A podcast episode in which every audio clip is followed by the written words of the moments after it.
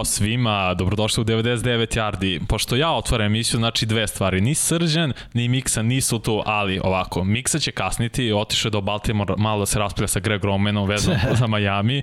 Srđan je nekom drugom univerzumu otišao da popriča sa Jetsima o tome što Flako startuje ovaj vikend, ali to opet nije najgora stvar ko može da nam se desi u NFL-u, jer možete igrati uvek nerešeno sa Lionsima. Ali dobrodošli opet u 99 Yardi, ja sam Vanja, preko puta mene je Jimmy. Jesi dobro, bro? A, pa, posle nedelje broj 10 sam onako. Mislim, uh, E, vi, ste, vi ste dobili, već? Pa jesmo dobili, ali moja prognoza je grozna. Moja prognoza je kao temperatura u januaru, znači od, ono, ne znam koliko je bilo, 12 utakmica, ja sam pogodio 5. Mislim. Opet, nije, da. šest imao. Ne. Ja sam šest imao, yes. izvuklo me nešto na kraju, ali grozno, bukvalno sam ono stao i, i sad sam, uh, ok, sa svaki put kada pre što dajem prognoze, pre bilo ono kao bacim pogled, uh, ovako na neki ono, da ne kažem feeling, ali bez nešto puno analiziranja treninga, a za ovu nedelju sam bukvalno bio u fazonu bam, analiza, celo jedno, da, da, da, da, celo jedno popodne, onako utakmica po utakmica, pa onda još jedno popodne, čitaj vesti, informiši se i Aha, ostalo, tako opet da... Opet si bio šoken kad se rekao da Flaku startuje. E, moram da priznam da tu informaciju nekako za Jetsa nisam čitao vesti. Igri proti Miami bio sam u fazonu, ok, ovaj Miami izgleda bolje, Jetsi ne izgledaju, a i to što mi kažeš za, za Flaka, ono, mislim, nije, ne znam, ne znam kako to ni da tumačim. Isto, isto, bukvalno sam... Mislim, on je došao kao vraćenje, u smislu, o, ono, očajnički potez u smislu povredio se Zach Wilson, tako? Tako je. Ajde da vidimo šta ćemo sada radimo, nam treba dubina na quarterbacku, ok, mislim izbor za, za njih, neko ko je već bio tu, uh mhm. -huh. doduše u drugom sistemu, nije bio kod Saleha. Ali, ovaj, e, ok, poznaje slačionicu, Uh, poznaje mentalitet. pa mentalitet je ono, ajde samo da odigramo, završimo sezonu. Ovaj, ali ne, šal na stranu. Uh, vidit ćemo kako će to sve da izgleda ove nedelje kada, kada Flako bude start. Ali Mike White je bio samo ono zvezda koja je zasijala i o, 15 minuta slava i to je to, ne, nema šta dalje. Pazi, što se tiče prognoze, svi smo grozni, odmah to ti kaže, niko nije imao više od 7. Ali ja sam ispod 60%, ovo sam baš shvatio lično. Pa dobro, mislim, mislim da i Srđan isto ispod 60, ali, ali, ali si i lošiji od Srđana. da, da, da. Peti si. Da, da, nije, na Don Pablo. Čak da, nisam da. ni na Deobi petog nisi. Nisi, nisi. sam sam na petom Sam, na začelju. Da, moram da pričam ljudima da nas ima 20. Ja sam peti, kao u gornjoj četvrtini. I ne, mislim, možemo odmah da krenemo zapravo na pregled prethodnog kola i opet bilo je stvarno haos u NFL-u. I prošle Just. nedelje opet, možemo da vam Pavlo prvi meč koji su spremili. Evo, prvi haos. Mada realno očekivano, Titans da, 23, nije. New Orleans 27 bliže utakmice nego što smo mislili. Istina. Iako sam ja birao Saints da će pobediti, ali opet Titans i nekako su uspeli da se izvuku. Ono što ovde vidimo ključno meni je odma Brian Johnson, kicker, Saints ti ne možeš da vidiš od kamere, 0-2 extra point. Da. I to je tih dva pojena zapravo, jer Trevor Simeon igrao korektno meč. Simeon će uvijek igra korektno, da, pogotovo da. u ekipi Saints. Ima odbranu koja će da ga podrži u smislu neće primiti previše poena. Njegov posao je da ne prodaje lopte. Što i nije. Što, da, I on je takav kotrek, on neće prodavati lopte. Po meni on je mnogo bolja opcija za, za Saints, jako, mislim, ok, izgubili ovaj meč, uh mhm. -huh. ali mnogo bolja opcija za Saints čak i od Jamesa Winstona. Winston je u predsezoni zasijao, zato što igra četvrtinu. I prvi meč ok, i posle toga ono, ništa posebno. A Trevor Simeon je neko ko će Ne mogu sad da pravim paralelu sa Drew Breesom, stvarno Drew Brees je ono, mislim, ne, legenda, no, Trevor Simeon je, nije legenda, tako da kažem, da sad ne, ne, ne, ne, ne ovaj, uh, ne lajem što bi rekli, ali ovaj, uh, u svakom slučaju, kažem, Simeon se lepo uklapa u, u celu tu uh, konzervativnu priču Saintsa, mm -hmm. koja je okej okay kad je tu kamera, jer sa kamerom to je druga dimenzija. I on kao hvatačka opcija i on kao doradni trkač. Ingram Dobre. je bio odličan, mislim, što su vratili Ingrama je super potez za, za Saints. Ja čak negde sumnjam, to je sumnjam, slutim da su ga vratili, znajući da je kamera a, a, a, u, u tom trenutku već bio možda onako rovit i da je bilo ok, ajde da, znaš, dovedemo nekoga, Ingram je bio u tom trenutku slobodno za pika tipa sedme runde. Tako je. Mislim pa, da je bio pik. Ne, mislim peta. Peta ili se, sve jedno, da. samo u svakom slučaju nije neki top pik. Mm -hmm. Dovedi čovek koji je bio dugo u sistemu, koji je dobar u slačionici, kojeg svi vole i poštuju, generalno u NFL-u. I to je bio dobar potez.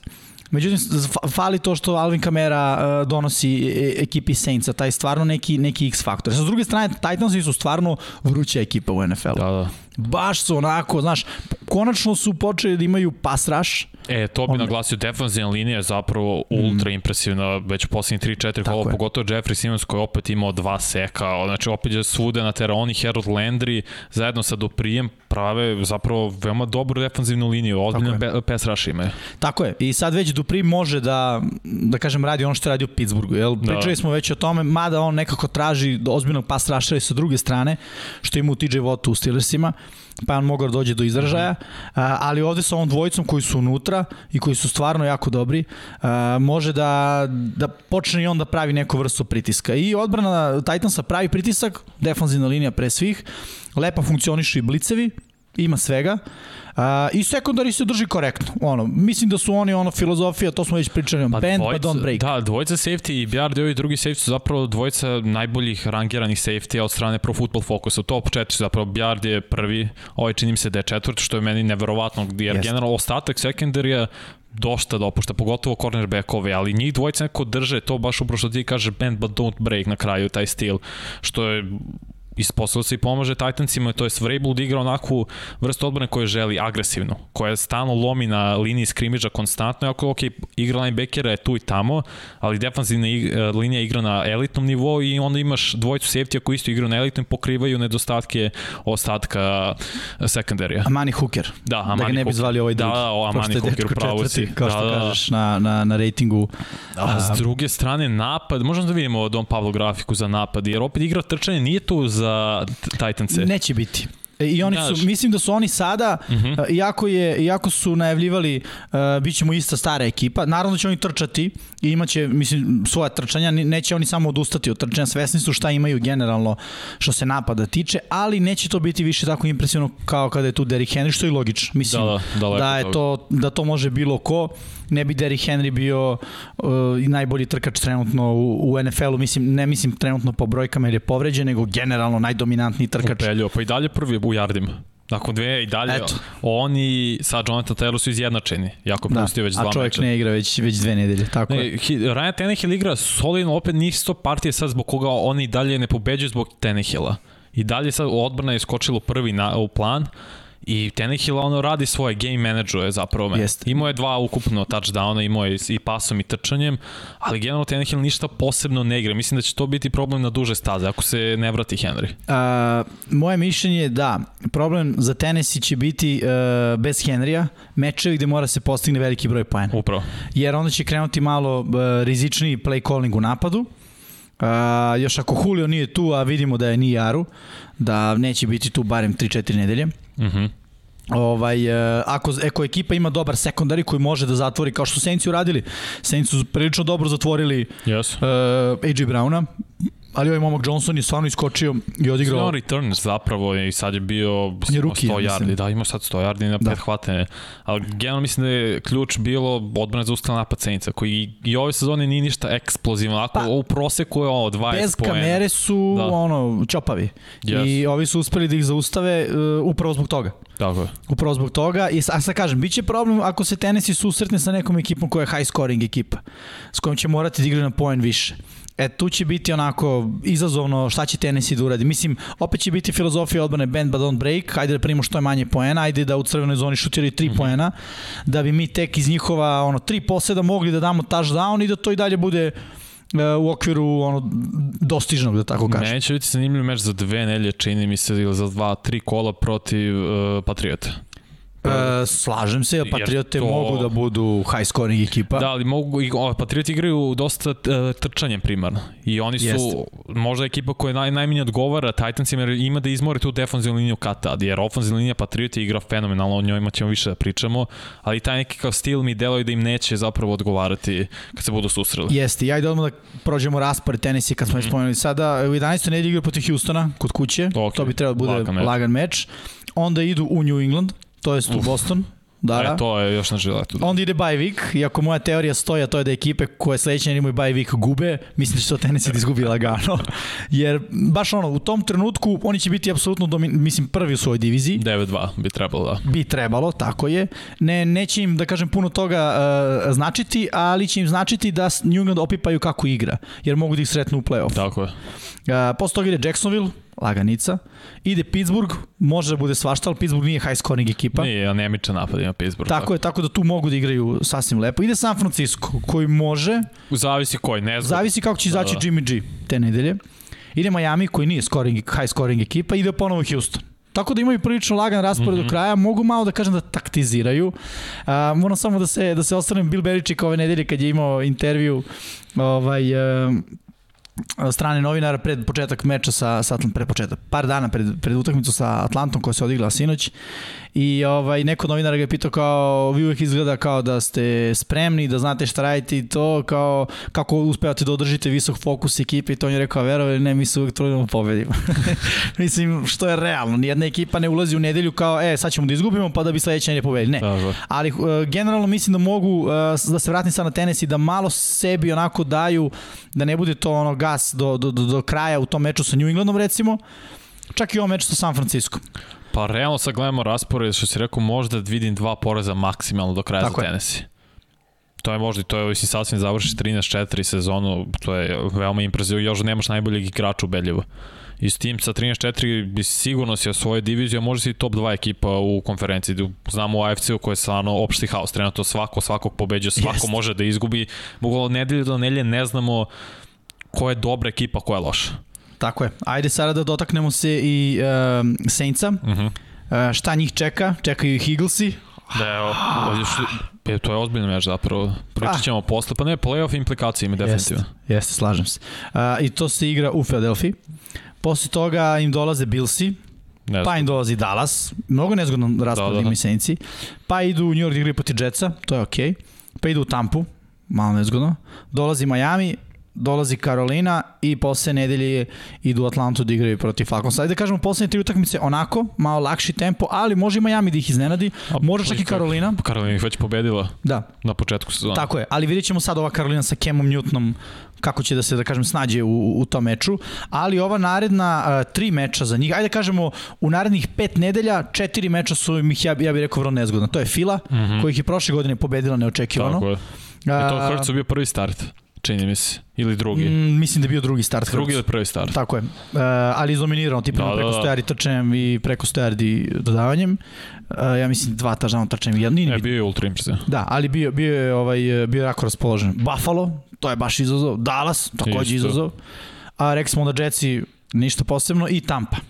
Znači tih narednih pet nelja, te četiri utakmice za Saints je dosta teže nego recimo raspored Pa, Tennessee. tri sigurna poraza bih ja rekao bi u potencijalno da ok, to sa filom je ono 50-50, Mhm. to sa i Jetsi su kao lakši meč, ali imaju stvarno tri ozbiljna protivnika, Dallas koji postiže mnogo poena. Tako je, problem. Buffalo koji je najbolji Takođe, napad. Isto, postiže mnogo Tampa poena, osim protiv Jagsa. Da, Tampa Bay isto ima ozbiljni napad, tako da je baš težak raspored čeka Saints koji će zapravo prelomiti sezonu. Od toga će zavisiti da ćeš ići u playoff ili ne. Tako je. Tako je. Tom Pavlo, možemo drugi meč koji smo pripremili. Drugi meč koji smo pripremili. Uf, Vanja Baker. otvori. Iz peci Bakera. odlično, odlična igra. Samo kažem da je tu da je stigo Miksa iz Baltimora, verujem da su razgovori sa Romanom bili produktivni, ja tako da kažem, ali to ćemo vidjeti ove nedelje. Patriote, Brownci, šta se zapravo desilo na ovom meču? Klasičan Bill Belichick i njegova defanzivna, defanzivni plan koji je totalno neutralisao napad Clevelanda. Čim nije bilo Čaba ni Hanta, očigledno je da Baker ne može da igra sam. Mislim sam, da ne može da igra sa prosečnim talentom oko sebe. Ne Nije može- taj quarterback. Ne mogu uh, Brownsi da budu pass first ekipa. Ne, Ajde tako ne. da kažemo. Definitivno. Pogotovo moramo da uzmemo obzir još jednu stvar, da Landry nije, nije zdrav u potpunosti. Nije, nije ni Baker. I... Mislim, rukom srce, to malo ću tu da olakšam Bakeru. On nije zdrav i on je to rekao. Ja jedini problem imam sada sa time, ok, ako nisi kompletno zdrav, nemoj da igraš. A nije to, naš, E, štetiš ekipi. Ja, ja verujem uh, da bi, kako se zove backup, uh, Case Keenum. da bi Kinam odigrao bolje. Ja sam ubeđen to, ok, ti si povređen očigledno i kaže nikad nisam ovako bio do sad, da ne kažem, ozleđen to, u tokom sezone i to se vidi. Ali evo ga, si stigao? Kad si Baker lupi taj na dlanu, dlan. A, nisam Baker. Ja sam verovao. Ja, Bakera. U Brownse, u Brownse. Mislim da će bolje da bude igra trčanjem. Ja, on je stvarno bilo iskreno patetično što sam gledao Ma, i, i posle ću udrati po Bakeru, ali generalno Cleveland uopšte se stvarno nije snašao i, i ove nedelje stvarno me ne bi čudilo da ih, šoki, da ih šokiraju Lionsi, ali dobro, o tom potom me. A kako je bilo u Baltimore? Sa Romanom. Pričali smo prošle nedelje. A ne, ne, znam... Možda si zabavio. A? Možda si zabavio. Ne, ne, kako, pa znam da imao si razgovor sa Romanom. Ma kakav razgovor? Da sam imao razgovor. Gledali biste u novog ofenzivnog koordinatora i ne bi bio, bi život bio mnogo lepši sa nekoliko miliona. I za mene. Miksa, Ovaj, šta? Cleveland. Cleveland, pa dobro, šta? Ja nisam očekivao da Cleveland dobije, iskreno. Nisam očekivao ni da, da Cleveland bude A ovako loše. blizu, ali nisam očekivao ni da budu ovako loši, tako je. Jer onog trenutka kad smo saznali da ne igra Čab, za mene se tu sve završilo. Zašto? Bez trčanja. Ko, ne, ne može drugi bek. Ne, ok, ovo partija, 19 Treći. nošenja, 99, sve je to u redu ali ne može. Treba tu čabi 200 yardi. Zašto? Zato što Petrioci zatvoru u sekundariju. I to smo odmah rekli, najbolji sekundari u ligi protiv povređenog Bakera i protiv uh, Jarvis Lander je bio nedeljamo povređen. Znači Tako je. nije 100%. Ovi o, o, ostatak ekipe mladi hvatači. Ne može jednostavno. I svaki put kada se bilo koji protivnik bude oslonio na igru pasom protiv Petrioca, ovo će da bude rezultat. Eto, videli smo to i, i sinoć.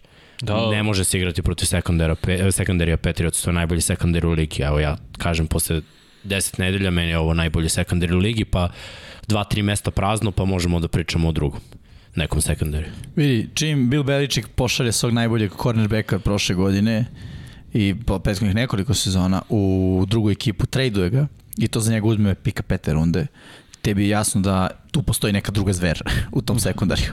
I te zveri gledamo svake nedelje, stvarno. JC Jackson, uh, McCourty, uh, Dagger, tako beše? Da. Duger. Dagger, da. Dagger, da. I uh, u stvari mogu stvari da pogledam njihov, njihov depth chart ovde, da se setim četvrtog, ako već nam niko... Pa pazi, Mills igra jaku ulogu ove godine. igra, igra, tako je. Mills koji je imao ok, neku rolu i u Filadelfiji, ali sad stvarno igra jaku ulogu. Jeste, što je samo dokaz da je do, do coachinga. Znaš, Da. u Fili Mills je bio, a, onako. Ok, corner. Do, do duše, da, ali ovde ne igra, ovde je hibrida nekog, ne igra on baš cornerback. I u Fili su probali da ga stave na, na, na nekog, ne znam, strong safety u jednom trenutku, pa nakon toga na, na nekog nikla, ne znam, baš mu traže neku ulogu. Ali I neko mislim mu da je je Bill, naš. Bill pogodio. Da. Da. Ne, neko mu je naš ulogu. Magle čuda. Da, Kako baš Bill da pogodi. Tako je. I ovde New England se, baš je bilo ono, mislim, Bill je nemilosrdan. Što ja respektujem. Mislim, realno, igraš profesionalnu ligu, zarađuješ milione, ono šta? Nema se- stanje, ne, ne smije Treba, da... treba mrsi rule, kao u srednjoj Da, školi. Kakav Marcelo. Ne, igramo do kraja. No, igra trčanje, evo, Patrioti iz sve bolje, bolje. Sve. Stvar, Ja bih rekao sve. Ne, ali, ali to je ovo što smo pričali, Patrioti u septembru igraju slabo. I oni podižu formu, oni u septembru provaljuju, ok, št, kako može, šta odgovara, Josh McDaniels to odlično radi i onda je tako sredina oktobra, novembar, podiže se forma i napad delo je sve usklađenije. Iz svako nedelju ima, nedelju. svako ima svoju ulogu. Ne možemo da nađemo, sad uzmeš, ja mislim, os- osim Huntera Henrya koji je top top 3, ako ne i top 5 u, u touchdownovima, uhvaćenim ima 7. Mi ne možemo da uzmemo da kažemo da bilo koji ofanzivac Patriots je u top 10. Ili, ili Možda dalje. u ofenzivnoj liniji ako Ne, izdvoje. ne, ne, ne, A misliš na računam skill? produktivnost. Ne, ne. Aha. E, ali znaš koja je stvar? Slažem se. Zato što su svi produktivni. Tako je. Svi malo po malo, timski. Tako je. Znači, Pogledaj otprilike... Stevenson Tako uh, je. i, i Harris, je tako, čak i Bolden. Znaš, Da, da. oni su ono komiti, što se kaže, znači ono, ima ih nekoliko pa ih, pa ih patriote rotiraju, ali mislim da time, mislim, mislim, definitivno se pokazalo da time Beličik, a, znaš, š, da kažem, štedi ih, u smislu kad imaš trojicu, gde nema puno razlike ko nosi loptu. Ti si u odličnoj poziciji. Da, Don Paulo, možda vidimo samo statistiku. Dobro ih hvataju loptu. Da, da. I dobro hvataju lopte, da, da, ne, Evo sva trojica su ono, baš Ovo je pozitivni. anomalija bilo meč, jer sinoć je bilo Stevenson i uh, Harris su imali Harris. obojica po 15, čini mi se, ako ne više nošenja. Sad je Stevenson prosto pregazio Cleveland. Da, I ali ofanzivni i znaš šta to daje Patriotama? Patriotama to daje situaciju da ono, Harris je malo čuknut na treningu, dobit ćeš 6-7 nošenja, Stevenson će dodari posao i mi Da. kao ekipa upisujemo pobedu. Da, bio limit sinoć zbog, zbog konkašana, mislim. Čovjek imao Tako potres mozga, ali opet je imao neka dva, tri gaženja, onako baš I to lepo. ti je ono, kad napraviš por, uh, paralelu sa tenisijem koju smo malo pre pomenuli, znaš, nema. Igra trčanje tenisija sada neće biti ni blizu kad je Henry tu. Da, A da. Patriotama će biti. I da se povredi i Harris, da ostanu ova dvojica, bil sigurno sam imao četvrtog koji je isti kao oni. Jer setimo se prethodnih godina, Rex Burkhead. Čovjek koji bi bio ono zakopan gomilom papira i imena u NFL-u da, da nije došao u Patriote. Tako je. Čovjek je bio u Cincinnati Bengalsima, ništa. Oni su ga draftovali, ja mislim. Da, da, ba ništa, posebno. Mislim, nije posebno. Bio je okej. Ništa Pa posebno. sad pitaš ljudi da li su znali da je bio u Bengalsima Ne, regularni. bio je okej, bio je okej. Bio okej, ali šta je stvar? Posle Patriota on dobija na vrednosti. Naši ekipe da. kaže, e, da, Burkhead možemo da ga uzmemo jer može to, može to, može to. Pre toga nisu znali šta može. I opet ga niko nije iskoristio kao Patriots. I verovatno ga neće ni iskoristiti. Mislim, pogledaj i Brandon Bolden isto, on ima 30 plus godina. Naš veteran od koga su se digli ruke, da kažem, u tom Jed, smislu. jedini igrač koji je prosperirao iz tog backfielda od Patriotsa Cordell Patterson, eto, ali on, mislim, igra sve.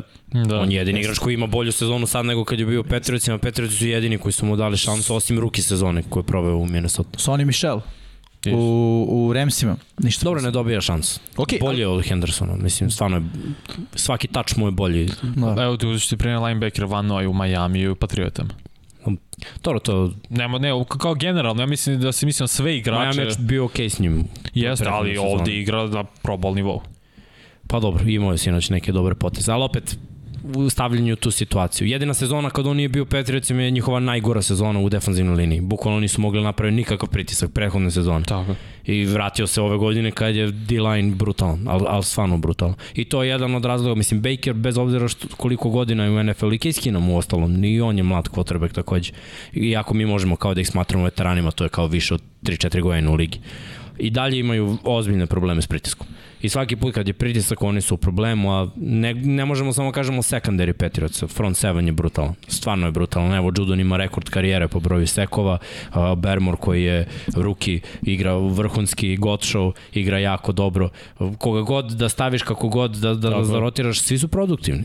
Ja, ja stvarno nisam video pa od one Super Bowl sezone da njihova odbrana radi posao kada su ono ugasili Rams koji su imali kao da kažeš jak napad. Eto, od tada su Patriotsi krenuli se muče malo u odbrani i evo ga je bil za dve godine. Kako koji problem će bude tu AFC za, za, za sve. Ja, mislim, o, oni baš malo novca nose sada, kad uzmeš čitavu Da. ekipu ono, i da izgube neki delić, zamenit će ga u šematski. Šta od ovih svih hvatača, ajde da kažemo najbolji hvatač im je Myers, koji je ono igrač koji igra za džabe, bukvalno uhvatio prvi touchdown posle hiljadu i po yardi, imaju uh, Nekila Herija koji je na ruki ugovoru i dalje nije plaćen i krenuo je malo da igra za promenu. Jeste. Hunter da. Henry crvena zona, Jonu Smith blokira, može i da uhvati ponekad. Kendrick Bourne igra jaku ulogu ove godine, ali dobro, on je plaćen, isto nije mnogo para. Nelson Aguilar dao je touchdown sinoć, isto igrao solidnu ulogu, isto nije mnogo para. Da, da, svako ima svoj zadatak. To, ruki quarterback na ruki ugovoru. Miran si narednih 3-4 godine. Backfield, Harris je i dalje na ruki ugovoru, on je mu je treća godina. Da, Bowden Uh, Stevens je ruki. ruki. Pa, Pa, ok, Bolden zarađuje, mislim, stvarno malo para. Da, je Čitam veteran. njihov napad, uzmeš sav skill, najplaćeniji je Hunter Henry. Da. Da, da. I, a to je ono, zato ima 7 touchdownova, to, to je ono. Oni su platili najskupljeg igrača da im daje poene. Ajmo drugu stranu priče, Cleveland. Ajde da krenemo od toga šta ih, šta ih očekuje, mislim, očekuje i Detroit ove nedelje. Očekuju ih poklon od Boga, bre. Bukvalno ono da, Okej, da mraz je, stigu je, ranije. Ali slušaj, da- ne bi, ne bi da se složio. stigu ranije i rekao, evo, Ne bi se složio, ajmo Ja. dalje. Baltimore, u Baltimoru, pa onda bye week, pa onda Baltimore u Clevelandu. Znaš, Pa zato kažem, zato kažem, ne, ne, ne, zato kažem poklon. Sledeća nedelja je poklon, zato što će imati šansu da dođu do pozitivnog skora. Ali svi timovi u, u sever, na severu tek idu divizijske utakmice. Znači i e, Pittsburgh, i Baltimore, mm -hmm. i Cleveland, i Cincy. Ovo što urade do sad u ovom kolu je neka naznaka šta ćemo gledati dalje. Jer, ajde da budemo realni, na istoku će pre Patriots i Bills da dođu do neke pobede protiv Jetsa i Majamija. Preće na jugu Tennessee da skupi protiv Houstona, igraju sad s Houstonom, imaju Jacksonville. Da, da. Čak i kolci mogu da skupe ovo Houston i Jacksonville. Pa ovamo na zapadu, ajde, tu je neka slična situacija, ali dve, tri ekipe sa severa duđe u play-off, mora se dobiju druge divizije, druge konferencije, a to je nešto što nisu uspevali da urade. I sad imaju sever NFC-a najgori tim u ligi. Jedan nerešeni rezultat u, u 10 kola. Ako Cleveland ovo ne reši, ono, bojim, mislim, nema ti ja kažem, nisu play-off. to je to. Detroit? Pa, to mora se reši. Mislim, Da, da, da. da. nije to sad kao ono lagano, nije lagano i Steelersi ih nisu rešili. Ravensi su ih rešili uz ono, šta, ako je ovo poklon Deda Mraza, šta je onda ono, Božić Bata da. stigu ranije. Ali šta smo na ovom meču protiv Patriota videli? Ja bih rekao da smo videli da, ono, baš kao što si ti rekao, ako nema Čaba, Hanta i kombinacija ono 200 yardi, Da, da. ništa. Brownsi ne postoje kao ekipa. Mislim, Ne može prosto prosto- ni, nisu faktor. Jeste, ja vam pričam godinama da oni nisu dobra odbrana. Oni odigraju dve, tri dobre utakmice, imaju raš. Kako se raš najbolje uništi, ugasi? Trčanjem. Šta ti znači odličan edge rusher? Kick outi ga. Pusti ga, trči Tako na je. drugu stranu, trči ono kroz sredinu, samo mu stavi jednog blokera i to je to. Je povređen, I ne Miles da Garrett igra. nije faktor. Samo ga sta- staviš u situaciju da mora brani trčanje. To su Petrioci radili. I onda nakon 3-4 pustiš ga da prođe, dodaš ovamo screen na kontra stranu ili napraviš jaču protekciju, double team. Da. Možeš ga i gde, gde je ostatak ekipe? Nema je nigde. Secondary je To boost. si, to si upravo, baš sam gledao pred početak meča ESPN-ovu statistiku, a, procenat uspešnosti na pas rašu uh, ove sezone, pojedinačno kao igrači. Broj 1 Clowny, broj 2 Miles Garrett, a na trčanju nijedan ni drugi nisu ono u top 10-15. Nema ih, baš to. Nema znači ih, pa oni to su da. ono, pas rašeri, ne hoćeš da ih neutrališeš, trči, oni ne postoje i to je to. Upucaš taj njihov Pa da. pas raša, ovaj, kasnije ti si otvori nešto iza da možeš da, da igraš pas, mislim, generalno u nekom trenutku ono, ti kao igrač ako si non-faktor, non-faktor, non-faktor, malo ti padne i, i moral i generalno e, znaš, ono, ne stigneš da se zagreješ u tom smislu. Pa da, aj, ajde da budemo realni, opet kako govorimo o, o sekovima. Miles Garrett, pa gde, je- gde je ostatak ekipe? Miles Garrett je dvocifreno, ovi su baš Predvodi dole. ligu. I ovo, ovo što su stigli do sekova, to je bilo quarterback beže od Miles Garretta, pa onda Da. nesrećno upadne nekome u ruke. St- Stvarno, stvarno slaba odbrana Clevelanda, to, to, to je nekako najveći problem. Sad, i, i ostale odbrane u diviziji ispostavilo se nekako da, da ono, Pittsburgh ima najbolju odbranu, Ravensi su isto katastrofa, zu i promaja na sve strane. Pa i Cincinnati ništa nije bolje. Pa Cincy ste držao nešto dok ih nisu malo provalili možda i Da, da, sad, da. sad su i oni. Ajde samo da prođemo još raspored Patriota, oni su već odigrali meč 11. nedelje protiv Atlante sinoć, uh, zabeležili pobedu, to je peta pobeda u nizu za New England. Da, da. Uh, onda idu da igraju protiv Tennessee-a u nedelji broj 12, pa to jest dolazim Tennessee, pa onda idu u Buffalo, da igraju protiv Buffalo, onda imaju bye week. Kasno, ali Pa ok. okay. Buffalo. Ne, pa onda idu Indianapolis, uh, i Pa idu u onda Indy, pa onda dolazi Da. Buffalo, Znam da su četiri baš teške. pa i utakmice. dolazi Jacksonville i na kraju idu, idu u Miami. Da. Dobro, dve utakmice za kraj, ali od ove četiri moraju da dobiju dve ako hoće u play-off. To je Da, moje da. mišljenje i imaju šanse. Imaju, one ove godine imaju 5-0 na gostovanju.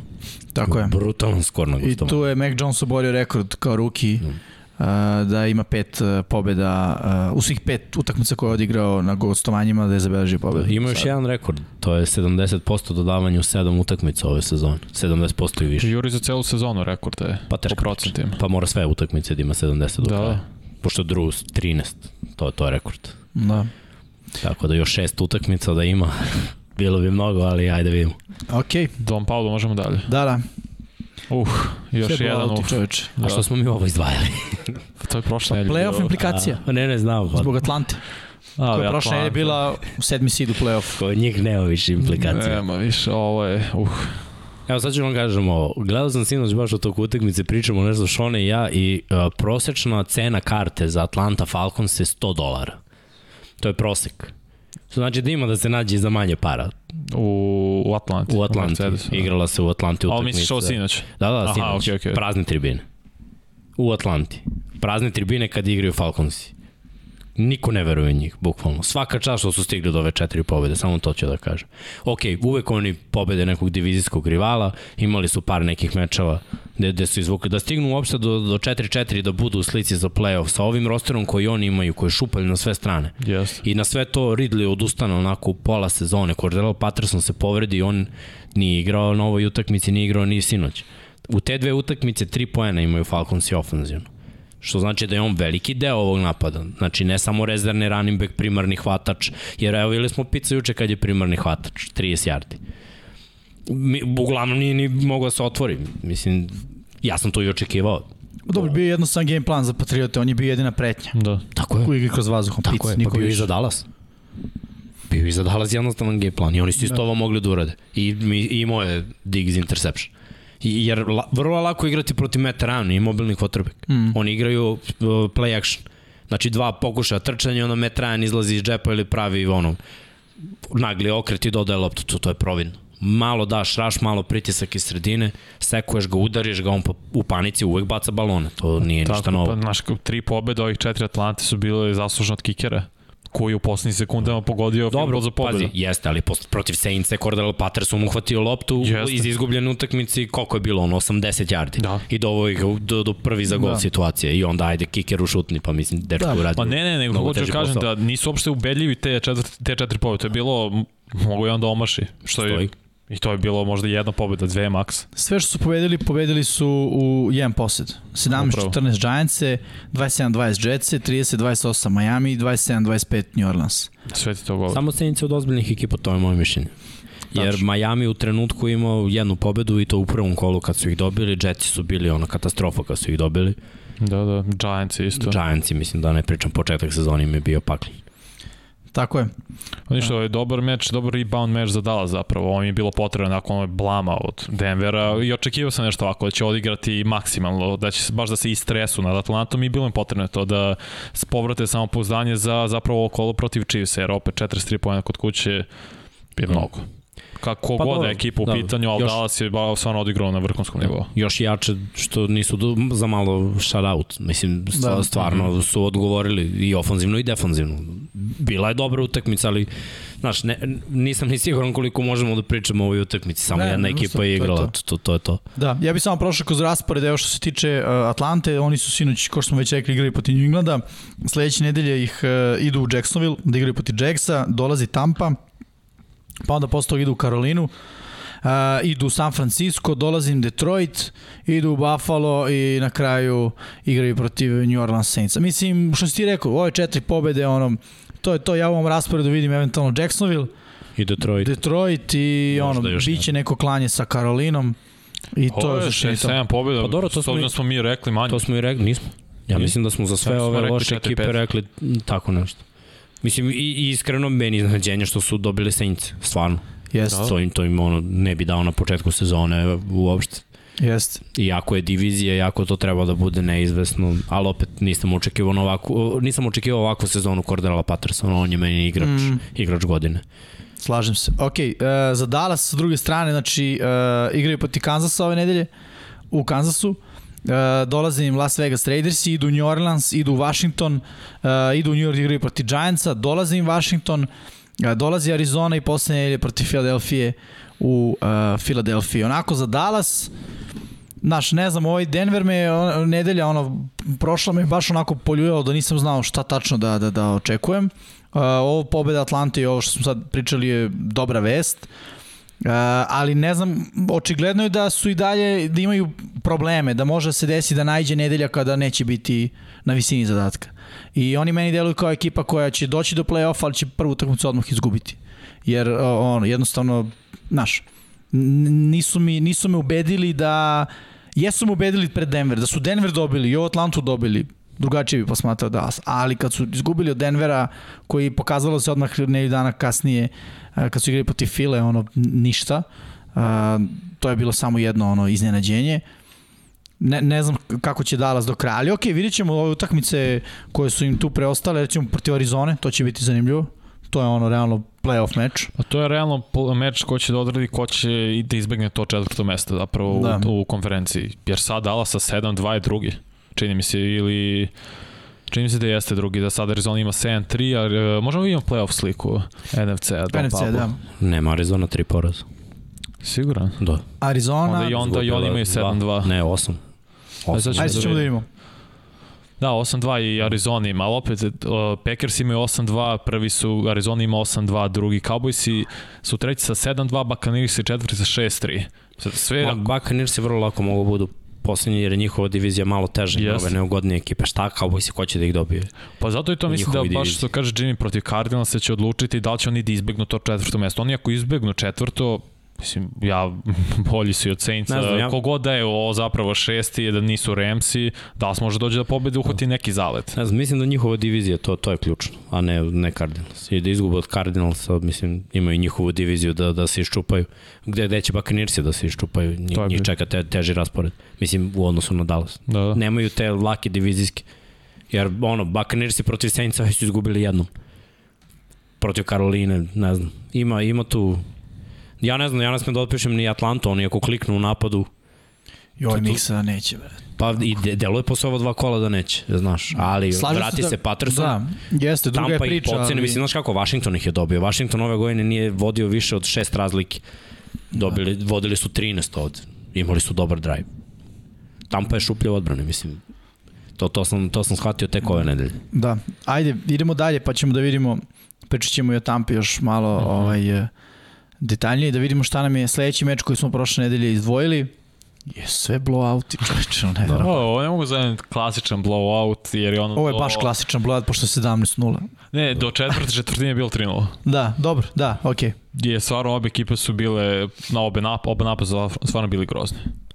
I to, to očekivao se to od Seattle, od Russell Wilsona, zato što prosto ta po, oporak prsta, pogotovo na hladno vreme, neće tako da funkcioniše. Ne može lepo zagreje da dođe do gripa i sad tu vidimo 20 od 40, 161 yard pasom, samo i dva, dve presečene lopte. Možda i najgori meč Wilsona Da. u karijeri do Jedna sada. u crvenoj zoni. Da.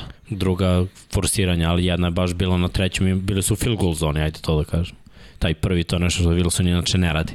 Tu su imali 3-3 i umesto da. toga on trči na levu, baca desnom rukom, to je već malo nepreciznije, forsiranje, pravo u ruke defanzivnom beku, a ovaj drugi, to je nešto što Russell Wilson radi, to je ono bunarenje, pa ajde Lokiće valjda. Da. I onda Metcalf takođe pravi glupost na utakmici, trčanja nema. Mislim, svi Hawksi su stvarno se raspali za, za godinu dana, imaju tri pobede. Ja Seattle ne vidim ni u jednom scenariju.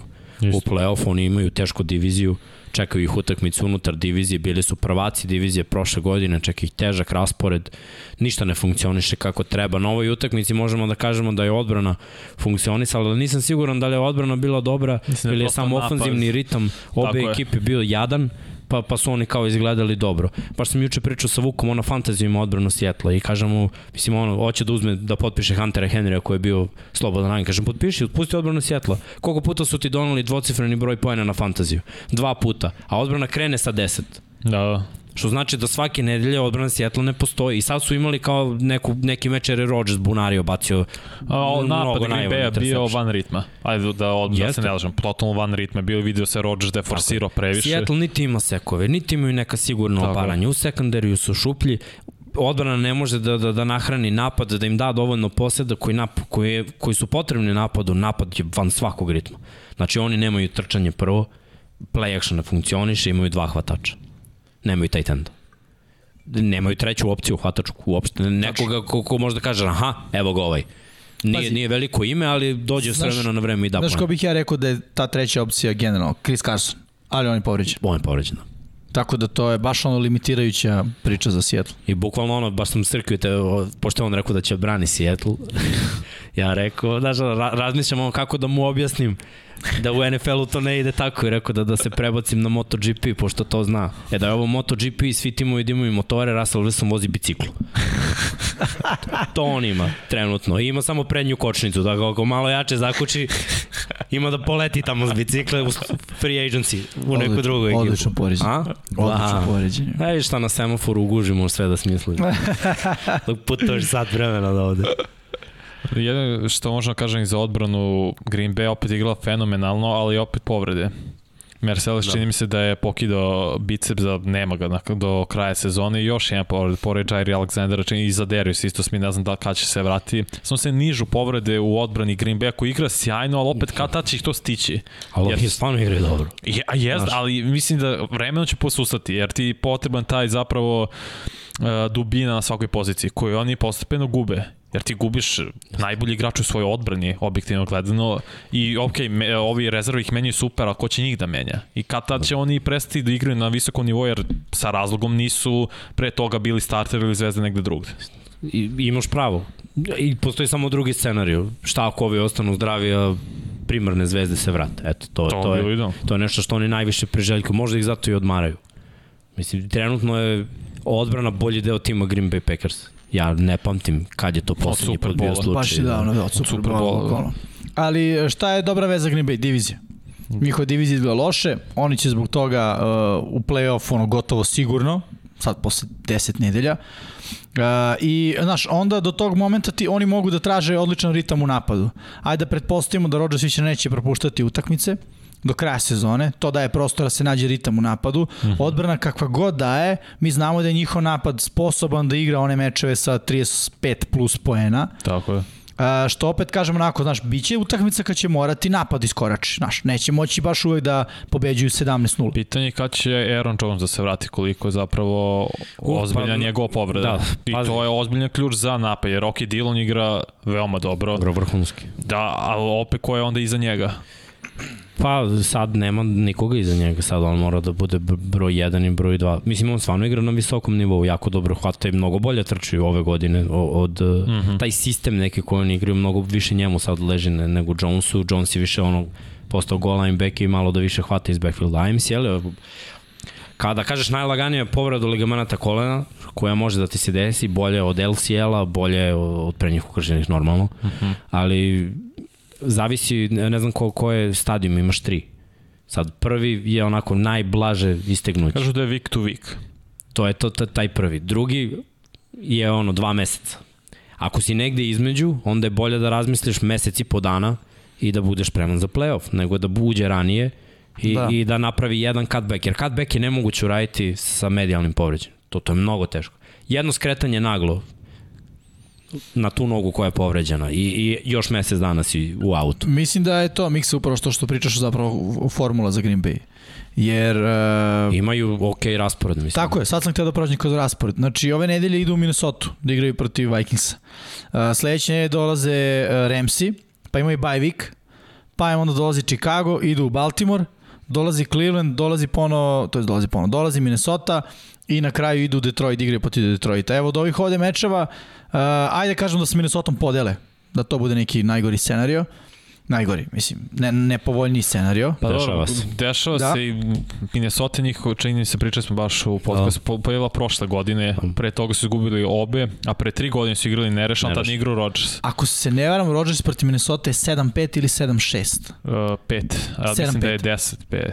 O, gledali smo baš nešto, ima, ima da solidan broj. Nije kao protiv Chicago toliko dominantno, okay. ali u poslednjih godinu, poslednjih nekoliko godina, godina zapravo Minnesota dobila jednom samo kad igrao Rodgers. Da. Mm -hmm. Dobro, nije dobila i ono drugo kad se Rodgers povredio. Pa to ne ali, računam. Mislim, on povreda, igrao je. Tako da ono, moraš da računaš teo, ne hteo, jesu ga povredili, ali vlada mržnja, ne vole se, mislim, i, mm -hmm. i Minnesota ako ne može da uzme jednu pobedu u Green Bayu, nemoj šta da traže u nekoj slici da, da se nađe u play-off. Već su izgubili mnogo utakmica na jedan posed koje bi im omogućile da, da, da se nađu u doigravanju. Imali su solidnu sezonu, ajde da kažemo, nije Minnesota toliko loš tim, Minnesota je tim koji može da iznenadi mnoge. Da, okej, okay. da, pretrao sam. 15-9-1 je Rodgers protiv, eh, protiv uh, Vikingsa, uh, što je opet je razlika od, ajde da kažemo, 6 u plusu, ako izuzmemo ovu nerešenu, uh, što je okej, okay, ali nekako, s obzirom da je ono Green Bay uvek nekako najdominantniji na severu NFC-a, ja sam nekako očekivao da će to biti više. Međutim, Vikingsi su 7-6-1 protiv Packersa a, od, kada, od kada je Mike Zimmer trener. Od toga uh, Rodgers nije igrao u dva meča, kad je Green Bay izgubio. Tako da, znaš, to su opet neke stvari ono koje treba uzeti za, za ozbiljno i kažem, ajde da se vrati na ovaj raspored, neka podele sa Minnesota, mm -hmm. neka bude 1-1. Uh, Chicago bi trebalo da dobiju, to su već dve pobede, a, Detroit na kraju stano mislim moraju da pobede, to su već tri pobede, onda imaju ono što je kao neizvesno, kao što je neizvesno, Cleveland, Baltimore i Ramsey. Cleveland kako trenutno igra, mislim zavisi, Chubb se vraća ove nedelje, Cleveland će biti bolja ekipa, svakako. Uh, mislim da su i dalje nezgodni ako im se dešava ovo što im se sada dešava i Baltimore, tako da opet kažem, do kraja mi oni deluju kao da će biti prvi u svojoj diviziji i da će ono ući u play-off sigurno. sigurno. E, u tom trenutku, znaš, koliko hoće se vratiti iz odbrane, da li će biti zdravi što se toga tiče, to će biti neki onako presudni, da kažem, faktor što se, što se moje neke onako... Do play-offa ima mesec i po dana. To, da. to je baš dosta vremena. To je šest nedelja otprilike. Da. Tako. Don Pablo, možemo dalje. Osam nedelja čak. A, zato ste to tako trebalo. Još jedan blowout, pa odlično biram ove utakmice smo stvarno. Je, pa nije morao da bude blowout. Kako je utakmica krenula, ajde prvo ovo da kažemo, ja kao neko ko veruje u Chiefs čitave sezone i, i ko smatra da, da, da su ono sitnice potrebne da ovaj tim bude relevantan, ponovo dominantan u konferenciji. Šta su sitnice? Ajde da krenemo ovako. Uh, balans. I, iako to deluje kao velika stvar, zapravo to je sitnica, to je odluka ofenzivnog koordinatora da se malo više podredi backfieldu. Druga stvar, rizik. Prihvatljivi i neprihvatljivi rizici. Na ovoj utakmici Mahomes imao tri dodavanja za touchdown manje od, de, kraće od 10 yardi. Tokom čitave utakmice bilo je kraćih dodavanja gde su se pomerali lanci, znači bez bunarenja. Bilo je jedno, to je ono što što izgleda ne može da se desi Chiefsima i Mahomesu da nemaju jedno bunarenje, jed, jednu lob loptu, jednu 50-50 šansu za, za bilo koga, ali ne za ono najbolje hvatača, nego za bilo koga. Ali to je nekako, da kažemo, njihov, njihov trademark. Pa, da. da. I onda, ali gledaj, ako je u ovom odnosu tri sigurna touchdowna i jedno bunarenje, mm. onda nemam nikakav problem s tim. Slažem se. Ako je pet bunarenja i ne znam, jedno dodavanje za touchdown, on, onda je veliki problem, jer kako smo videli ove sezone imaju 20 izgubljenih lopti, to je mnogo. Dobro, Mahomes je, je pola. Mnogo. Tako? Ne, ne, ne, to je interceptioni, ali imaju i fumblove.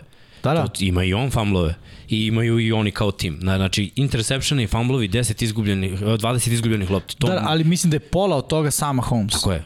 Ne, ne može nikako da se nadomesti njihovom odbranom to. Znači, njihova odbrana je ne nesposobna da osvoji ni pola od toga. I znači. onda konstantno imaš koji napad manje na utakmici. Čak i da si toliko talentovan i efikasan, to je problem. Ali, evo, krenuli su malo da menjaju. Legli su im Raidersi, ja kažem, Raidersi da bi bili rivali, oni moraju da pobeđuju svake godine po jednu, oni su dobili prošle godine i to je to. Ako se ne varam, od kad je Andy Reid tu, oni čiste diviziju svake godine, možda poneka Chargersi dobiju, evo, prošle godine se desilo da dobiju Raidersi, ali uglavnom nije nikakav problem. Uglavnom je 5-1-6-0 da. diviziju. Od kad je Peyton Manning završio sa Denverom, čak ni Denver tu nije neki faktor u diviziji. Tako da su Chiefs uvek imali neki lagan posao i, i sad su malo krenuli s problemima. Na ovoj utakmici Raidersi su čak i bili do nekle u igre dok Deshaun Jackson nije uhvatio onu loptu i ne znam šta je bilo u njegovoj glavi, mogo da ide uz out, bio bi prvi za gol verovatno ili ne znam, prvi unutar 15, ali baš je napravio glupost. Uh mhm. -huh. I to je nešto što njima ne sme da se desi, i dalje je pokazao da može da trči duboko i da uhvati loptu, da locira, sve je to bilo okej, okay, ali ovo je bio problem. Mislim, šta da kažem u utakmicu koji Sorensen ima interception? Mislim, to vam govori o tome da, da je ovo baš bila utakmica Chiefs. Jest. Tyreek Hill je imao svoj dan, Travis Kelsey je imao svoj Zve. dan, Mahomes je imao svoj dan, pet touchdownova na kraju. 406 yarda. Da, I, i je, najveća, najveća promena, ja mislim, koja da. se desila Chiefsima, a nema toga na statistici ovde, to je Melvin Ingram. Sad imaju još jednog edge igrača koji jako dobro zatvori. Koga samo edge. Raiders, izvinim što te prekinem, igru trčanja? Ma nije, nije postao. Upravo to. O, o, tužno. Derek Carr imao 18 igra. i igra. Da, da. I 18 yardi Drake imao 16. Ali sad ću, sad ću ti objasniti zašto. Na utakmici, da, objasnim. objasnim. trademark. Da, trademark, da. Na ovoj utakmici i na prethodnoj utakmici Chiefs jako dobro drže outside contain i teraju te da trčiš u sredinu. Na početku sezone njima je Chris Jones igrao enda tipa 70 snapova, 70% snapova, 30% unutra. Sad je drugačije, sad više igra mnogo unutra jer imaju Ingrama s polja, imaju mm. uh, Clarka s polja. I, I tako kada nameste u odbranu, dodaju još jednog igrača, spuste malo linebackere koji igraju jako dobro, pre svega Bolden, koji ono me oduševio kao ruki. Mm -hmm njihov sekundari možeš da, u stvari najbolji način da dobiješ Chiefs jeste da im napadneš sekundari, tu su najslabiji. Znači da, da preskočiš ovo što se nalazi ispred tebe na, u poslednje dve utakmice. I Raidersi su probali da trče, stvarno nije išlo. Baš. Ali stvarno nije išlo. Ni u jednom trenutku nije bilo ono, onaj gap kako smo navikli ono Jacobs 20 yardi, to mm. nije bilo teorija to da se desi. Plus oni spuste malo, dođe i Matthew dole, spusti se da pomogne i Sorensen, znači u coverage su rupa i onda razumem zašto je taktika bila ajde da probamo da bacamo protiv njih, svi su im bacili 500 yardi, da. ajde i mi da probamo. Međutim, na ovoj utakmici ni to ništa. Protekcija je bila takođe slabija, hvatači opet moramo kažem, oni imaju problem, njima primarna hvatačka opcija tight end. Tako je. I oni imaju samo yes. jedan zadatak, zatvori tight enda. Isto kao što, je, što su Petrioci zatvorili Pizza, tako su oni zatvorili Volera. Voler je baš bio tih na ovoj utakmici i onda je Carr morao da traži druge, pa je bio pod pritiskom, a znamo Derika Kara, dobro ga znamo kad je pritisak u pitanju. Ba, baš nije bilo, baš nije bilo šanse. Donekle sam verovao do Dešona Jacksona i Fumbla, znači to je pazi, i, i kad Ubili igraju ovako loše, prosto. sebi ne smeju da dozvole da izgube loptu i Istim. onda se to desilo. Mislim, to je moglo malo da im podigne momentum, znaš, da je tu, da je to rezultiralo touchdownom, Pa bili bi u egalu. Oni su da. sve vreme bili pa ono, posed razlike, 10 poena razlike i tu su imali šansu i nakon toga je već bilo 3 poseda Just. razlike i piši propalo. Ok, šta čeka Kansas City? Uh, ove nedelje Dallas Cowboysi u, Dallasu, uh, u Kansasu. Onda imaju bye week u 12. nedelji, pa 13. nedelja uh, dolazi Denver, pa im dolaze posle toga Raidersi, onda idu u LA da igraju Chargersa, dolazi Pittsburgh i posle dve nedelje idu u Cincinnati protiv Bengalsa, idu Denver da igraju protiv uh, protiv Broncosa. Ja ne znam šta da mislim o Chiefsima, iskreno da budem. Uh, pričat ćemo kasnije o ovoj nedelji. Za mene su Chiefsi ono, ako uđu u playoff, to će biti zbog divizije, ni zbog čega drugog. Ja sam prestao da verujem u njih, meni su oni bili ono rangirana ekipa broj 2 a, na, na, na onom power rankingu pre početak sezone, kao da kažem najbolja ekipa AFC-a, ali su daleko od toga da su najbolja ekipa u AFC-u. Čak mislim da je vrlo teško i da oni dignu formu do nekog nivoa koji liči na Chiefs. E sad u pravu si, Koji niz imaju? Sad, tri? A, sada imaju tri pobjede. Tri pobjede u nizu. Tri dižu sada, sada dižu formu jer ako ok, da E, kažem ali da će... vidjet ćemo. Mhm. Znaš, ovaj meč protiv Dallasa će mnogo da nam kaže. Pa to- Dallas uh, igra, igraju ono klasično paljevinski futbol. Znači, ono, bacaju po 500 yardi i sad će to biti izazov za Chiefse da igraju ovo što su igrali protiv Raidersa, da ne bude samo bunarenje, ali mislim da će oni vrlo lako da zagrizu to bunarenje. Jel to voli? Andy Reid voli bunarenje. Jeste. Vole, Andy Reid voli bunarenje, Mahomes voli bunarenje. Tyreek Hill voli bunarenje. Svi vole bunarenje. Mislim da će biti fenomenalan meč zapravo na point više. Jer obe ekipe to, ali sam mi plaši da će to Daka da povuče da i on krene da bunari. Aj, ali da, posle ćemo da ne, hoću kažem za raspored Chiefsa, to, stvarno je pristojan raspored posle Dallasa. je. Divizija koliko ima Ja vidim četiri deset. ili pet, Da. četiri čini mi se utakmice u diviziji još Denver, ostalo. Vegas, Chargersi Da. i Denver. Još Ja četiri. mogu da To je vidim stvarno- 10 pobjeda do Tako kraja. još. Pittsburgh, ok, kakav takav je, sad, sad je stigla vez da ti život neće igrati u nedelju, ne igra ni, ni Fitzpatrick, ni Hayden. Mhm. Cincinnati isto je to i tamo i ja mislim da Chiefs njih mogu pobediti. Tako da kraja, posle Dallasa, Istina. ne vidim razlog zašto Chiefs ne, mo- možda će izgubiti jednom. I to je to. I oni će se sa tih, koliko je to, šest pobjeda ili pet, ući u playoff. Misliš dodatnih Da, da. šest? Da, do, Da, da, ja ih vidim u play-offu lagano. Tako, je, tako se na kraju otvorilo jer divizija se ispostavila nije toliko jaka jer Pa vidi. Denver igra gore dole, Raiders isto, Chargers isto. Svi igraju gore dole. Da. Ej, ni, A ja bih rekao AFC, AFC, da. Ceo AFC igra gore dole. A, rekli smo četiri utakmice u okviru Evo. divizije, da. Ako to pobede, mislim svaku tih utakmica logično su prvi u svojoj diviziji. Mislim oni su ovaj uh, Sad su i sad prvi u svojoj diviziji. Tako četiri, da, da. Evo upravo gledamo sliku u AFC-u kako to izgleda. Titansi su prvi sa 8-2. Billsi su Bills. drugi 6-3, da. Ravensi 6-3, Chiefsi 6-4. A da, evo malo još šizu da vidim. A da, Patrioti sad 7-4 imaju sa ovom pobedom, Steelersi 5-3-1, a to mi je užasno da Ma i gledam. taj jedan može da im pomogne u, Može. ako budu jurili tipa Da. ovako I Raiders Chargersi i sad Bengals. 5-4. Jedino su ispred njih zato što su pobedili Raiders u direktnom okršaju, koji isto imaju 5-4 kao i Bengals isto, Colts 5-5 i Brownsi 5-5. Ok, ajmo možda prođemo raspored Raidersa. Uh, ove nedelje igraju protiv uh, Cincinnati-a u Las Vegasu. Uh, onda idu u Dallas. Onda dolazi Washington, idu u Kansas, uh, idu u Cleveland, dolazi Denver, idu u Indianapolis i dolaze im Chargers i mislim da je to to što tiče Raidersa i ove sezone. Isto. Oni ovde mogu da pobede Washington, Cincy vidjet ćemo ove nedelje, sumnjam. E, šta Ali- im se izdešavalo Da. sve ove godine? I ajde da kažem u je diviziji da možda mogu uh, ovaj, recimo Denver Denver da možda pobede. Tako da, ono, bit će to 7, 8 pobjeda možda. Ne znam, meni su Raidersi kao novčić sa dve strane.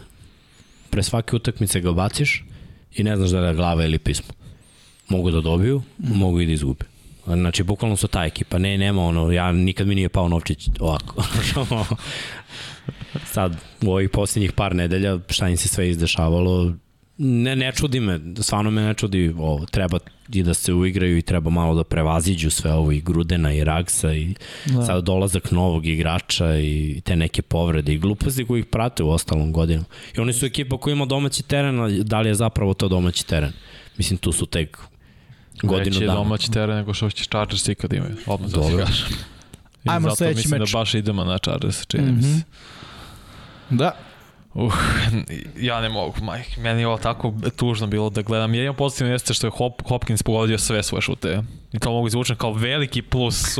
Znači, special teams plus ostatak ekipe ogroman minus. Jer ja stvarno nemam komentar, ni igru Herberta. Ja mislim da ima ne, ne, ne poklapanje sa Staleyem kao trenerom. Da je došlo, i to je, ne, nažalost, to je prva godina, naš. Ne može da bude sve usinkano. Išlo je super, sad su Ali provaljeni. gledaj, išlo je super Vanja, ali, ali bilo je toliko falinki u tim pobedama. Jeste. I razumem, za zašto Steli onako vodi tu ekipu kao na igrici. Bukvalno. Bravo, odlično si ga opisao. Mlad trener i ponekad, znaš, ono, hm, šta ćemo sad? Nećemo pant. Neracionalno, Znaš, potpuno neracionalno. Ajde ovo, kao, verujem statističarima, sad ćemo, ne znam ovo, šta imamo, razumeš, ima toko dobre playmakere. Ok, neki su roviti, ali Jeste. može to drugačije. I ne možeš ti, ti kao trener, ne smeš da pustiš mladog kvotrbeka onako da mu daš svu slobodu ovog sveta. Jednostavno ne možeš. Biće to dobro s vremena na vreme, ali biće loše. Mislim, evo ti Mahomes je ove godine pušten s lanca, pa vidi ga, dečko bio MVP u svoju Super Bowl. Šta onda da kažem o, o Herbertu? Što bi rekli, zna futbol. Pa da. Bilo je utakmica gde nije uopšte Herbertova krivica, gde, gde ekipa nije mogla da, da domesti ka, kao tim dobru neku igru e, ili falinku u odbrane. Naprimjer, odbrana igrala loše, napad nije mogao da nadomesti. Odbrana igra dobro, napad ne, Ili special teams, prosto nije mogu da iznese. bilo je i toga. Bilo je. Stvarno je bilo i toga. Znači ove godine Chargersi su kao i svi u AFC-u. Toplo hladno, oni mogu da, da odigraju tri utakmice, dobiju i mogu da odigraju tri utakmice u nizu i da izgube. Ja sam vidio njihove poraze na jedan posed kao ova, protiv Petirioca ovde. Isto. To, to su pobedivi mečevi. Video sam u njih poraze kao protiv Ravensa, gde je ono, gde ste? Jedino je to bilo gde su zapravo Pa. bili oduvani. Protiv Dallasa isto bilo Jeste. 17-14. A to me sve, 20, znaš, 17. jeste, i, i sve mi, 20, da, da, da. a i mogli su pobede, ali sve mi to stavlja znak pitanja jer ja nemam pojma šta su oni. Isto. Niti imam pojma šta je uh, zamisao Staley, kako on vodi ovu ekipu. Znaš, ima ekipa koja je, i kad gube ti znaš šta je zamisao glavnog trenera. Ok, on forsira ovo, pa nije išlo protiv ovih. Ali za Chargers se stvarno ne znam. Ono što njima i tekako sad ide na ruku za sve ovo što si rekao, ko je povređen za Steelers, Plus Sunday možda night, neće igrati Big Ben, ne znamo još. to, sa, sa dosta pauze od prethodne nedelje do ove, punih nedelju dana da se oporave, imaju utakmicu na domaćem terenu, igra, znači hala, nije, Igraš protiv nije rovite Napolju, ekipe. igraš protiv ekipe koja je igrala X protiv Detroita, Mislim, ono, Ti baš je šansa, priliku, pa da. samo da ih prestigneš, mislim, ako dobiju Šta ćemo sa Minnesota? Minnesota sve što je gubila, evo sad gledam, Sve posle. sve je jedan posao. Sve je posle. Najveć, najteži poraz 14-7 od Clevelanda. Kao Chargers to je... A, brate, tad je bio pass interference Da. kao rata u end zone. Da, ali znaš, hoću ti kažem, ono, kao poraz 27-24 produžetak, 34-33, jedan poen razlike, 20-16, pritom poraz prvi od Cincinnati, ok, iznenađenje, od Arizone, koji su koja- trebali da pobede, Promašeni field goal. ne samo, ok, to, ali Evo, Arizona koja je trenutno prva- najbolja, liga u Jeste. NFL, najbolja ekipa u NFL-u, tako? Prva utakmica pass interference, druga utakmica field goal. Tako gube. Dva poraza imaju u overtime.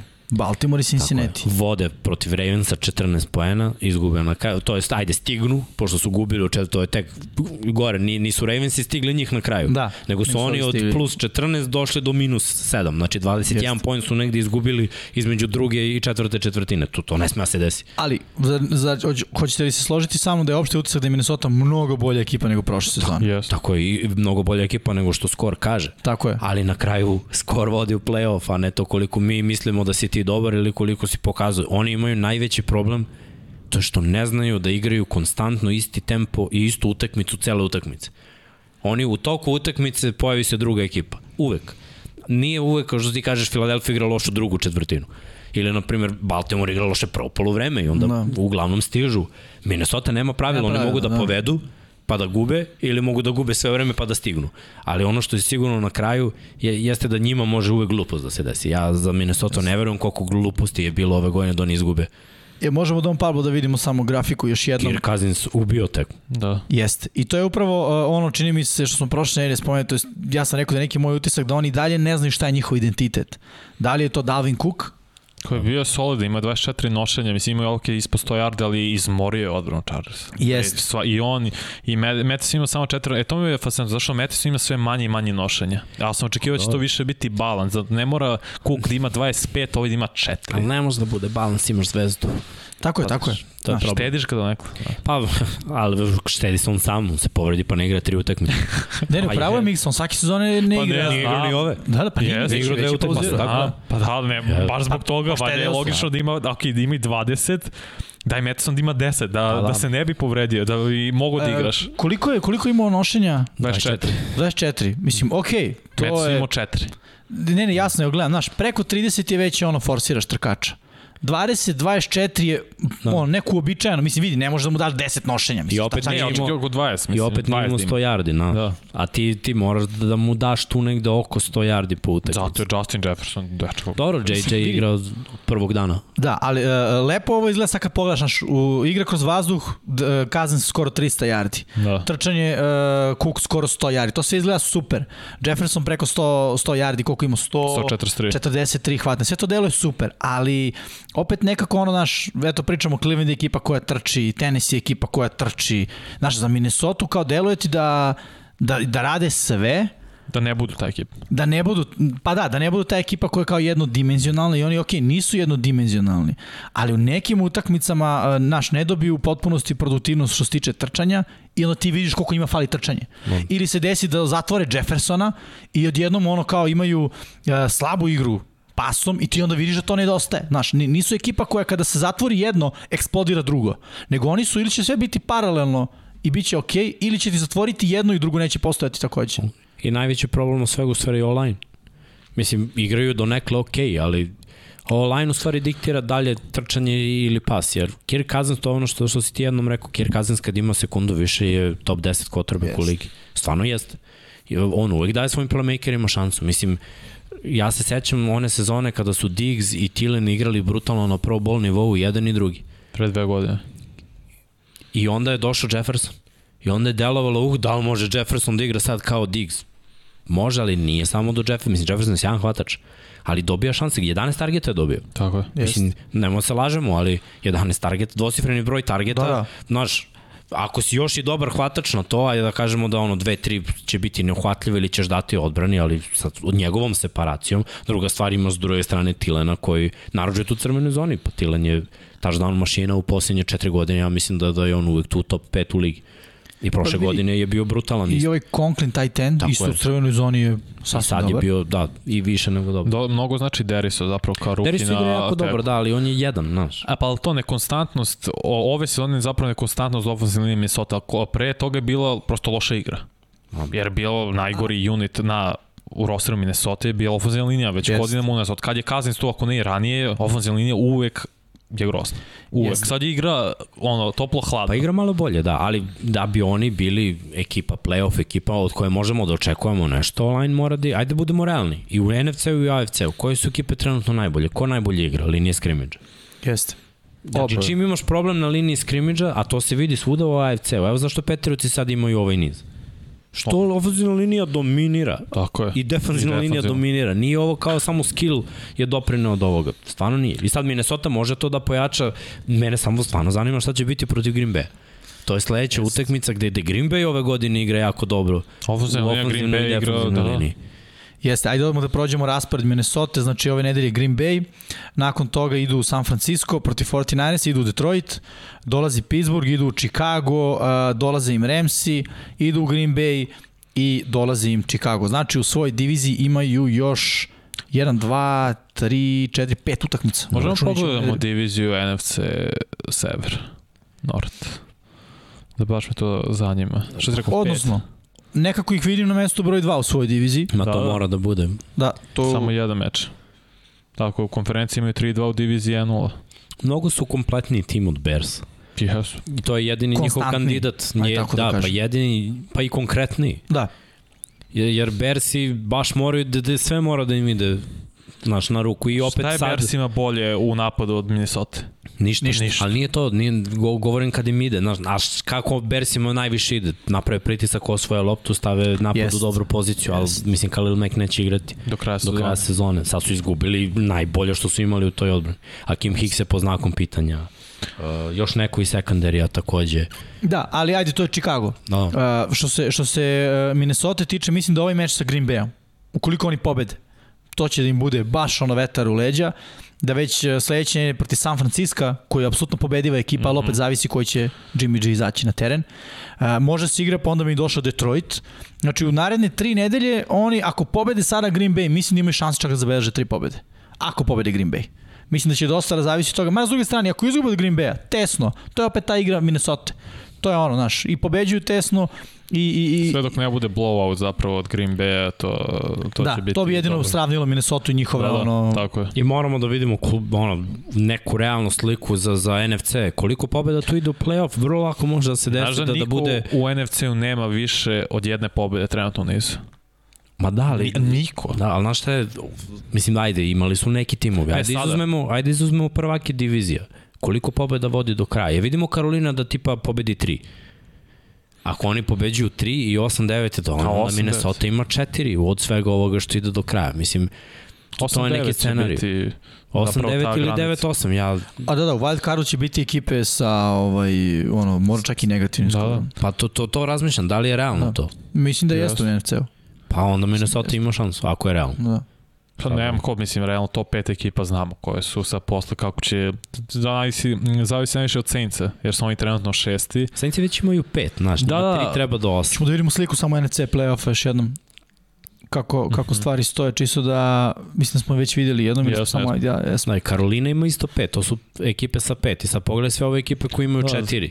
Sad da se ne zbogim, ljudi Falcons imaju sad 4-7. Ne, Da. 4-6. Ne, 7 od sinoć. Je li Četiri, sinoć šest. 6 ili 7? Da, da, mislim da su oni bili na baju. Šest, Jel da? da? Da, da, da, da, da.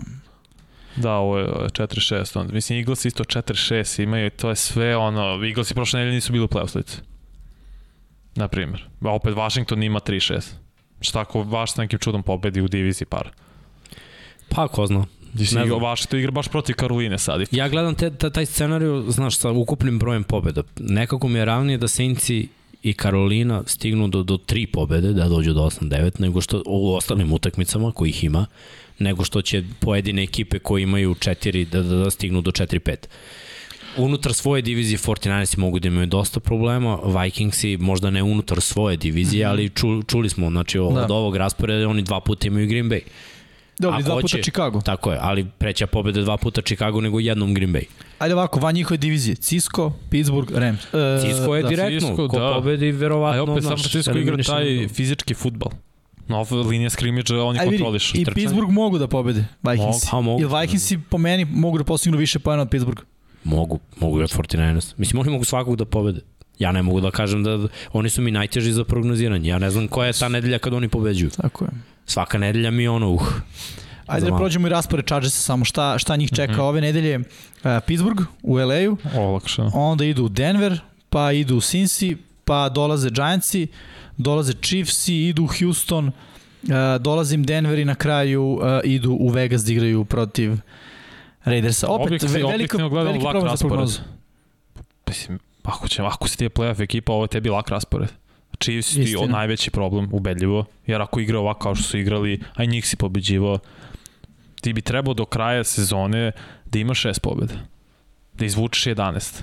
Jer sad imaš 5-4, imaš Steelers koji su loša ekipa, zbog povreda roviti su, imaš Denver koji isto ne znam šta da misliš o njima, Sinci isto koji je pao u igri, No. Giantsi i isto, znači sve isto, sve realno ok ekipe, ali su uglavnom lošije ne, nego što si ti. Dobro, to po, pobedive utakmice. Mislim, Da. najveći, znaš kako, ja uvek nekako mislim da sve kreće od tebe. Mm Mm -hmm. -hmm. I da koliko si sposoban da ispraviš neke stvari koje su bile loše ili da ne nastaviš da praviš te iste greške ili da promeniš tipa šta su Chargersi promenili ove sezone što je najvažnije da te neke na jedan posed dobijaju i to su radili na početku sezone. Sad su opet počeli da gube te utakmice. Tako je. Izgubili su, znači to je bila utakmica sada prethodne nedelje protiv Minnesota i ona tamo protiv, Protiv Patriots. To su, to su dve utakmice gde su Chargersi bili 2020. 2019. Tako je. Chargersi. Sada mora da se vrati e, ekipa na ono, ok, septembar. Šta smo radili dobro u septembru? Kad smo imali ovakve situacije, bolje smo rešavali i više poseda, odbrana je bila uh, konkretnija. I Bili, napad je bio konkretni. Tako tad si rešavao ovo je, što ti kažeš, čet- četvrti za nešto. Seća se protiv Brownsa koli tri napad za redom, četvrti za nešto, rešio se. I to je bila utakmica na jedan posed. Jeste. Ko, koji si pobedio. Da. Mora se vratiš u, u taj mod. Znaš, je- jer ovaj mod u kom su Chargersi trenutno govori, ok, možda wild card. Bukvalno ono, jednaka ekipa sa, Tako ne znam. Pittsburghom ili, ili tamo nešto.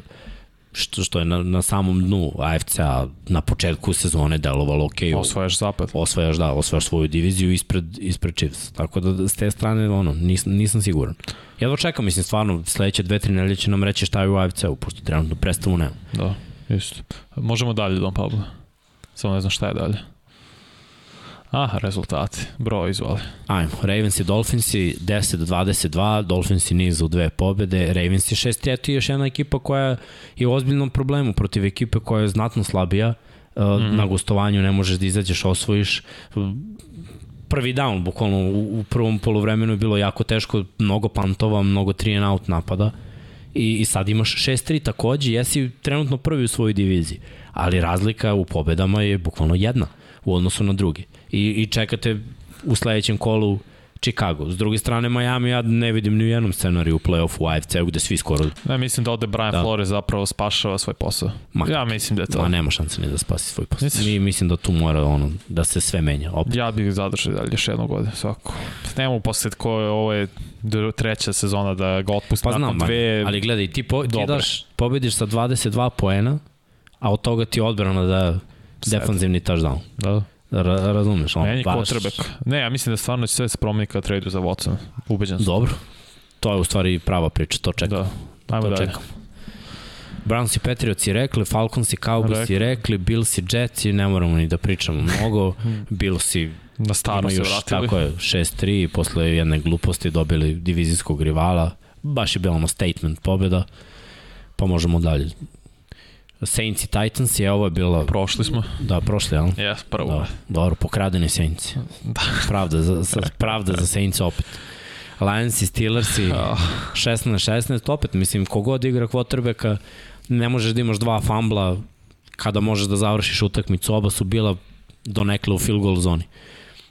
Na polovini protivnika utakmica se rešava, daš Lionsima šansu da, da pobede. Kogoda da je bio kod, ja mislim čak da Rudolf nije ni odigrao toliko loše. Nije. Za njega mi je normalno da ima interception, to, to nekako ide uz njega.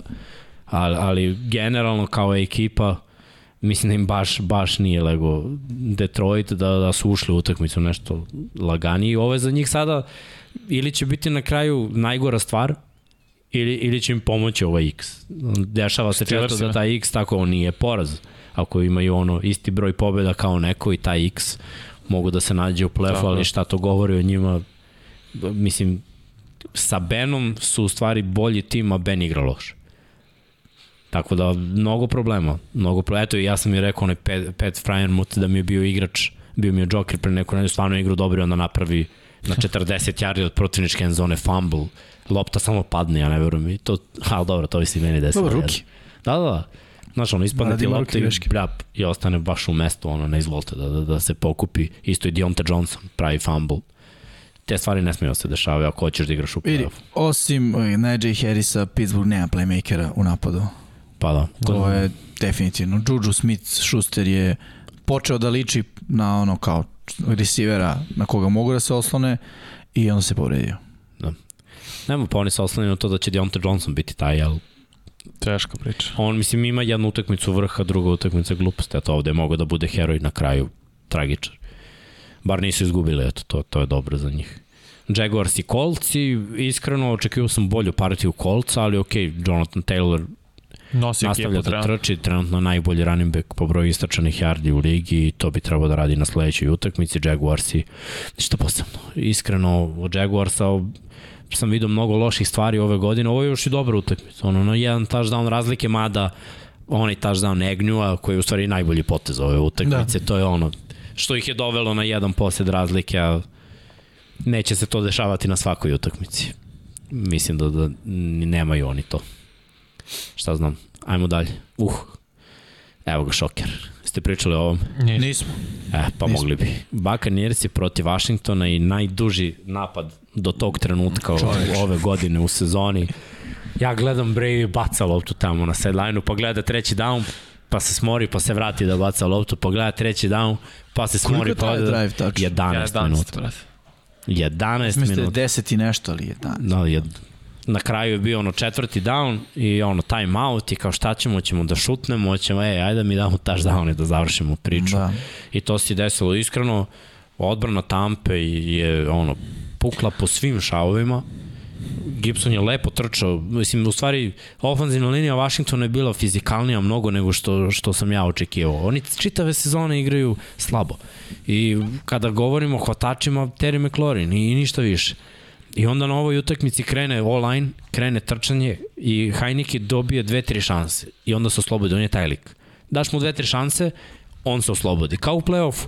Ja mislim da je tu Tampa napravila grešku u play-offu što su igrali onako, a, okej, okay, daćemo mi više pojena od njih, a on se nekako opustio i krenuo da prangija. I stvarno igrao lepo u play-offu, jako su izgubili. E sad igrao bolje. McLaurinu na hvatanje na kraju, koji udarac da, je dobio, da. osigurana lopta. Sve vreme, oni su na svakom trećem downu Nije bilo ono kao prvi down, drugi down, prvi down. Ne. Yeah. Bilo je treći down svaki put da, da. i svaki put je osvojen. Pa dobro, to je formula da ti drive traje 11 minuta. Ne, ne, da igraš jeste, ali gledaj, to, isto, to je isto za odbranu poražavajuće. Jeste, jeste. Ti ne možda ih nisu imali big play. Znači, bukvalno su ih ubijali na ono 3, 4, 5, 6 i tako. Pa, pa, pa. pa ovo što ja... sam pričao odbrana Bakanirsa kad izuzmeš defanzivnu liniju. Ma front, front 7, da, front 7. Secondary je grozan. Jeste. Da, front 7 i prošle godine nadoknadio slabosti second, jer samo su igrali na mnogo višem nivou nego sada. Zato su malo opustili. A, ja bih samo citirao Mix od pre par nedelja, banda. Baka nisi u odbranu, yes. stvarno liče na bandu. Yes. Opet su imali kaznu. tu im se sada obijao glavu uh, upravo to što su grupa plaćenika. Uh, kao što Remsi počinu da liče pre svega uh, u odbrani isto tako. Uh, mada i napad nešto ne blisak kod Remsa, ajde pričat ćemo kasnije o tome. Ali mislim da je to problem broj 1. Što su banda, što su onako prepušteni da igraju na neki svoj, prepušteni, mislim, delo je da se više oslanjaju na neki svoj uh, kvalitet, kvalitet i individualni iskustvo, nego što se oslanjaju na uh, igranje nekih, nekih šema. A prošle godine šemom su osvojili Super Bowl uništili Kansas City. Plačem me što je zapravo Devin White najveći tu ne mu kažem bandit, ali on je zapravo lider te bande i ako on ne bi trebalo da bude u smislu, on treba bude da pokaže kako treba da se zapravo igra, jer je on izabran od strane Tampa, on nije došao, on nije plaćenik, ako ti si draftovan tu, mislim igraš vrhunski pozicija, ali nekad se tako ponašaš kriminalno, neko be, bez potrebe, ne znam znaš zašto... De, znaš da je mene potpuno što toga tiče, ono kao, stalo sam rekao, šta je bre, da. Saintsa, on Marka Ingrama, da. svaki put ga je provocirao. Na, svaki put kad je Ingram imao nošenje. I ako ga ovaj nije oborio, on je došao i nešto mu dobacio. Da. Nešto, kao čoveče, šta ti je? Ajmo dalje. Da. Polako Svaka čast za Washington, ali ovo njih nigde ne vodi, a, a pokazuje nam slabosti Tampe. Saintsi pa ovo, znači dva poraza u, u posljednjih mesec dana, to nije Not put kojim žele da, da idu u odbrani titule. Vikings i Chargers, to smo rekli, Chiefs i Raiders i rekli. Panthers i Cardinals i, mislim, ja sam očekivao na ovoj utakmici iskreno, zato sam je prognozirao Arizonu da igra Mare i da igra da. Hopkins, jer je bilo priče da će igrati, a onda kad sam video da, da ne igraju, a onda je bilo okej. Okay. Nisam siguran sad koliko imaju šanse, mislim, već su dobili jednu utakmicu s rezervnim quarterbackom koji je ono, ispod proseka, moramo i to da kažemo. Uh, probali su trčanjem, Conner je opet bio okay, ali mislim, toliko emocija Cam Newton prva utakmica u karijeri u Arizoni. Vratio se u Karolinu i prva utakmica u Arizoni. Sločionica. Opet, to je college sločionica, ono, ta, tako se vodi i, i dolazi legenda franšize. Ne možete da mi kažete da svi ovi klinci koji igraju sada, koji imaju 10 godina manje od Kema, kad je on došao da igra za ekipu, da zameni PJ Vokera, nisu bili, o, to je to, došao je Kem, da. sad imamo šanse. Kem će sad startovati. Ovo, Pazi, i trener u prva dva navrata u crvenoj zoni da mu daš ran i da mu daš pas. Jer znaš, znaš ako je on iz A, tu... je posle. Ne, ne, ali ako znaš da je on tu da si odbrana, ti će staneš outside contain. I stavit ćeš nekog da te ne preleti, da nešto ne je tako? Mm. Moraš to da uradiš. Os, oslobodit ćeš malo aut. Mislim, on je i trčao na aut i bacio na aut i bukvalno su napravili dobar plan za njega, nije igrao mnogo, mislim PJ Walker je dobar posao, ali Karolina je imala plan i čim su poveli, bilo je jako teško. Arizona bez Mareja, nema potreba, pričamo o njima, mislim oni su dobar tim. I dobra odbrana. Da, ovo je rezervnik potrebe bez najbolje hvatača. Izvini, ja se kažem, Karolina je dobra odbrana. Je Karolina je vrhunska odbrana. Oni su baš onako zatvorili Kolta McCoya. Pa. I baš, mislim, ono, nije bilo lepo za, za gledati. U svakom smislu. Održali sebe u play-offu, što je najvažnije. Mislim, pobedom koju možda nisu očekivali. Pa da. Ali sad kad je Cam tu, ja mislim da oni očekuju da uđu u play-off. Ja sam siguran da Cam očekuje od njih da uđu u playoff. Da, da, da, da. I, i McCaffrey, znaš što, to je sad neka priča, oni sad idu, idu zajedno. Imaju najboljeg igrača, ono, top 10 u ligi overall, kad je zdrav, Christian McCaffrey, on čak nije najveća zvezda u Karolini. Iako je Cam van svake forme, ono, ono MVP forme, Pro Bowl forme, Cam je najveća zvezda u Karolini. Čekajte sad utakmicu da igraju kod kuće. Da, da. To će da bude eksplozija. Znaš da će svi da će tribina biti ispunjena, da će padati ljudi s tribina. Svi će da, ali ne, ali to je najveća zvezda u istoriji njihove franšize, ne postoje 20 godina. Znaš, zamisli Ray Lewis da igra poslednju utakmicu Dobro, u, u Steve Baltimore. Smith, mnogo si ga nekako lako... Ne, ne, ne. A nije Jeste. Steve, Steve, Steve je meni omiljen igrač, ali on u očima navijača nikad neće biti legenda kao Cam, Cam MVP. Dobro, jeste, okej, imaju oni dobri igrači i Kihli je bio, da, odličan, ali okej, dobro, da, jeste Cam, to što je quarterback, mislim. Tako je. Da. I on odvoji ih i do Superbola i to, mm. znaš. Mislim, Steve Smith je Da. bio ruke kad su igrali Super Bowl. Da. Ono, sa, sa Delom Delom, i, da, i da. ekipom. Ćemo dalje. Šta je još ostalo da pokrijemo? Da, Vikings i Chargers. Ramsey 49ers. A da, da. Rams i 49ers i to je ovo bio je za šoker. mene, ovo je za mene bio šoker. Onako jak, iskreno, nisam, mnogo mi je žao ono što sam ovaj, rekao da je dobro da su doveli Beckama, ali moramo da budemo realni ljudi, to, to je sport. Uh, neko će se povrediti u, u toku sezone. Nije da, da prizivamo neku on, lošu energiju i, i to, ali to, to je normalno u NFL-u i Odell Beckham je bio u situaciji da, da zameni Roberta Woodsa najteži zadatak ikad, Woods je tu tri godine ili, ili četiri, ali Četiri. Woods je tu i igra najjaču ulogu, znači da sam receiver u NFL-u najviše bi volio njegovu ulogu da igram. Igraš sve, brad, igraš specijalni tim, igraš reversove, igraš screenove i imaš uvek zadatak ono da imaš kraću rutu ili rutu u neku sredinu gotovo uvek imaš sigurno hvatanje. Znači on je ono za krosere najjače, znači samo ima cross levo, cross desno, pa screen, pa ovo, pa ono. Odličan bloker i zna sve signale. I oni krenu da gube ovu utakmicu. Zašto gubeš? Fortinens je trče, znači stvarno istrčali, vratio se Wilson. Da. I krenuli su da ih gaze. Krenuli su da ih gaze, onda Stafford napravi glupost, isforsira jedan post ka Beckhamu, Beckham ne vidi post. Možda ni ja ne bi video post, iskreno bio je safety s te strane na, na, na tom hešu. Možda je bilo bolje da, da je fade, pa preko DB-a daleko od safety-a, međutim Stafford baca post pravo u ruke, to je taj prvi interception. Mm -hmm. I ono, imao je Beckham 2-3 dikoja, imao je dva hvatanja, ali čim je krenuo deficit da bude veći od dva poseda, on ne može da uđe igrao, mora huddle da ima. U huddle mora Stafford da mu kaže taj ta akcija, ti imaš to.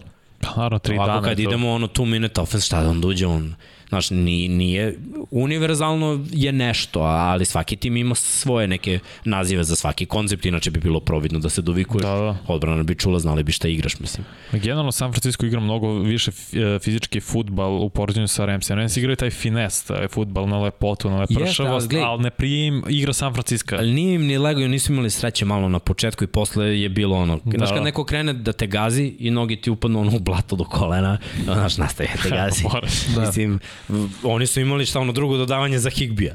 Šta ja kažem Staffordu? Prvo, ruta je dobra, blokovi su vrhunski, on ima novi prvi down, ovaj mu baci loptu u ruke. Dečko ispusti loptu i to ne da ispusti, on je digne defanzivnu Da, da, da, u ruke, ovaj vrati defanzivni touchdown. Da. I ti si već izgubio dve lopte i već gubiš dva touchdowna razlike i šta onda da radiš? Jeste, još se pojavi Dibo Samuel. E, nemaš pojavi. rešenje. Glej, Da. eto, i o tome moramo da pričamo. Ja da sam defanzivni koordinator, eto, Jimmy, ti si defanzivni koordinator. I da Dibu Samuel koji ima 1000 yardi ove sezone je najbolji hvatač uh, nakon hvatanja u NFL-u i definitivno najbolji hvatač San Francisco. Zašto Jalen Ramsey čuva Anonimusa outside? Čudi mi da Jalen Ramsey zapravo nije sam rekao "O, ja hoću ovaj izazov. Jer je on takav, on je pratio Adamsa ja u da je play-offu. on, ja znam da je on takav, ali znaš, ne možeš ovako da, to je di, prvo divizija. Drugo, to je jedan od najboljih hvatača u ligi, Dibo je ubica. Realno. I ti idi i čuvaj šestu opciju, ono, Vidi, outside, koji trči hitch. 49ersi kada je Kittle tu i kada igra su potpuno druga ekipa. Uh, I Kittle već dve nedelje tu, tako? Da. Da. 49ersi već dve nedelje liče na nešto. Ove nedelje su baš odi- odigrali fantastično. I uh, šta je bila zamisla Ramsa, ne znam, ali mislim da su previše lagano ušli taj meč i da su se zato okliznuli. To je neko, neko moje mišljenje u celoj priči. I kada se desilo ovo što se desilo, kao što si rekao, dva, dve izgubljene lopte i već imaš za ostatak od dva touchdowna, to je bio game over. Mislim, to, Da. to nema šta. Tako igraju Remci, oni kad gube, isključe trčanje i ajmo dodavanja, a da budemo realni imaju dva hvatača s trening kampa ove godine. Oni su bacili ruke, evo, iskreno ne mogu setim kako se preziva dečko. Van Jefferson, misliš na Ne, hvatač? ne, ne, ne, ne, Van Jefferson je u drugoj godini. Imaju nekog momka na S se nešto preziva, Dobro. 18 mislim da nosi broj, koji je ušao ove godine i igruje treće hvatača, jer Beckham ne zna akcije. Van Jefferson je drugi, ali Van Jefferson je toliko nesiguran nešto u sebe, jer sad ima drugu ulogu, on sad mora bude hvatač broj 2. I onda imaš Coopera Kapa i njega. Higby nije bio na ovoj utakmici ni blizu nekog nivoa na kom on mora da bude. I, i baš se desio problem za Remse, nemaju hvatača, a moraju da se okrenu u igri pasu. Mislim, moraju, nisu morali, u glavi njihovo je bilo moramo. Defanzivna linija San Francisco i, i u stvari linebackerska linija ih je pojela, jer svaki put kad su probali da trče, Warner, Tako je. Al-Shahir. Svaki put. Znači, njih dvojica kako su punili gepove. Ja nisam vidio ovako da, da tandem linebacker odigra ovako dobro nekoliko nedelja. Znači, ovo je bilo za sve pohvale. Kad bi morao da dam nekom ono defanzivni igrač nedelje, njih dvojicu bi stavio zajedno. Znači, baš brutalna partija. Čini mi se Jedna su. Ramsi svaki put kad su izgubili zapravo bili blown outovani. Protiv Arizona je to bilo 38-10, ne mogu sad ti prethodni poraz pre ovo koliko je tačno bilo, ali znam da je... 37-20 protiv Arizone. Da, dobro. Uh, 28-16 Tennessee, je. 31-10 Sve dvocifreno. 49ers. I to poslednje dve, Stafford stvarno izgledao grozno. Tako, ali kak, znaš šta je najporažavajuće u svemu tom? Njihov govor, ono. E, ne, Kao lako ćemo posle. Kao, e, ne ide. Aj probamo izbunarimo nešto, pa ako stignemo, stignemo, ako ne, sledeća utakmica. To bi razumeo da si u diviziji kao što je istok NFC. Ili sever. Da. Imaš prednost. Realno. A ovde si imaš Arizonu koja je prva, nisi ni prvi u svojoj diviziji. O San Francisco i Seattle kakve god da su upravo te pobedio taj San Francisco. Tako da stvarno ne, nadam se da nije zapravo ovaj pravi identitet uh, Ramsa. Da postoji neka bolja igra, jer ako stvarno ovako se nastavi, Rams će odmah ispasti u play-off. Ajmo dalje. Ostale su još dva meča, ja mislim, tako? Da, i Eagles i Broncos i dominacija Fila, evo Jimmy ja smo ovo radili, zato Da. i nosi ovu duksericu danas. Evo da to obradujem, E, Kamara out. Stvarno. Znam, znam. Sad je E, ja nisam znao. Da, me sad je. Mislim, bilo je najavljeno da će biti out. E, Sad potvrđeno. ja sam verovao. Meni tamo, meni tamo prognoz. Neće da budem glup ko prethodne nedelje. E, Da, I- Eaglesi e, deluju i- dobro. Da, i, iskreno, Jalen Hurts i Devonte Smith rastu, ono, sazrevaju. Da. Sazrevaju zajedno. I to je, to je mnogo dobro za Filu. Imaju momka koji je, da kažemo, i dalje do nekle ruki, jer još ne odigrao punu sezonu, Jalen Hurts. Iako je prošle godine bio ruki, a tek sad je imao pravi trening kamp, tek sad je on the guy. Devonte Smith pravi veliku separaciju i otvara i drugi igrače. Imaju trčanje, bolji trčak bez Sandersa, to, to je najcenije. A nije bolje, više Na- trče. I smislenije Konkretnije trče. trče. Da, pre su trčali Znaš. sa Sandersom treći za 14, kao Da. bro Sanderson. Da, ali znaš šta je najveći problem u Sandersu? Isto kao i u Shadyu. Iako ih ja obožavam jednog i drugog.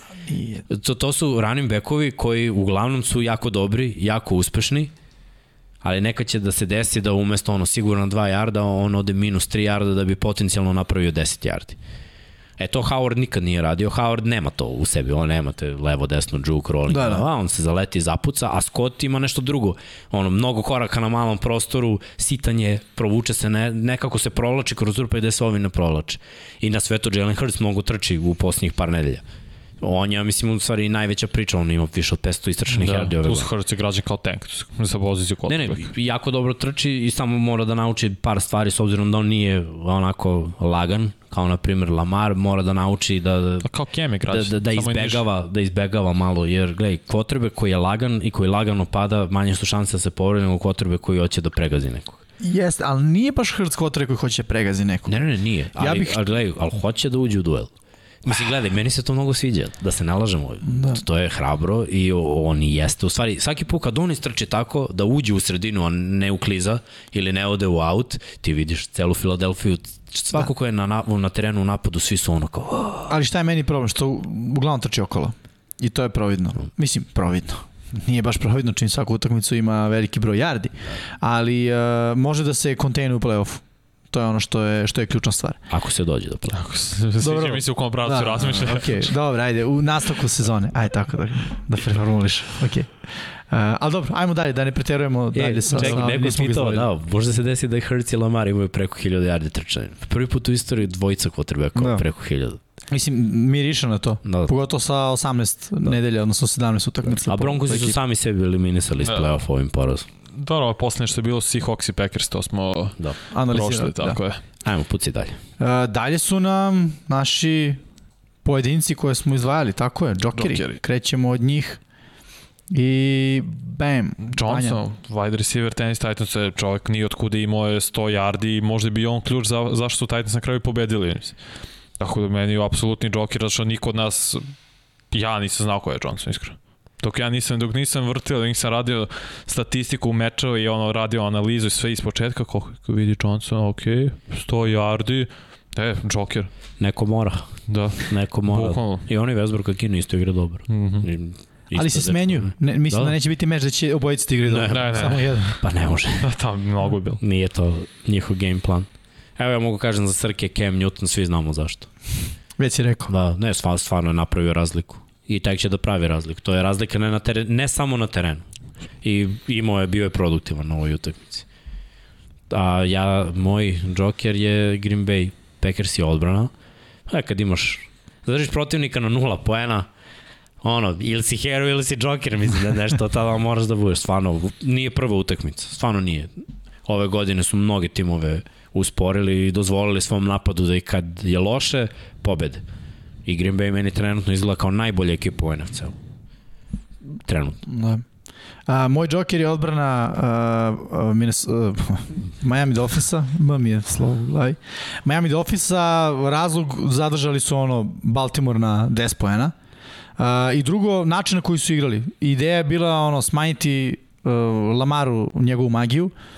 Magija je smanjena, pritisak koji je dobro funkcionisao, Lamar kontejnovan uglavnom u sredini, da kažem u džepu i trčanje kroz sredinu. Mhm. Sa druge strane, ono, znaš, to stavlja pritisak na DB-eve koji su odigrali odlično. Odigrali su odlično, e, ceo meč, e, zatvorili, da kažem, pas Baltimore, ok, Baltimore nije pass first ekipa, ali u svakom slučaju trebalo i to uraditi. I često smo videli ono baš, da kažem, e, neke stvari koje mo mogu da deluju lagano, ali nisu lagane. To je da DB-evi stoje 10 do 12 yardi off, čekaju receivere i onda eksplozivno reaguju dole. Što je, da kažem, kritično ako postoji double move ruta, ali kad šalješ ono rush sa 6, ti si već onda... A, bilo je mnogo rašovi sa sedam. da, da, da. Najviše bliceva od strane defanzivnih bekova je bilo u novoj utakmici. A da se igra iza cover 0 ili cover Da. 1. Znači, baš, baš, imali su interception za ta, ne, da, interception Yes. za touchdown i interception u sobstvenoj end zoni. Tako je. Herojska utakmica, bukvalno. Jeste, jeste. Me, meni je za, za Joker zato što nisu bili tokom ostatka sezone odbrana od prošle godine. I bilo je iznenađenje. Baš u tom smislu. Ajmo dalje. Šta smo imali sada? Tragičare. Kome je Grim Reaper uzao dušu? Baker, ne, Baker. E, Baker Mayfield, vrlo, vrlo zanimljivo. Prvo grozan meč Bakera, očekivano, ali nisam očekivao da će ovako grozan biti, da će imati jedva 70 yardi, izašao je na kraju, zamenio ga je Case Keenum, ali šira slika. Baker Mayfield je odigrao 54 meča u svojoj karijeri. Ima 27-27, pass rating 90 ravno. Problem drugi, svake godine ima sve manji broj pokušaja dodavanja od drugi godine sve ide na dole, što mi priča šta Stefanski njemu sve manje manje veruje. Znaš, sve se više ide na trčanje, što i bolje, realno to je snaga ekipe, ali je to ostavlja Baker, je to ostavlja Cleveland kao šta, šta sa njim? Da li on, aha, A, izvini, da li, on, da li će on biti na kraju franšizni quarterback? Mislim, opet kad ti vidiš Cleveland šta ima u poslednjih 20 godina, Baker je najbolje. Ali nije dobro.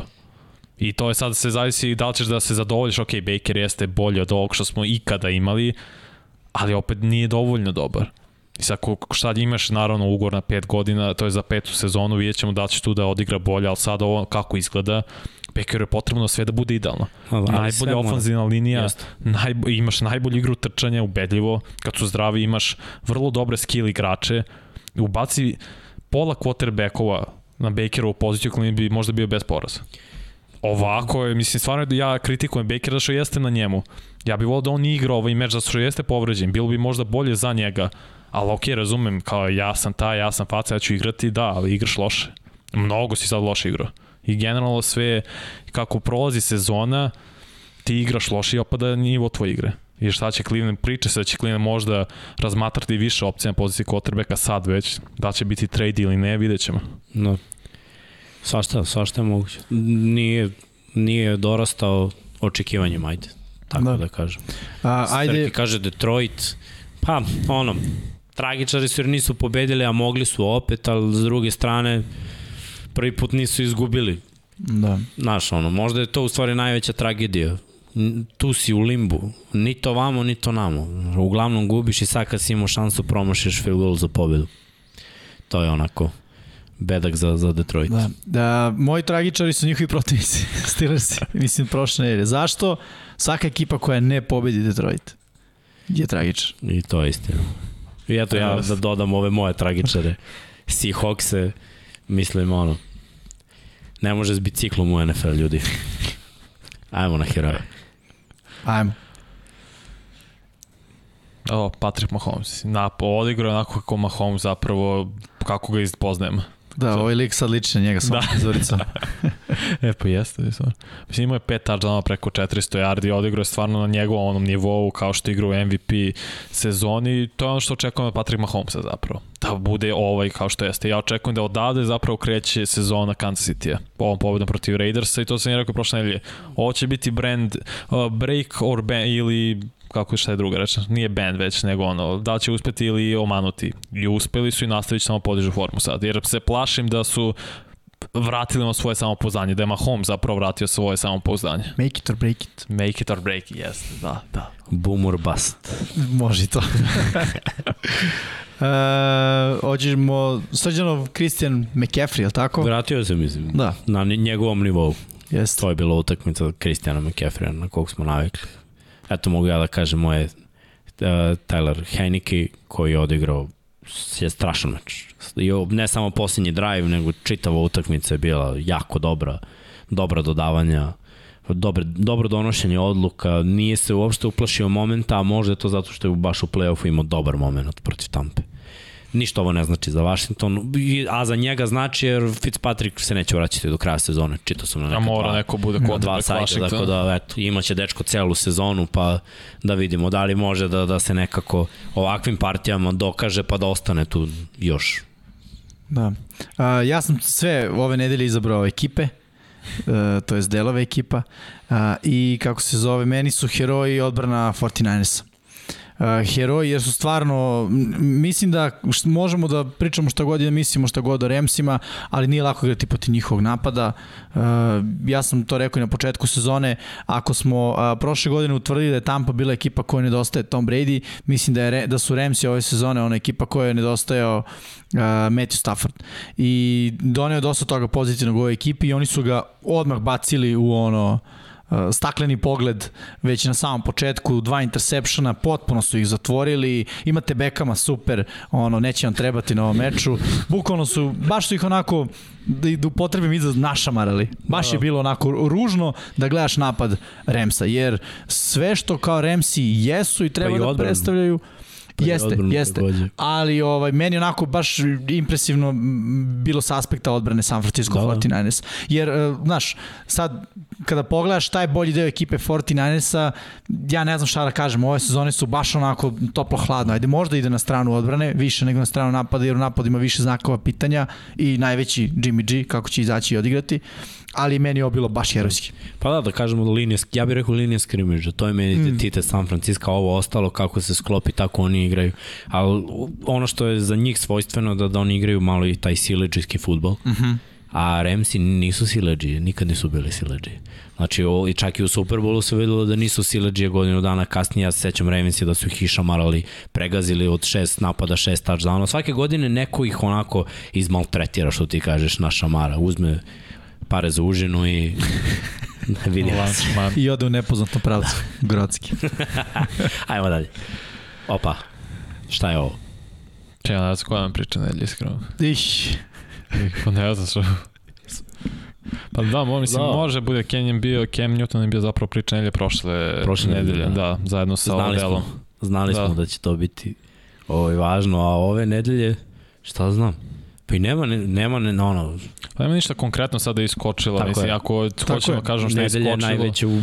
priča ono, nedelje da nema neke pretrane priče. Ajde da Pa vidimo da. te neke povrede, to, to ćemo ono, za, Evo kaže Srki, kamera. mislim možemo da kažemo da za, to- za Antonija Brauna što je opet još jedan minus da je koga je na kraju bivši kuvar mu zapravo je izašao sa izjavom da je on falsifikovao uh, Ali nije mi to priča, iskreno. No. Ne, to je Zato što vest. smo to već čuli, on Brown, on, naš neki problemi van terena.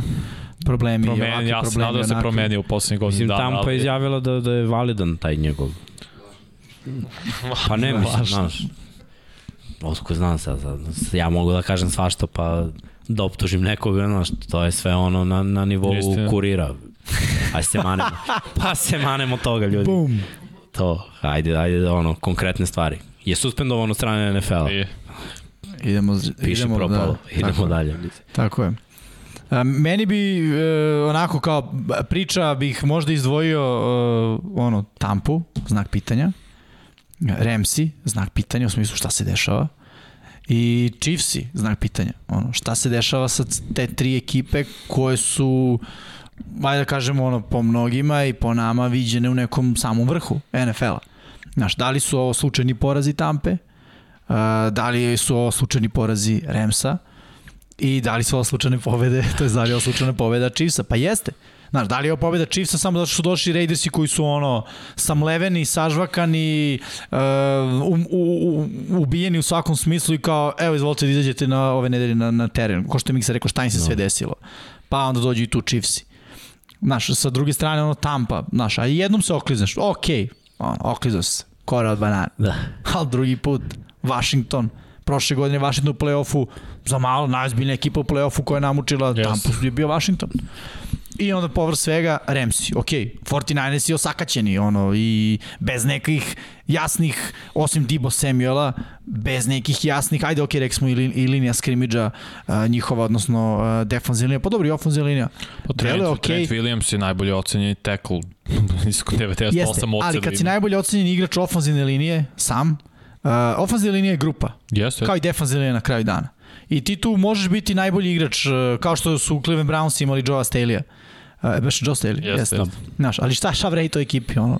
Čovjek je imao brut, mislim sramotno malo pobeda u svojoj karijeri, a bio je ne, ne, nestvaran talent. Tako da ono, ajde da kažem da je što, što se mene tiče priča ono šta se dešava sa ove tri ekipe koje bi trebalo da budu Pa gledaj, dešava se NFL ove sezone. Što samo AFC da bude znak pitanja? da, Znaš, mora malo i NFC. da je malo bibera u NFC. Pa da, pa, pa hvala. Mislim, i ti si tako u zelenom i postavljaš znak pitanja Riddler da nisi... Ja sam se izlano rekao playoff.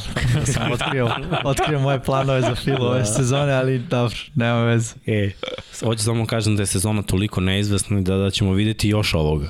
Još više znakova pitanja. Ne, nema timova koji će onako lagano doći. Što znači da ćemo još grozniji biti u prognozama. Ovo je čista mala Da, uvertira pa da. u, u to. Ali zato će naš biti neizvesnija i bolja sezona. Hoćemo, da, naravno. Ne, sezona je odlična. Da. Stvarno je odlična do sada. I ja volim što ima ovoga, iako ovaj, nekad ne volim. Pa da, pa ja ne volim da izgubim od Miami, ali Da. iš hep. Šta je to? Ajmo dalje. Idemo sad na pokrovitelje. E, idemo na miksu. be. Ja? Pa ti imaš taj studijski glas. Dobro, mogu ovo da uradite dok sam parkirao.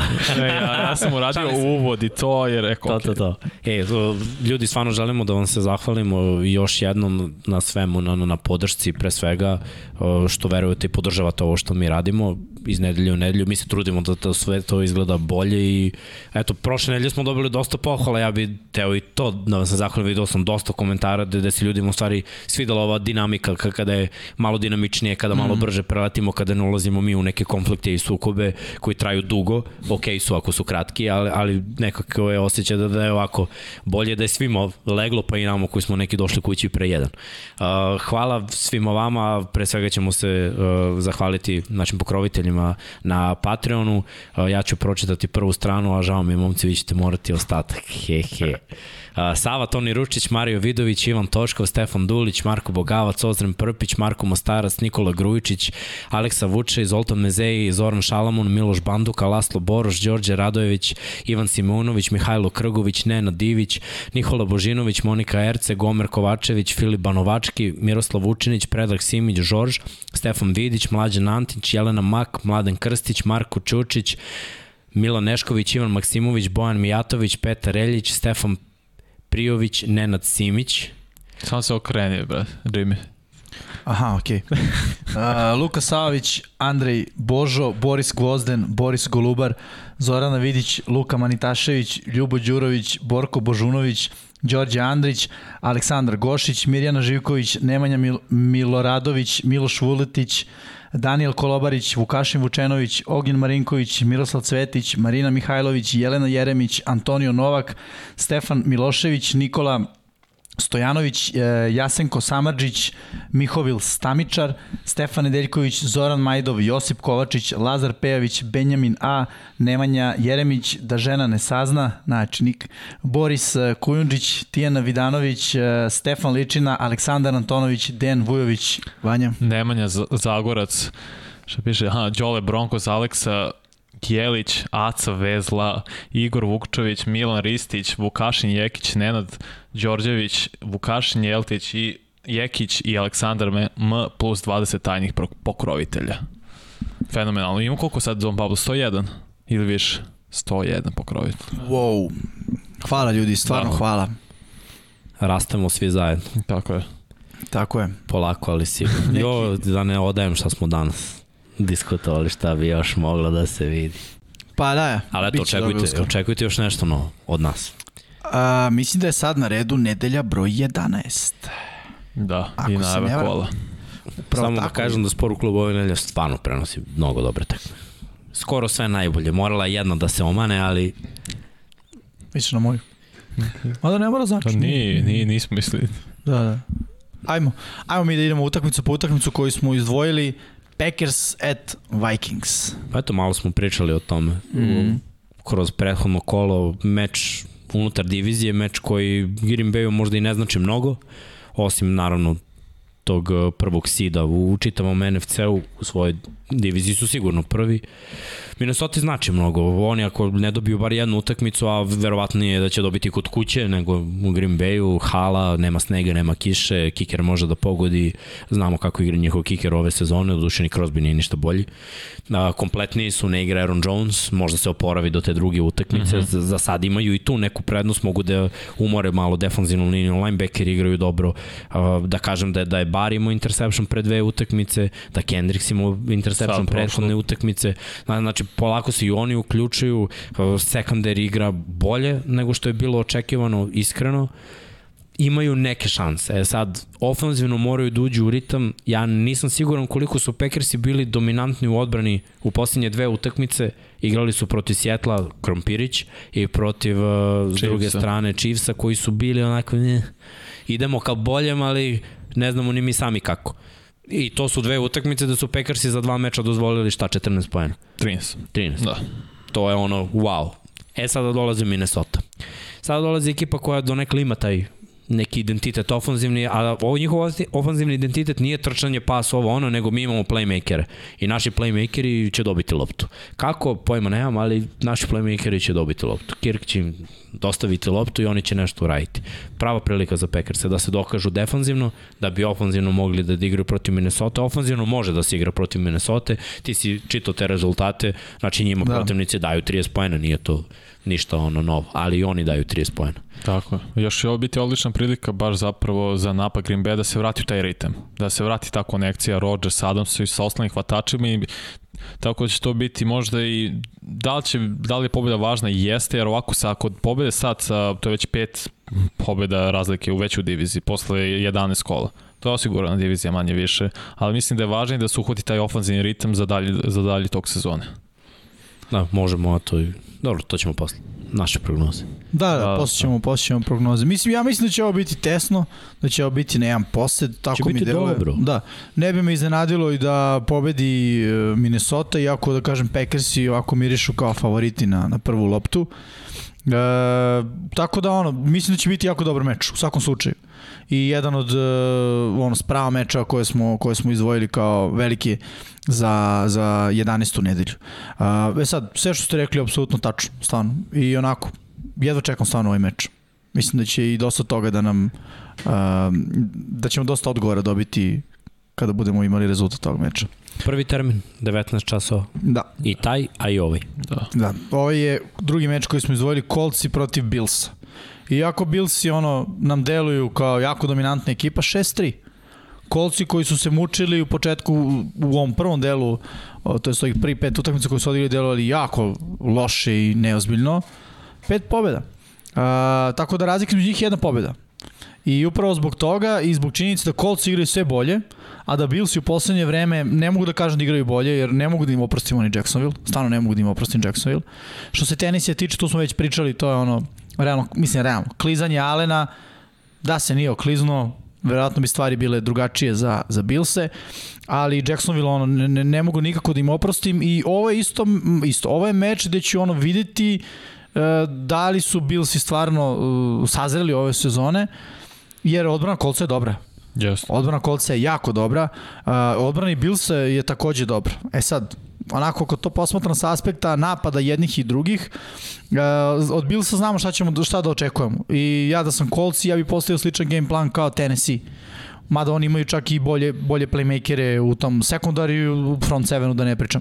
Tako da, uh, izvršiti uh, neku vrstu pritiska na, na Alena i ne dozvoljavati dugačka dodavanja. To je ključ. Jer e, Billsi su kao i Chiefsi. Oni isisavaju tvoju energiju sa jednim pasom od 50 yardi. Mislim, ono, uzmu ti, uzmu ti dušu i pripoje, pripoje sebi tu, tu, to što su isisali iz tebe. I kolci moraju to da, da zaustave, pre svega.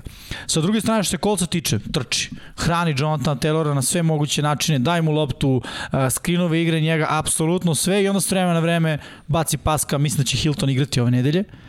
Uh, iskoristi njega, ne maksimalno, ne možeš, nije više to to, ali ono, Pittman, Hill, Mo Ali Cox. Neka to bude ono sveta trojka što se tiče kolca, ali pre svih naravno Jonathan Taylor i ono, znaš, igra i fizikalan futbal, jer ofenzivna linija kolca može to da igra. Bills i rekao sam već jesu dobra odbrana na svim nivoima manje više, manje više na svim nivoima, nema šta.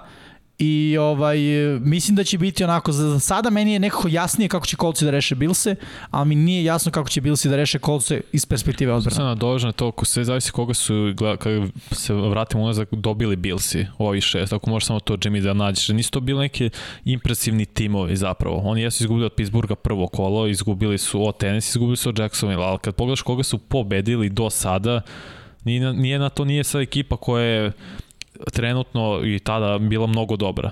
Dosta ove godine su se izvlačili i dobijali ekipe koje su prosto bile lošije od njih, kao što je slučaj Jetsi, koji su zgazili.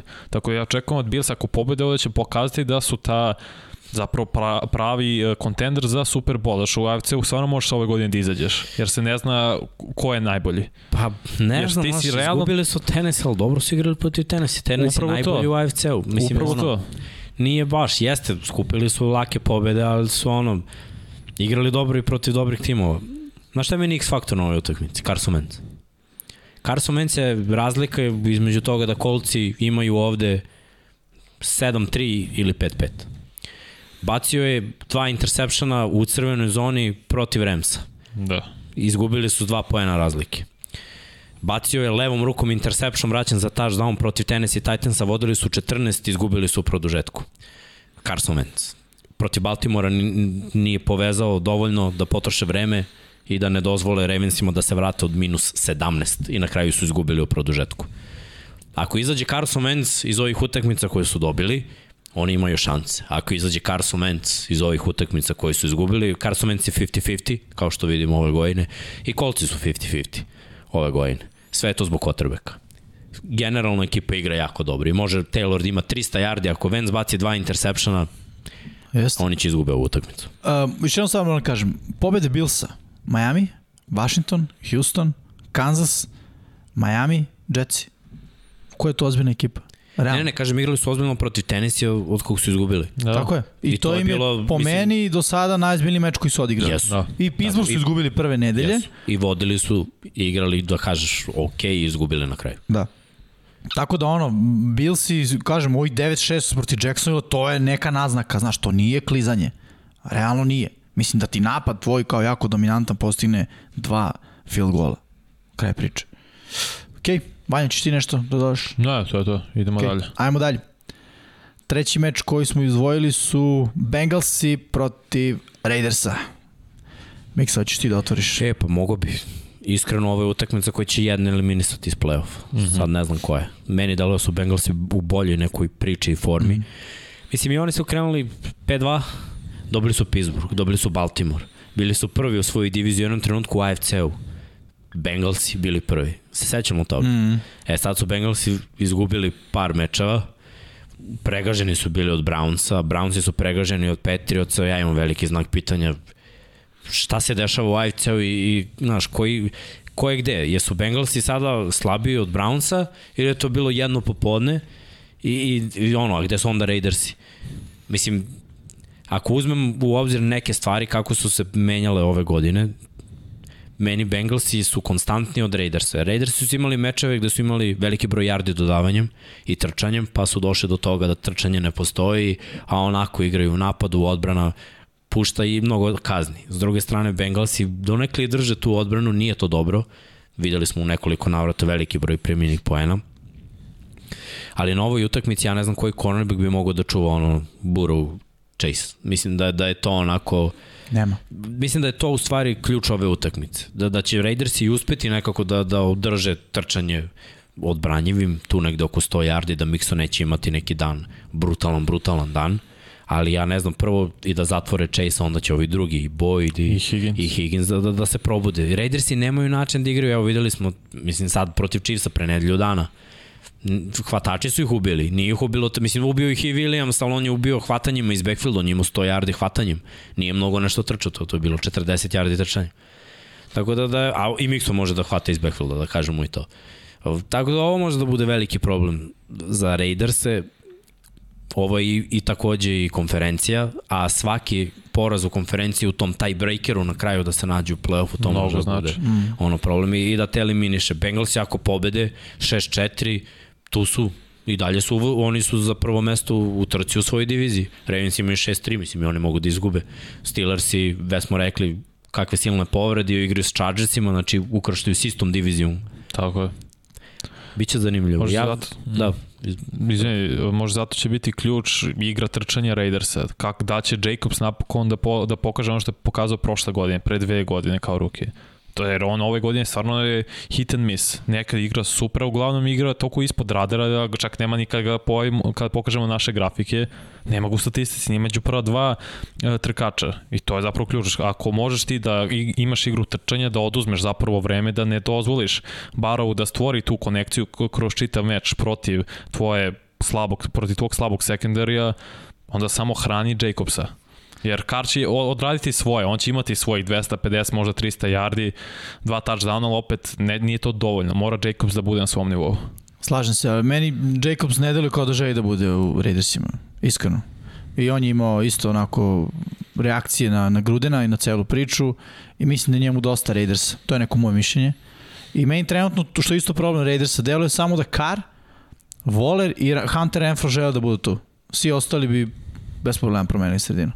Tako da, ono, nisu svi ba, uh, all in, što mm -hmm. bi se Mhm. reklo. Tako mi nekako deluje za sada priča, priča Raidersa. S druge strane, Bengalsi su all in. Bengalsi su all in, igraju kao ekipa, uh, mlad napad, kliknuli su brzo, ono, bar u Chase što je Mixa već pričao, da se ne ponavljam. Uh, Mixon, ok, Mixon sad radi, on je tu u tom napadu, što se tiče tih skillova, kao, ok, Boyd, uh, ima tu ulogu veterana, znaš, dosta je on tu uh, dugo u Bengalsima i nije on sad fokus, nije fokus na njemu, ali on treba da uradi svoj deo posla i te stvari funkcionišu. Tako da ja isto mislim da je prednost ovde na Bengalse, a poraz mislim da Raiders se stvarno baca ono van, van svake slike. A Bengals ako pobere ono miksa gledam sa situaciju na, na severu, Možemo vidimo To je sve diviziju otvoreno, pa samo Cleveland ima Pabla. 5-5. Tako je. AFC Sever. Baltimore se sad kao izdvojio s pobedom više u odnosu Da. na ostale. Ali da, da vidimo sad i mi ovde AFC Sever, uh, kako, kako trenutno izgleda i upravo to, Steelersi su drugi, mm Mhm. -hmm. a, zbog ovog Uh, mislim zbog, ovog, da, zbog, ovog nerešenog, zbog ovog nerešenog uh, rezultata, ali Bengalsi najbolje igraju u diviziji. 2-1. Tako je. I to Mislim, po, pobedom. Nije kao neki Mhm. sada, nije neka situacija da se oni sa nešto mnogo izdvajaju odnosno na druge, ali ako pogledamo diviziju 2-1, a njih čekaju utakmice u, u toj diviziji. Tako da ono, Bengalsi tu mogu i ovo pobedom idu ka, ka mestu broj 2 u svojoj diviziji, a onda vremenom ako budu dovoljno strpljivi i budu igrali kako treba, možda napadnu i to mesto broj 1. Da, sa, samo ono što je loše za njih što ovde mi ne vidimo jeste niz, a niz Da. da. je poraza. Da. Tako Jeste. da ovo je prilika za preki tog niza. S druge strane, Raidersi iz kola u kola, ja mislim da su oni 1-1 u poslednje dve, ako se ne varam. Da, jeste. E, da, što se tiče e, Bengalsa, imaju dva poraza vezana. To je, to je njihov niz. Pre toga dve pobede. I onda baj, poraz, valjda. pa dve, da. da, da. Njih čeka baj, e, to je oni su bili na baju. Bili na baju i Da, onda ju izgubili. baju, da. Tako je. A što se Raidersa tiče i njihovog niza, to izgleda dva poraza takođe. Što se njih tiče pre toga dve pobede, pa dva poraza, pa tri pobede, vrlo slično. Da. Vrlo slično. Ali, ono što moramo dodamo na, na stranu Raidersa na tom tasu, to je sve što im se desilo. Da. I to je ono stvar koja i utiče negativno na njih. Ali ova utakmica, nju nećemo prenositi, ali stvarno ima velike implikacije na playoff u AFC-u. Da. Pa možemo da idemo dalje. Ajmo. Ovo prenosimo. Ovo je brutalna utakmica gde, gde će se svašta desiti stvarno. Vidjet ćemo u stvari pravi identitet jednih i drugih. Ove godine Dallas u mnogo boljem ritmu, ali Dallas je ove godine mnogo bolja ekipa na liniji skrimidža. Nekako mi deluje da ofenzivna linija Chiefsa tek sad je počela da igra, ali ovo je loading i dalje 60%. Meni ne deluje da su oni nešto bolji. Trčanje se tek otvorilo sad u posljednjoj utakmici, a pas, ja mislim da je tek sad Mahomes prvu utakmicu ono da nije bežao za život protiv Raidersa. Ok, Raidersi su stvarno imali neke utakmice sa dobrim pritiskom. Više ne znam, znaš, da, da li Raiders igraju loše u defanzivnoj liniji ili je ovo bila ono wow utakmica ofanzivna linija Chiefs. S druge strane, Cowboysi nemaju neku defanzivnu liniju, što može da im pomogne. Znaju da izvrše pritisak, ali ono što Mahomes radi ove godine, baci interceptione, a Cowboysi osvajaju lopte, može nekako da, da se sklopi u, u jedno, ono, Trevon Diggs, Mahomes, to mi je ono jedna priča. Druga priča, ofanzivna linija Cowboysa i Elliot protiv ove nove defanzivne linije front sevena Chiefs. Iskreno mislim da tu ima mnogo prostora za trčanje i za Pollarda i za Eliota, da, da ovde Cowboysi mogu, ako budu bili pametni, da ne ulaze ono što ti Vanja kaže, da Daka ne povuče mm -hmm. prangijanje i bunarenje, da, da bude kao Mahomes, nego e, ajmo mi da, po, kako su pobedili Chargers? Ne bunarenjem, trčanje. nego trčanjem. Ubili su ih trčanjem. I to kao si treba da urade na ovoj utakmici. Ako Chiefsi nekako uspeju da uspore to trčanje i da, da primoraju Daka da, da, da bunari, onda oni ostaju nekako u Sam, igri. Kažem, kao Mari Cooper neće igrati, sad je potvrđen na ali Gallup se vratio. Da, ali se prošle vratio. Tako, tako da ono, ajde, imaju oni hvatače, tu je CD Lamb. Mislim, nemo se lažemo, Chiefs u sekundariju ne mogu pokriju ni jednu hvatačku opciju. Tu je ono, i Wilson je tu, Cedric Wilson lepo igrao s vremena mm -hmm. na vreme. I mislim, mogu i bekovi da hvataju skrinove.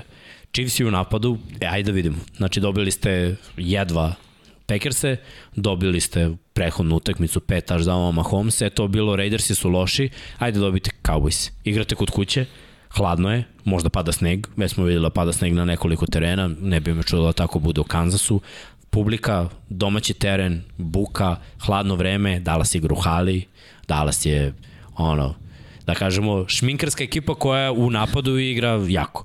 Pa jeste, mislim da se ne lažemo. Dobro, All ali tako American uvek team. nosi duge rukave. Mislim, glupost. Šta, panik nosi. Uh, mene bi dve stvari iznenadile na ovom meču. Uh, mali broj poena i pobjeda Chiefs. Ne bi ništa dodao.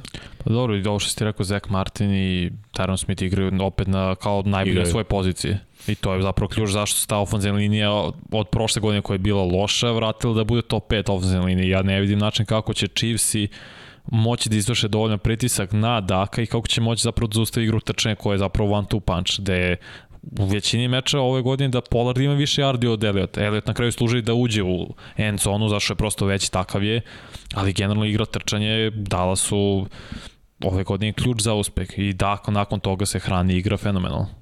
E sad, šta sam ja rekao u prognozama? Moram da... Ajde, vidjet ćemo posle. Vidjet ćemo posle. Dobro. Nisi Hoćeš da ništa menjaš? rekao. Ako nisam ni- rekao za ovo, ne, mislim da nisam Nisi napisao. ništa Da napisao. stigao. Aha. Evo, Chiefs. Ajmo dalje. Ok, ajmo dalje. Ja mislim ti stavio nešto drugo. ali- Steelersi protiv Chargersa u LA. E, ovo je trebao da bude zapravo Derbi, da. vrlo dobar meč, da. Na kraju zbog ovih silnih povreda i na strani pre svega odbrane Steelersa ne, ne delo mi da će biti tako. Možda Chargersi moraju da iskoriste ovaj poklon. Ako si ti rekao za Cleveland da je dobio poklon, što ima Detroit i Chargers sad dobili ogroman poklon. Još ako Big Ben ne igra, ja sam ne, ne vidim način koji mogu Steelersi da pobede Chargers, sem ako Chargersi prosto ne, ne počnu da gube lopte. I to je to. Uh, ja mislim da Steelersi mogu da dobiju na Najee Harrisa. iskreno da budem. I na korišće, ne kažem da će to da se desi, ali mislim mm -hmm. da to mogu da vidim. Kao, jer ako rekao si da Big Ben možda ne igra, jel? A možda, da. zašto je u protokolu, mislim, Mason Rudolph se sprema kao da je starter. Da. To, Što to ne je znači ono, ništa, mislim. To, bukvalno ne znači ništa, to su vesti. Da. Očekujemo da Ben igra, ali Mason Rudolph se sprema da bude starter. Hvala vam ljudi, ništa mi niste rekli, mislim. da. Ali ajde da kažemo ovako, ako bude igrao Rudolph, Chargersi dobiju. A ako bude igrao Ben, verovatno Chargersi dobiju.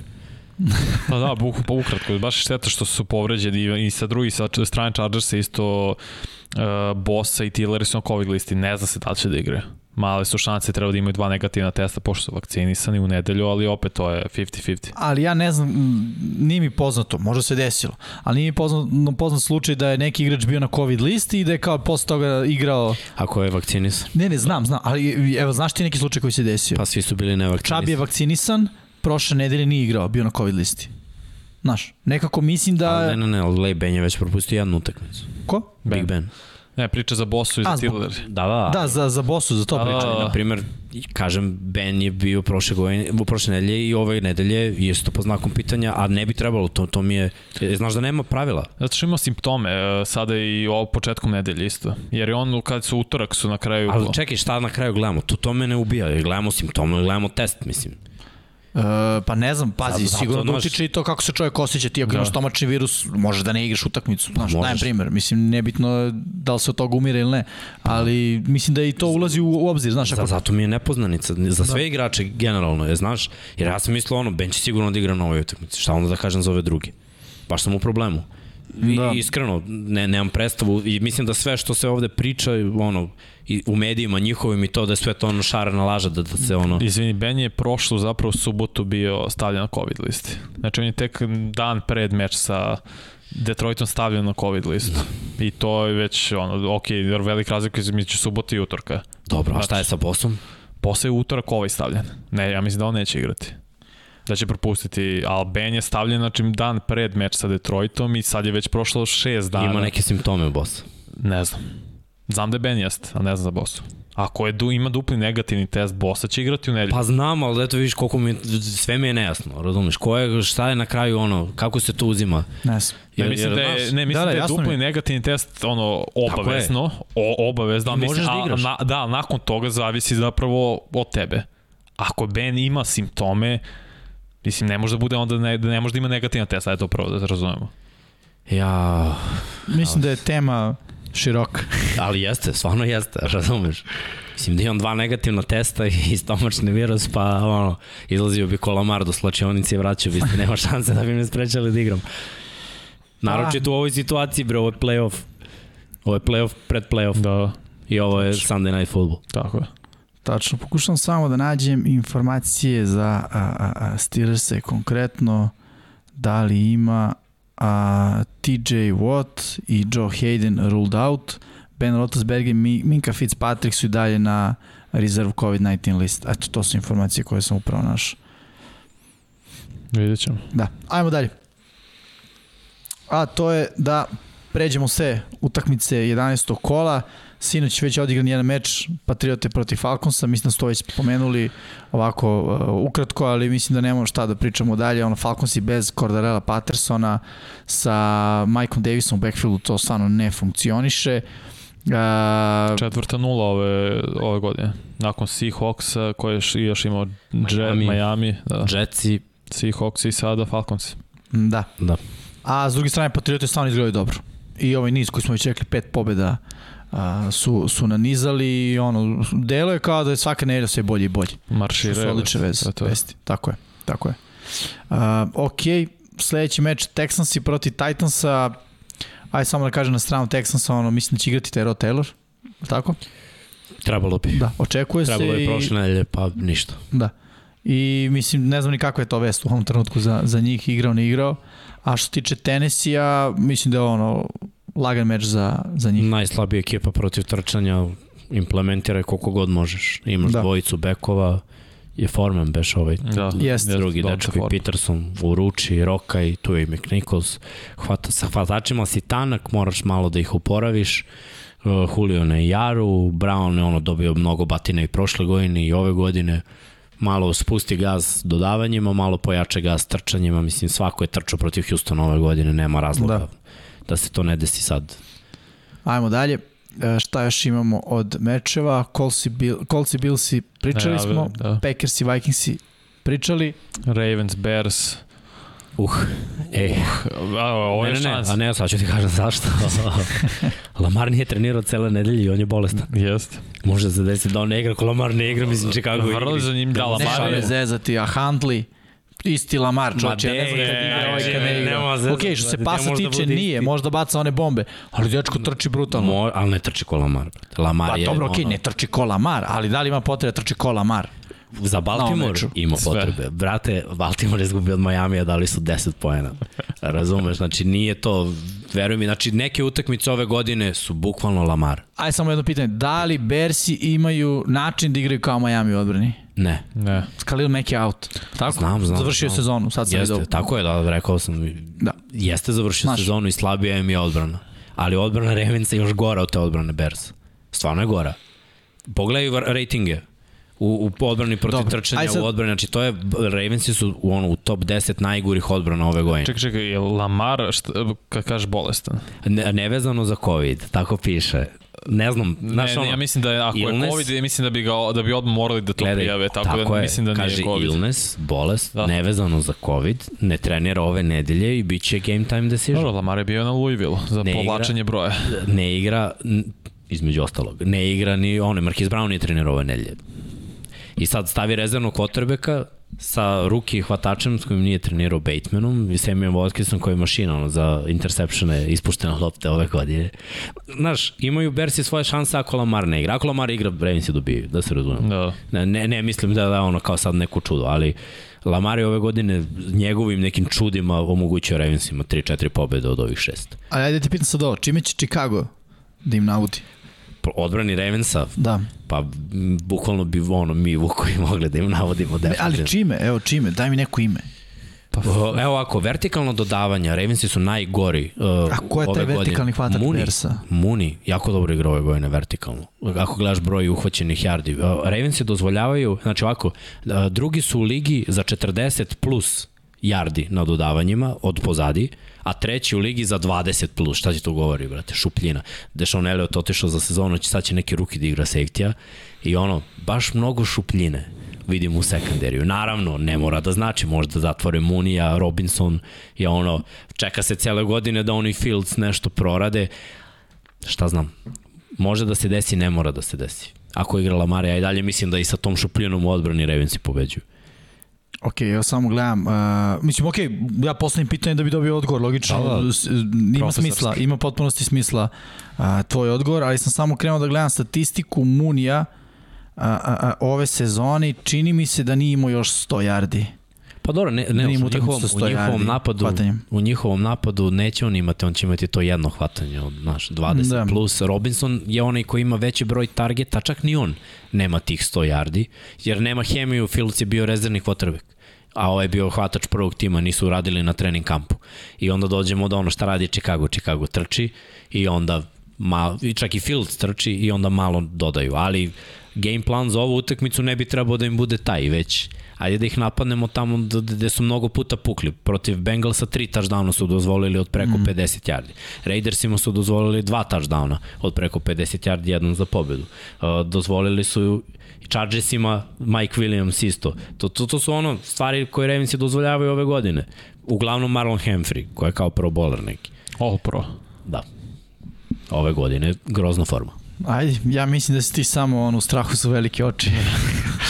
I se to je moguće. desi. Gledaj, ako Lamar ne igra, stvarno ja re, ne vidim Ravens uopšte kao tim bez Lamara. Jer prošle godine je bila jedna utakmica gde je on imao COVID Da. i da nije igrao. I ono, protiv Steelersa gde je bila otvorena utakmica, Ravensi nisu mogli apsolutno ništa da urade. Što me samo dovodi do toga da, da znaš, mislim da su oni ekipa koja igra oko Lamara, sve oko njega. Handoff, trčanje, dodavanje itd. Dobro, ok. Ajmo da vidimo šta je dalje. Dolphins at Jets. Da. Dobro, Miami tri pobede u nizu, koje ništa ne znači. Samo da se ispravim za Munija 125 yardi protiv Detroita. Da, naš Dobro ima jedno. Da, jedan meč. Protiv Detroita. Pa. Da, Dobro, to je divizija. jest. Najbolji posle toga 66. Završavam s Munija. E, ja Ne, kažem, ne, ali znaš šta je najjače od svega? Što on je tako najbolji njihov hvatač ove sezone. To je Da. baš Da. poražavajuće. Ne znam, a ja, ja stvarno mislim da Flore samo ovo do kraja igra za svoj posao. Ja mislim igra zapravo kouče za svoj posao. Ja ne bih ga sad otpustio nikako onako samo tri sezone. Mislim da je uveo neku drugačiju kulturu u, u Miami, ali da je prosto, proš, pro, prosto ove godine došlo do pada. I to, to se dešava, to je normalno, ne odmah nakon jedne loše sezone od, otpusna karta. Znaš kako, citirat ću Edija Murphy-a, ono. A, ja. Znaš, sve u životu funkcioniše po principu what have you done for me lately? Dobro, naravno. What have you done for me lately? Jesu bili u play-offu? Nisu. Imaju 10 pobjeda.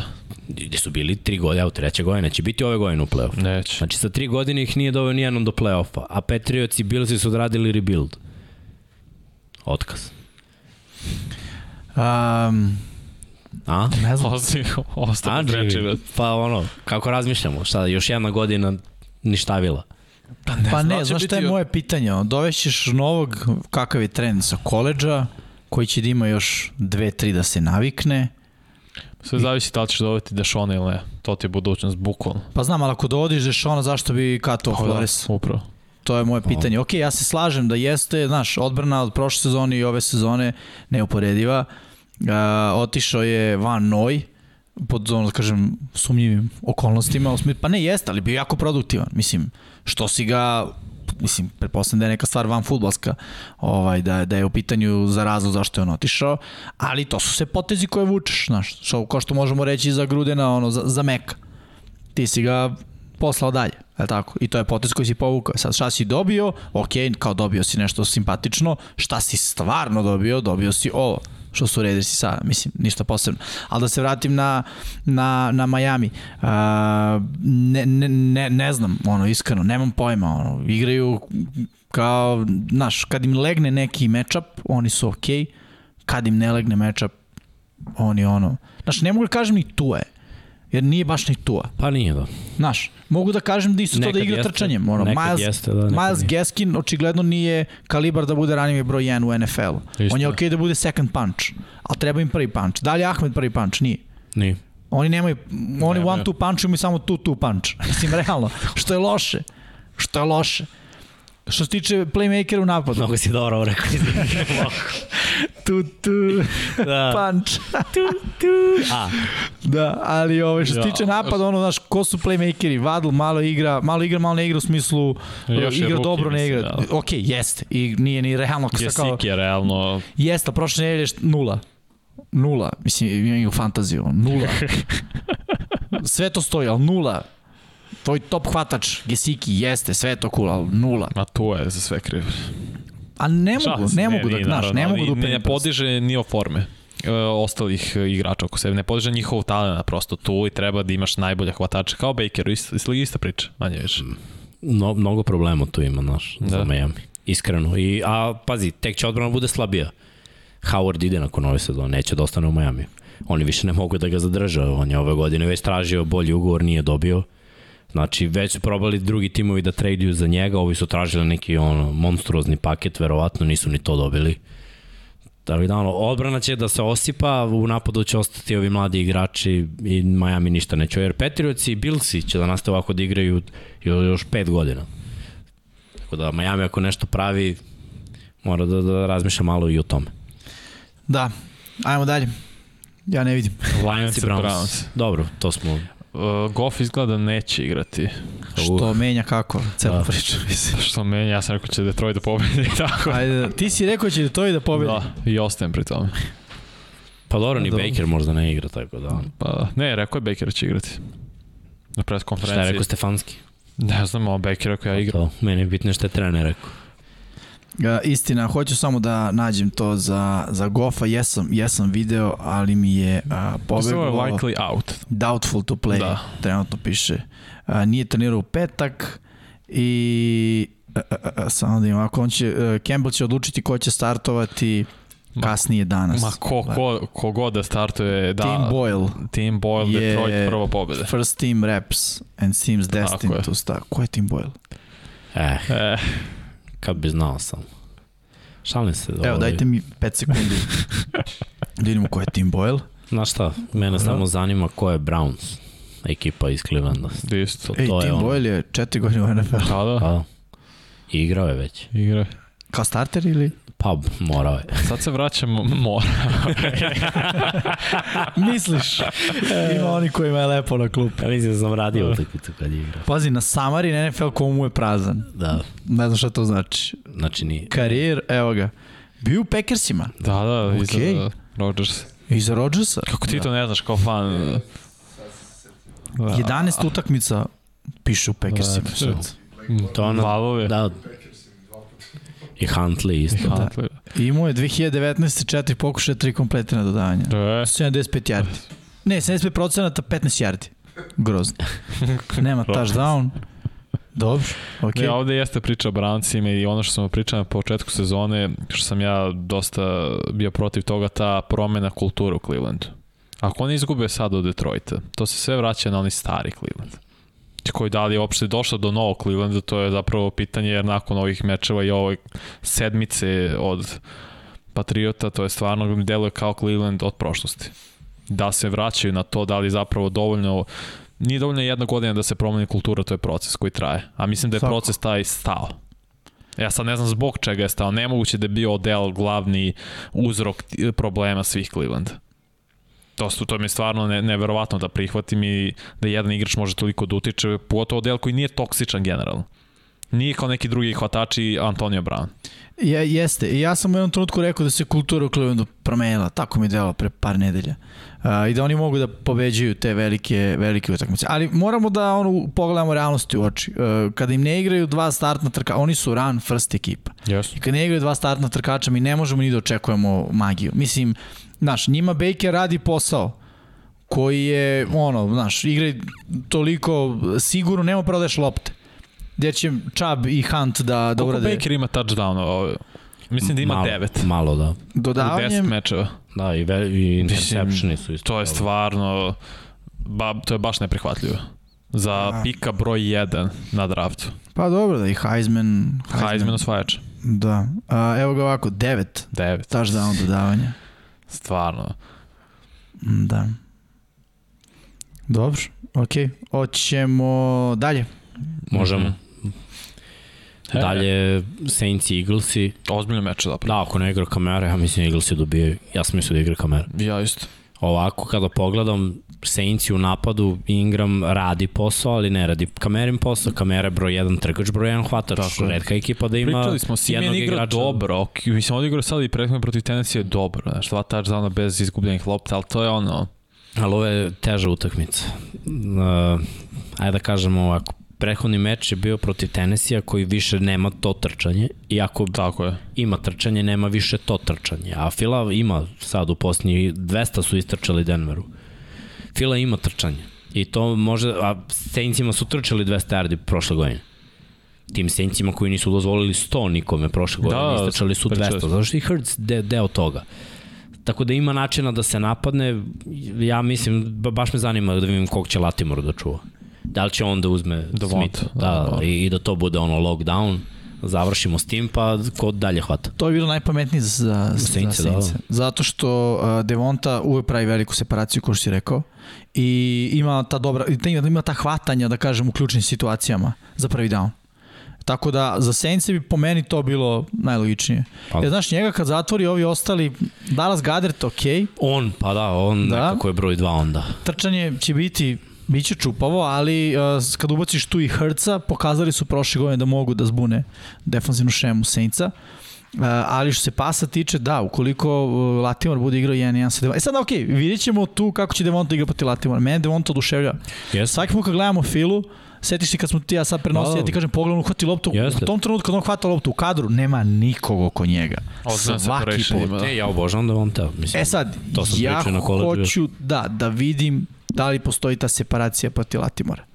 Jer to će realno za Devontu da, da nam kaže ono da li je stvarno on taj lik koji pravi separacije, separaciju koji pravi razliku Da. ili je samo nije imao da kažem e, da, protivnika koji mu je, koji mu je e, dorastao. Jer trčanje ruta za njega stvarno, kao što si rekao, i na koleđu nije bilo nikakav problem. I ovaj, ne čak da mu nije bilo problem, nego to je bilo ono prednost za njega. Nije neki DK Metcalf, nije Jim Rat, Red, ovaj, ali ono, separacija, način kako locira loptu, uh, hvatanja, sva, celo ono, drvo ruta on trči. Tako je. A čekaj, Saintsi, njihovi hvatači i odbrana file. Odbrana file ne igra na nekom ekstremno visokom nivou, Ne igra, ali mislim da će biti dovoljno. ali Mislim da će ovaj, biti oni nemaju dovoljno. primarnog hvatača. Upravo. Je tako? Znači šta, Trequan Smith, Harris i, i Callaway, to su trojica, uh, Juan James, tight end, I ono, pokušavamo, tražimo nešto, ali nisam siguran koliko imamo. Nemamo kameru, on je broj 1. I running back i ovaj, ostaje Ingram, Simeon. To je treći quarterback, realno. Da. Ne znam, ba- baš razmišljam. Vidi, baš s te mene- strane nekako vidim da će Fila u odbrani da bude uspešnija od napada Saintsa. Je li Tyson Hill zdrav?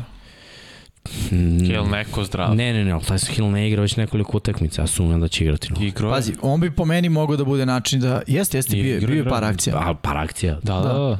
Ali ako je on zdrav i ako može da igra maksimum, meni bi bilo pametnije za Saints da stavi njega. ja sumnjam da on može da igra maksimum. Znači, Okej. Ja mislim da on može da uđe ono kao njegovo, ono što je igrao pre tri godine. Da, kad no, je imao, na trećem mislim, za kratko četvrtom. Velika razlika između Tysona Hilla od pre tri godine i od pre dve godine u broju snapova. Mislim da je bio čak 70% snapova pre dve godine, a ovamo je bio ispod 30% ranije.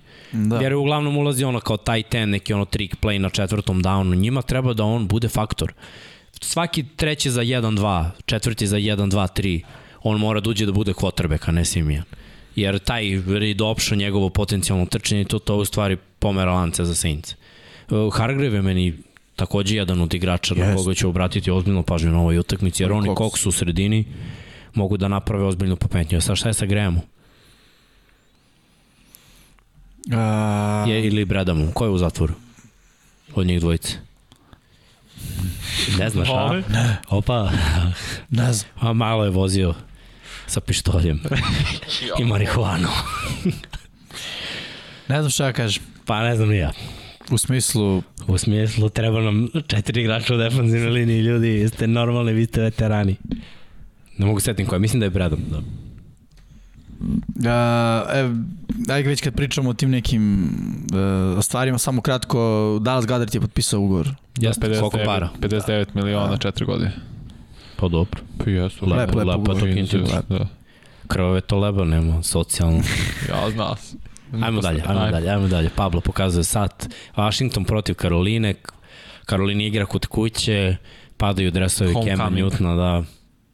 Na sve strane Ron Rivera se vraća sa Washingtonom. To je u stvari meni najveća priča ove Mm. utakmice, jer iskreno sumnjam da Washington može još jednu utakmicu da odigra ovako, i ako nosim njihove boje večeras, mislim da, da ovaj, da Karolina ovde ima previše toga da izgubi, mnogo više ne, nego Washington. Karolina može da izgubi od trenera s kojim su završili, koga, koga su volili. Karolina može da izgubi playoff mesto trenutno i neki neku energiju, neki žar koji su dobili prethodne nedelje kad su pobedili Arizona. Ja sam siguran da u slačionici mnogo bolja priča sada kada su dobili ovo i da nema teorije da Sam Darnold može da podigne ekipu onako kako Cam može da podigne ekipu. Ma nikako. Tako da je za njih ovo prilika.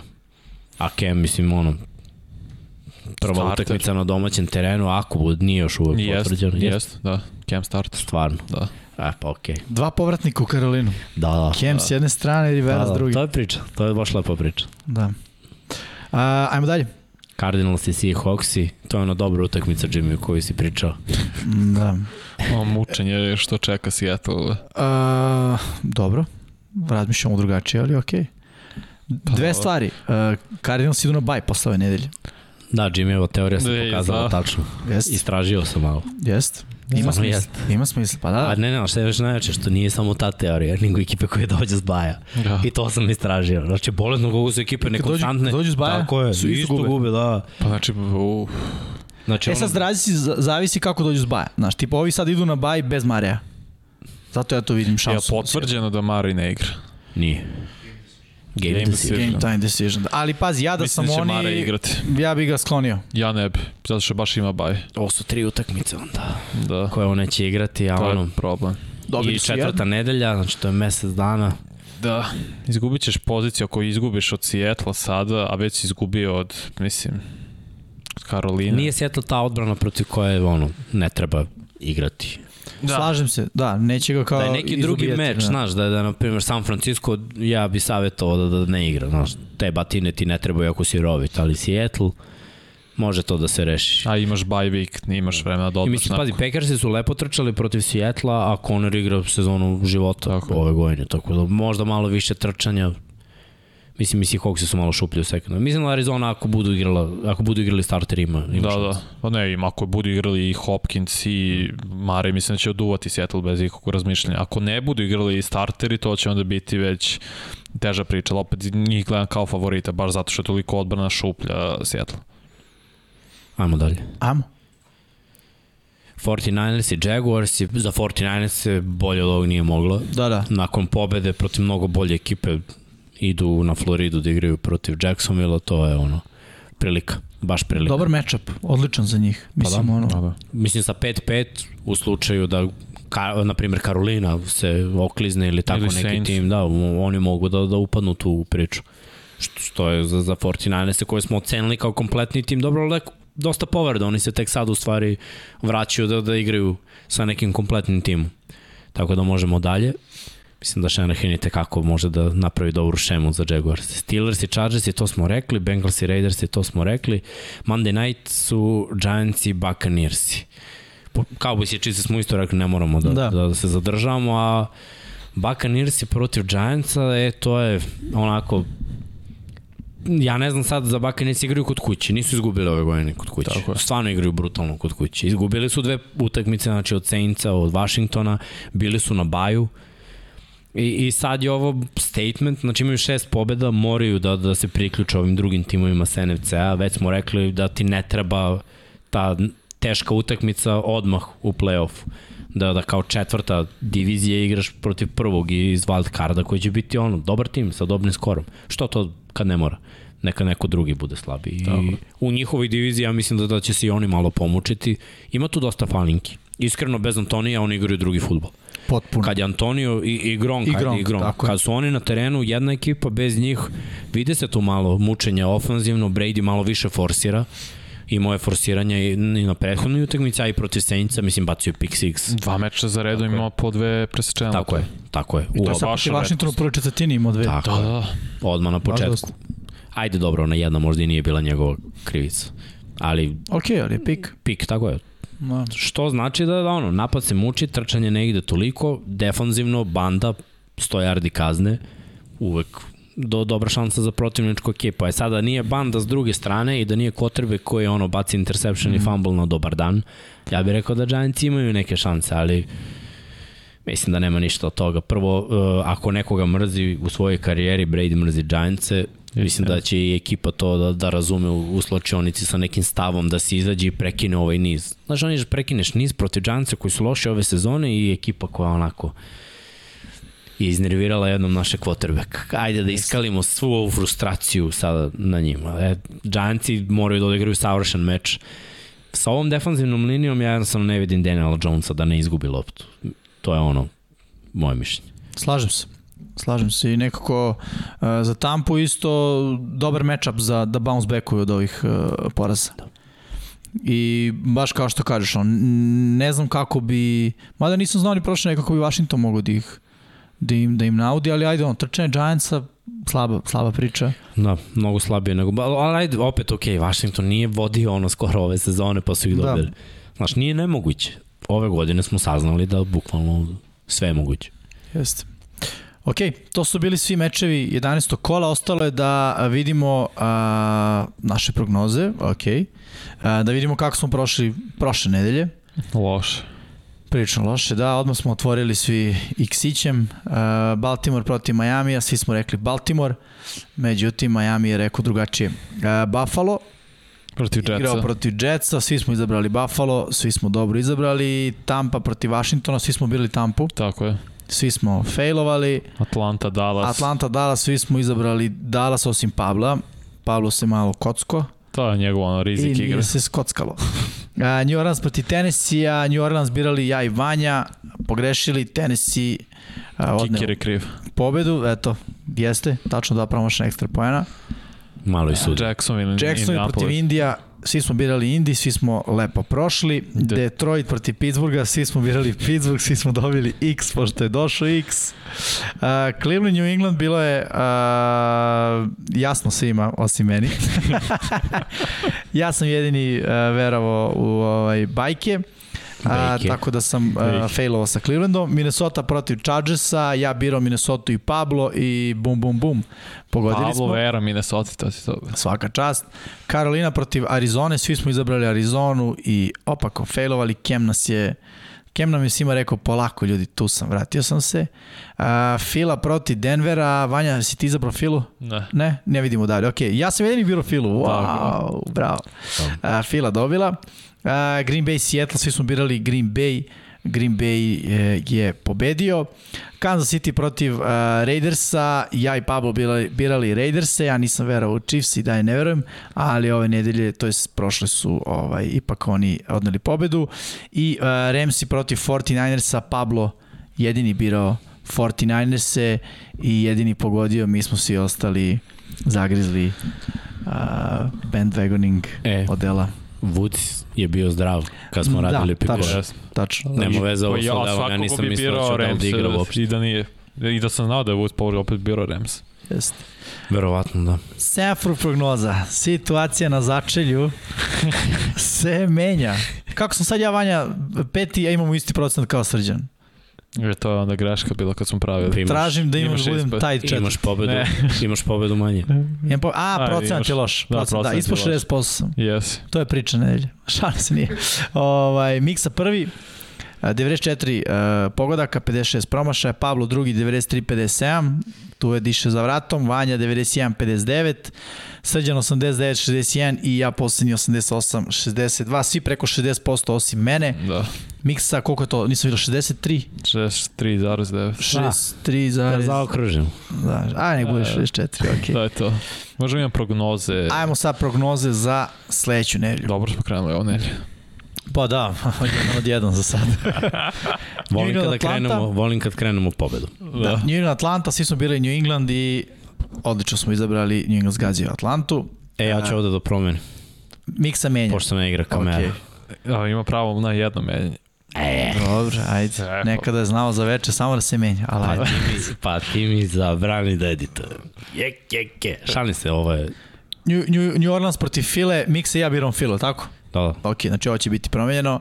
A, Pablo Srđan Vanja veruju New Orleansu. Vanja, preuzmi dalje, ne, ne vidim sam. Miami Jetsi, svi biramo Miami, Sem, Sr Sem Srke i Don Pablo, dobro, klasika, Jets gang.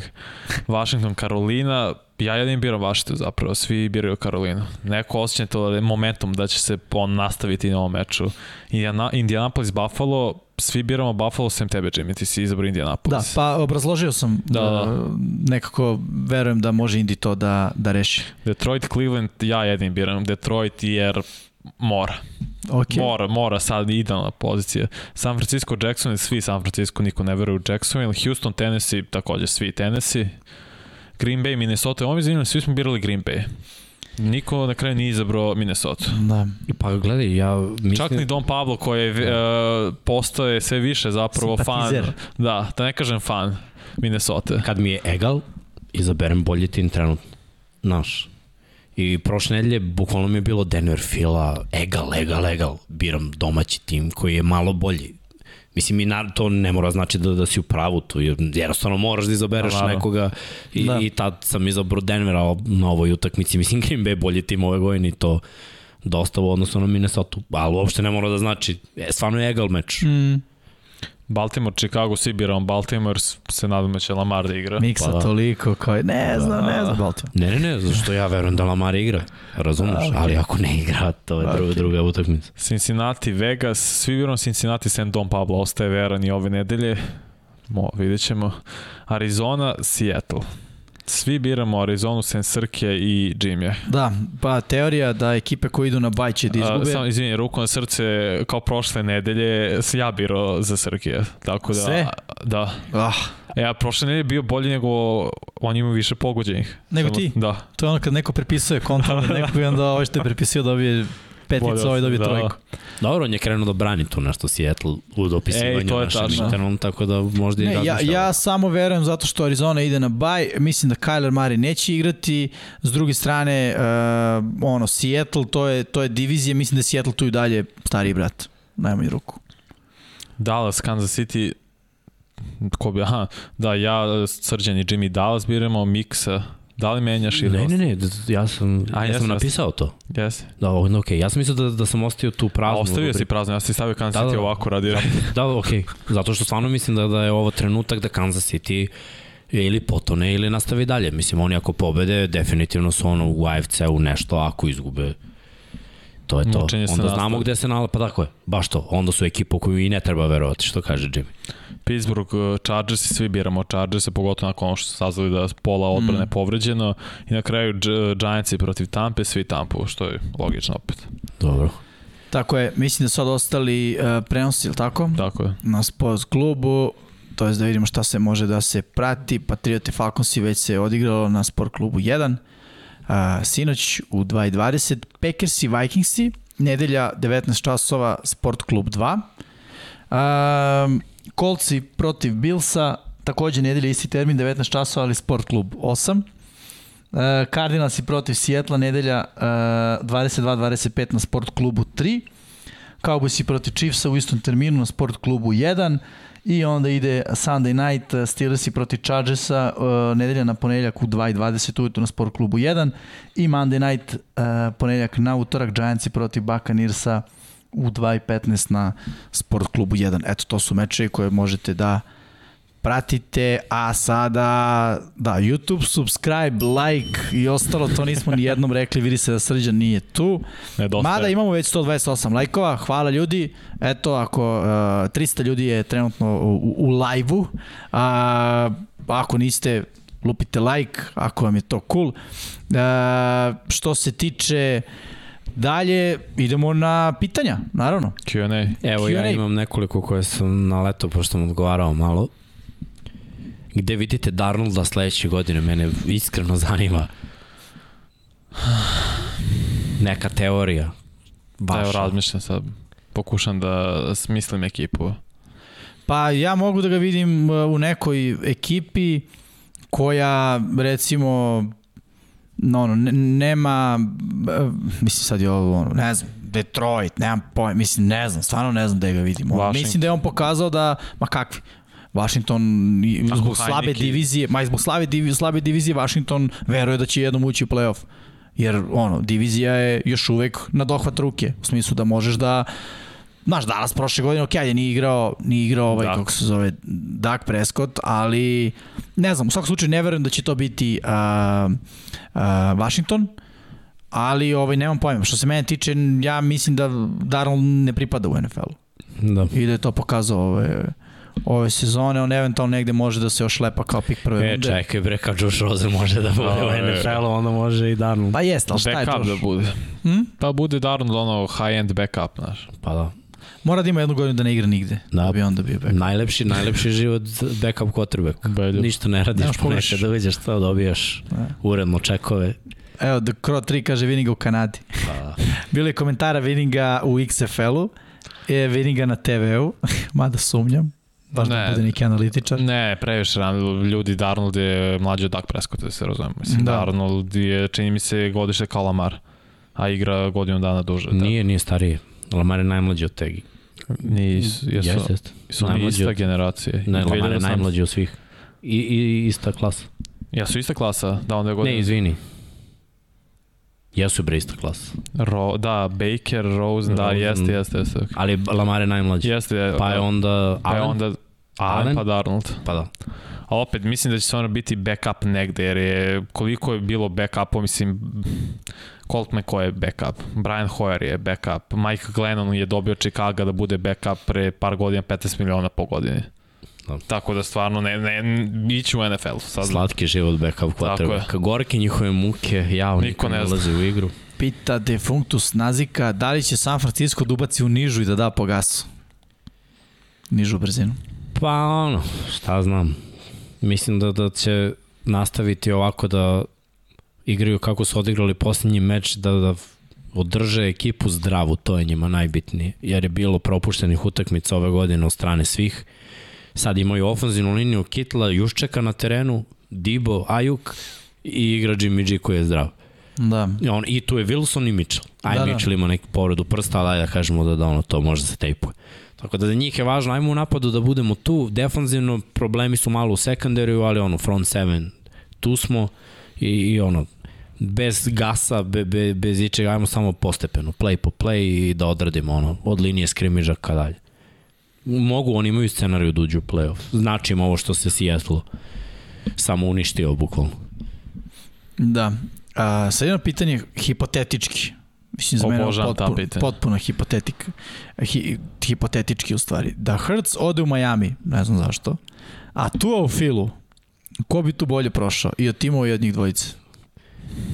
Ja ne dam da Hertz ide ja ne, u Miami. Tako Hurst da ja bi bolje da prošao. govorim. Zato što Miami ima bolje skill igrače nego Philadelphia. Pa sad, Pa dobro. Mislim da su tu, znaš, Miami u backfieldu, već smo pričali, nema neku Da. sjajnu situaciju, Fila ima. Što se hvatača tiče, da na papiru ima bolje ime Miami trenutno. Tako da mi su mi onako prilično... Ja samo mislim da bi Hurst bio bolje prosto. Da. Mogu Hrc je bolji igrač. Da, bio bi bolje gde god da, Period. god da. Da. End of discussion. Imam pitanje za tebe. Vanja, što si odustao od Lorenza prošle godine, si ga hvalio žestoko. Nisam odustao. I Pa dalje ja ono- vidim, vidim na što Le- Clemson liči bez Lorenza ove godine na koleđu. Neka najbolja ekipa, sad ne mogu top 25 da uđu. Tako da polako, korak po korak. Mislim, Jackson je ono stvarno užasna priča trenutno. Ne, mislim i nema talenta oko sebe i to je očigledno i treba talent, ali polako korak po korak ništa još nije izgubljeno niti ono. Imaš, ima momente gde prosto kad baci kažeš wow. A zato je on prvi pik na draftu, ali opet teška sezona i ono, korak po korak stvarno. Razvijenje, to U je njihovu proces. odbranu mogli su da dobiju bar dve, koje nisu. Da. Da. Nemanja Međedović, jedan kolumnista Dallasa je nakon ove pobede protiv Falconsa napisao da su Cowboysi zbog ofanzivne i defanzivne partije poslali poruku ostatku lige. Šta mislite o tome? Odmah ću počitam komentar. E, Nik se zove Bruka Sramota, dobiješ Falconsa i pošleš poruku ligi. Mislim, slažem se. Ja mislim da je to ono... veliko kolumnista. Zato je, da, da, aj sad da, da što se kaže, ne vređamo, ali sam u fazonu zato je lik iz Dallasa, da ja sam to htio da kažem. Aha, Logično mi to napiše Da. Dallasa kako pošalješ poruku Falconsima koji su svakako uh, grozni ove sezone i još nemaju ono kao nekoga koji im je trenutno najbolji igrač u ekipi i ti si kao poslao neku poruku. Mislim da su oni samo poslali poruku uh, kako ih je moj brat, gledali smo meč i kako ih je oka- okarakterisao. On je rekao, e, Dallas je ona ekipa, znaš ono kao, e, kad te maltretiraju sve vreme i onda odjednom ti kao postaneš neki glavni lik i sad ti kao svima vraćaš duplo. Tako i oni kao, znaš, ne možeš da dobiješ a, nedelju dana pre toga, do, dobiješ šamarčinu od Denvera i sad kao da si iskalimo na Atlanti. Da. Klasična ekipa koja je ono prve nedelje u play-offu bye bye, ideš kući. Jer ne znaš da igraš velike utakmice, znaš da igraš male utakmice. A dobro, ove godine generalno oni su izgubili od Tampe prvo jedva na egal. Ne, jeste, ali, ali ovo mi je sve bilo... ostalo su mnogo bolje igre ove godine nego prošle. Mislim, to Igraju. je ključ, jeste da što igra Dak Prescott, da što ofenzivni nije izgleda dva put, mislim, dva, pet puta bolje nego što izgleda prošle godine. ove godine igraju najbolje od one godine kada su bili najbolja ekipa u NFC-u. Igraju bolje ove godine. Dak Tako i imali su ruke. 13 13-3 te Tako je. godine, Dak je bio ruki godine, Elliot je bio ono najbolji trkač lige i za malo o- ofanzivni ruki godine. Izgubili su u prvom kolu u play-off, da, od Aaron Rodgersa. Da. Mislim, jedan od razloga zašto treba da, da, da izbegnu ono, po svaku cenu taj Rams kada ili igraju protiv jakih timova u prvom kolu, već moraju da nanižu pobede, imaju slabu diviziju, to im ide na ruku i imaju način da pobede svakog i samo moraju da postave game plan u svakoj utakmici za jednog protivnika, a ne da bude, e, mi smo ovo i radimo samo ovo. Da li rade to ove godine? Da, neki timovi su dobili trčanjem, neki timovi su dobili pasom. Mislim, Patriots su Da, da. dobili sjajnom igrom. Stvarno sjajnom igrom. Da li će tako biti u nastavku sezone, ne znam, ali ono što je sigurno je da će uvijek biti neke priče oko Dallasa. Dallas je ta ekipa.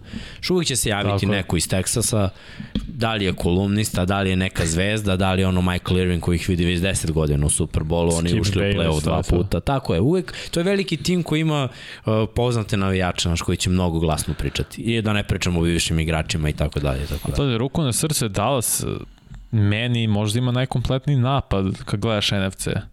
Od, od, od pozicije quarterbacka sve do ofenzivne linije tight enda, hvatača running backa. Imaju bolje od Ramsa. Realno. Od Tampe imaju bolju igru trčanja. Imaju bolju ofenzivnu liniju od Tampe. Kako, po igri trenutno.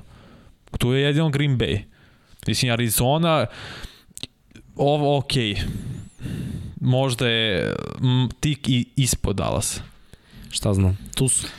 Ok, sledeće pitanje. Vladimir Gajčin zapravo kaže, inače Miksa Bredam ne igra za Filu, uh, uhapšen, a Graham je povređen Ahilo. Aha. Eto, hvala za informaciju. Breda mi igrao za Filove, da. Da, Nigel Breda. da. Dobro, mislio sam da i dalje. Uh, ok, e, Matija Nikolić, Carson je out za sezonu. Koga bi Seattle mogao da potpiše od free agenata? Sam Collinsa nemoj drugog ozbiljnog trkača. Čak ni Collins nije toliko ozbiljan trkač. Ali razumem šta hoće Matija da kaže. Ja ne znam, mislim da što je najgore neće potpisati nikoga. Šta misliš za ovu sezonu da, Da. potpiš? Ma koga da potpiš? Grli je još uvek slobodan. Da. Da li će išta to promeniti i značiti za Da, od- kada da zaigra? U 12. nedelji. Ma ne, slažem se, mislim, ne, nema šta. Bolja pritom, pozvao Maršana Linča, onda mislim, on. da, što je najrealnija priča. trenutku, Bukvalno. Iako se to Ne- neće desiti. Pa da, ne znam, mislim, oni moraju da se oslone na ovo što imaju ove godine i pazi, nije njima ni loš scenarij ovo što će da, da budu malo slabi ako gledamo s aspekta drafta. Seattle dugo godina ulazi u playoff i ništa ne radi, stalno su u nekom vrhu i nikad ne izaberu sve što je dobro izabrano, izabrano je kasnije. Mislim, McAfee je vrhunski igrač, ali izabran u drugoj rundi. Gotovo svi igrači su im pikovi druge, treće runde. Ako pogode prvu neku rundu, pogode je baš kasno, na samom kraju. Možda im i treba ono top 15 pik. Ja verujem da se Seattle raspada nakon ove godine, da odlazi i Wilson i Pete Carroll, da je ta era gotova i čeka jedan dugačak rebuild. No, šta znam. Mislim, ovaj DJ Dallas je da i Homer, to su im Jesu im Da. to rezervni running Yes. backovi? Homer znam da igra, a za Dallasa nisam siguran. A, To je to što imaju, mislim. Nije dobro, teško da će ja biti mislim da bolje. neće potpisivati ništa više. Da, ostajemo na temi running backova. Koji running back po vama igra najlepše za oko? Uh, meni je Boston Scott naj... Meni je Milina gledati Bostona Scotta, samo da vidim, to je pita Vladimir Gajčin. Koji running back igra najlepše za oko?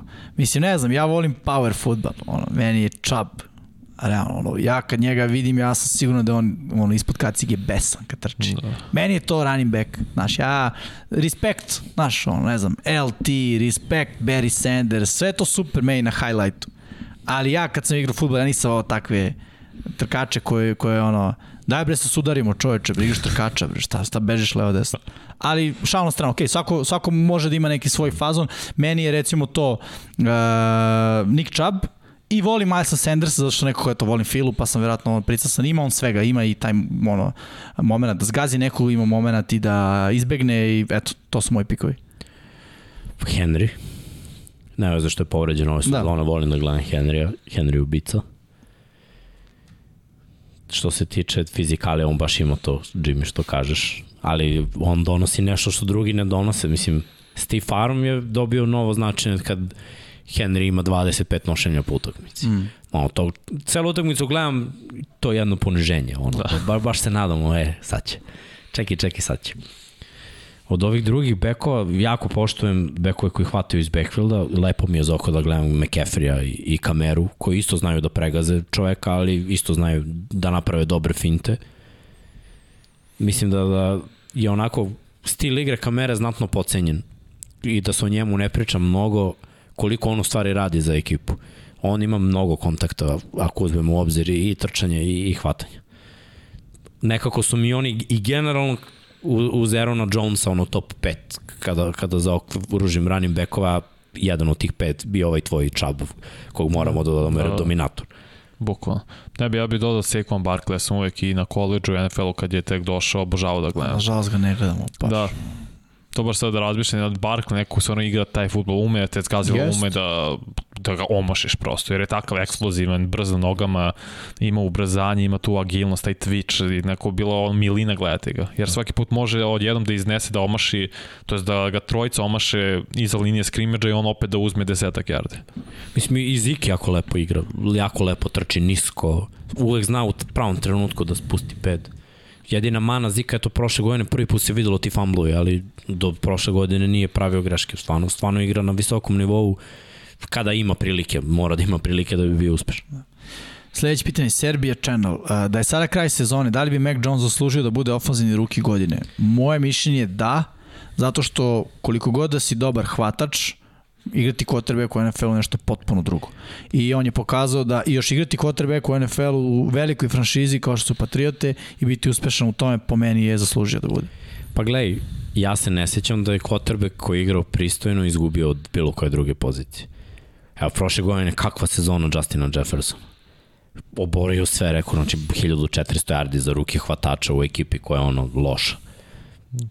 Ko je bio ruki godine? To je još i Herbert, Herbert. parao rekord. Jeste, igrao je. Gledaj, i da je odigrao slabije i da imao 1000 yardi manje, Herbert bi bio ruki godine. Ne, never, iskreno. Bibe. Uf, never. Baš Bi- never. Ja bi sad i dao Chase. Koliko imao? 4400. Herbert. Da, oborio rekord. Sa 3400 bio bi ruki godine. Jer je i to veliko priznanje, razumeš, znači nisu samo yardi, Jeste. nego sigurnost Da, koju ima Herbert, 30 touchdownovi, touchdownovi. tako je.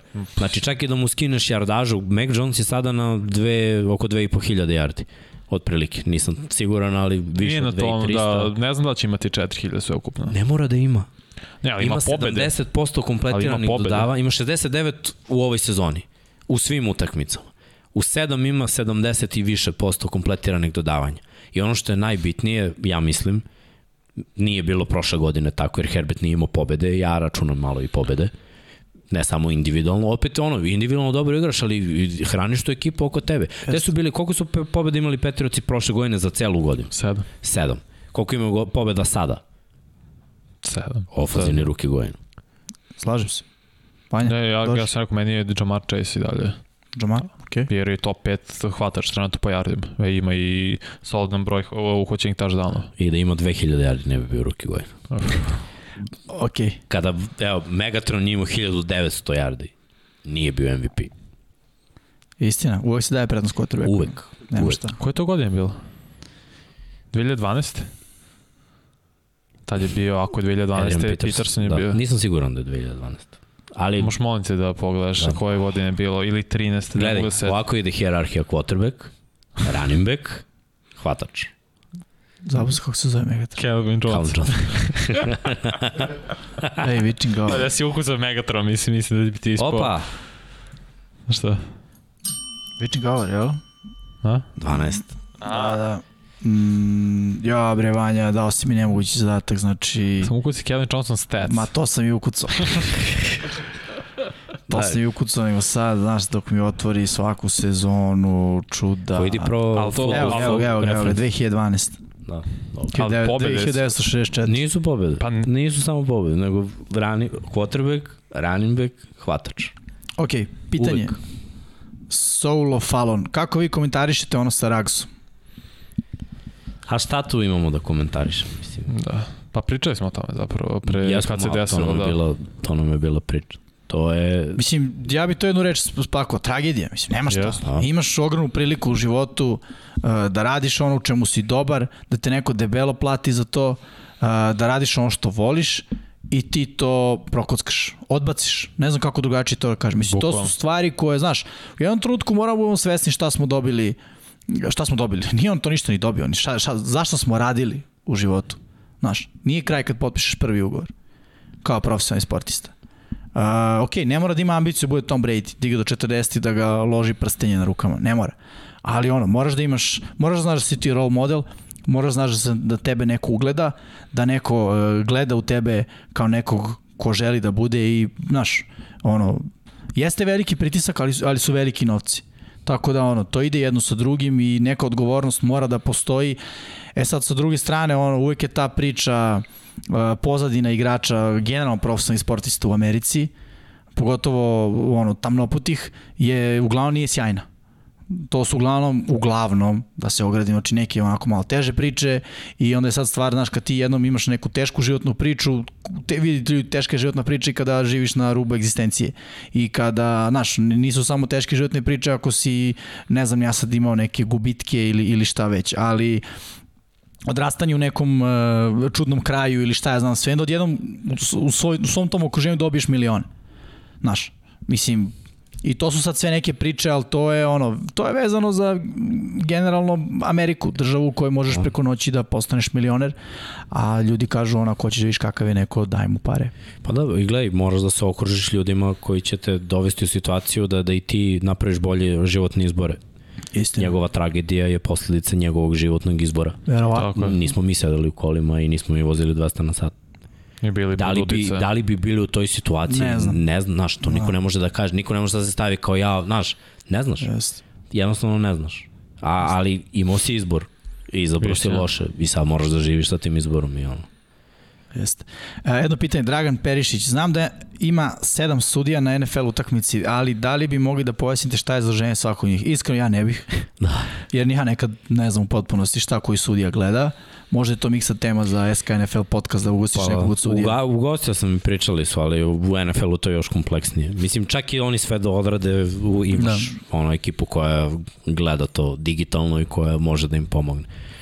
Svakako imaju prvenstveno njihove zadatke, pa se to kako akcija ide dalje pomera u pravcu akcije. Mislim, svaki sudija ima neko zaduženje i, i iskreno koliko puta ih kritikum imali smo i ta pitanja ono šta mislite o suđenju i ovamo i onamo desi se da, da ono ove godine često kada sudije pogreše e kada bi ekipa trebala da ubaci challenge reaguje ekipa koja je u kabini i da oni, e, nije bilo kompletirano dodavanje onda sudije se skupe, donesu tu odluku i ne mora bespotrebno da se ubacuje challenge i da se pregleda, već se vrlo brzo ustanovi, e, nekompletan pas, hvatanje, fumble, šta je bilo ili nije. Ako je očigledno, ako je ono sumljivo, onda se prepusti. Unutar dva minuta takođe više nema challenge-a, tako da, da ono, Liga je bar s te strane odradila dobar posao da ne moramo gubimo još 15 minuta dok se ubacuje crvena zastavica i gledamo još pregleda. A ne bi dužio, i- iskreno, Da. stvarno.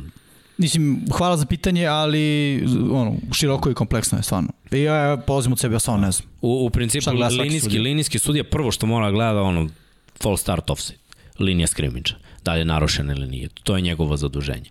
Nakon toga ima zaduženje ako je pas, da li je hvatač izašao u out onda ne sme da se vrati i da hvata loptu. Da li je bio holding, uh, prvo defanzivni holding, a ofanzivno loše korišćenje ruku u predelu kacige, defanzivno korišćenje ruku u predelu kacige, to to je ono što, što se gleda bukvalno tu, blizu out linije. Onda on ima fokus naravno na, na hvatačima, manje fokus na tamo što se dešava u ofanzivnoj liniji, onda ide back judge i, i sudija koji je u dubini terena on može to bolje da snimi. I onda, ali generalno, čak i kada baci neki linijski sudija, on mora to da prijavi, a glavni sudija će ili da prihvati ili da odbije. Eto, baš smo imali sinoć tu situaciju gde, gde je bio ubačen prekršaj od strane linijskog sudija koji je, ok, bacio zastavicu i trebao je da baci zastavicu jer je bilo sumnjivo, ali onda su se skupili i glavni sudija je rekao, nema ništa od toga, mi smo videli na poljenu snimku da nema ništa od toga, idemo dalje. I ono, to, to je dobra stvar. Da. Sinoć je bilo korektno suđenje.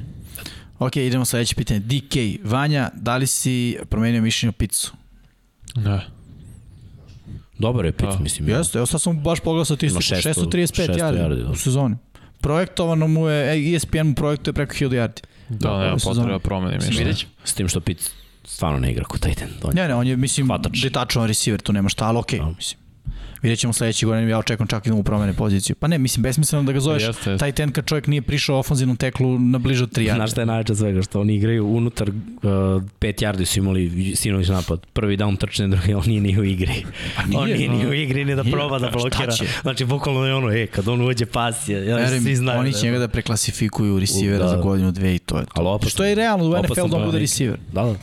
Jeste. I to, kao što se rekao, opasan receiver. Ok, uh, Cyclist Maybe. Pozdrav društvu iz Crne Gore, Mikse, ekipa, šta mislite posle zadnjih par utakmica, da li Vikingsi mogu do play-offa? Pa mogu, rekli Da. smo. Takav je Da NFC bi oni, prosto. da, oni moraju da pobede, a drugi moraju da izgube. Kako si sad sve rekao. Pa pokvala to je. A jes, takav je NFC, mislim. Pa. Nije potreban ni, ni približni isti broj pobuda kao u AFC-u. Da, da. Da je apsolutno... Možda 8-9, možda 9-8, Tako je. vidjet ćemo. Nemanja Međedović, pitanje za sve u studiju. Omiljene trik akcije u NFL-u. Pa ne znam ni kako se zovu baš sve, iskreno da budem sad. Pa gledaj, ona koja mencija. se meni najviše sviđa, definitivno, jeste kada quarterback da tos, a running back vrati unazad quarterback koji onda imaju pas, ili kada ide reverse hvataču koji vrati nazad quarterbacku pa ide pas. Znači, bukvalno, on, volim da vidim mm. kad, kad lopta ode ono, 15 yardi unazad i onda se sagleda ono teren ide neka bomba jer obično šta se dešava ako ekipe to ne rade često to je uglavnom uspešno sad ima ekipa koja to uradi dva tri puta u toku godine i onda malo odmore drugi ono zaborave na to je Petriovci Myers ima Često radi. da, četiri da. kompletirana dodavanja dva za touchdown znaš ko još ima Ja on neko je mnogo uspešan, isto nije, nije nema nekompletirano dodavanje. Može Jarvis Landry. Ne, Landry je dobar, Landry ali isto- ja mislim da je iz Atlante bio...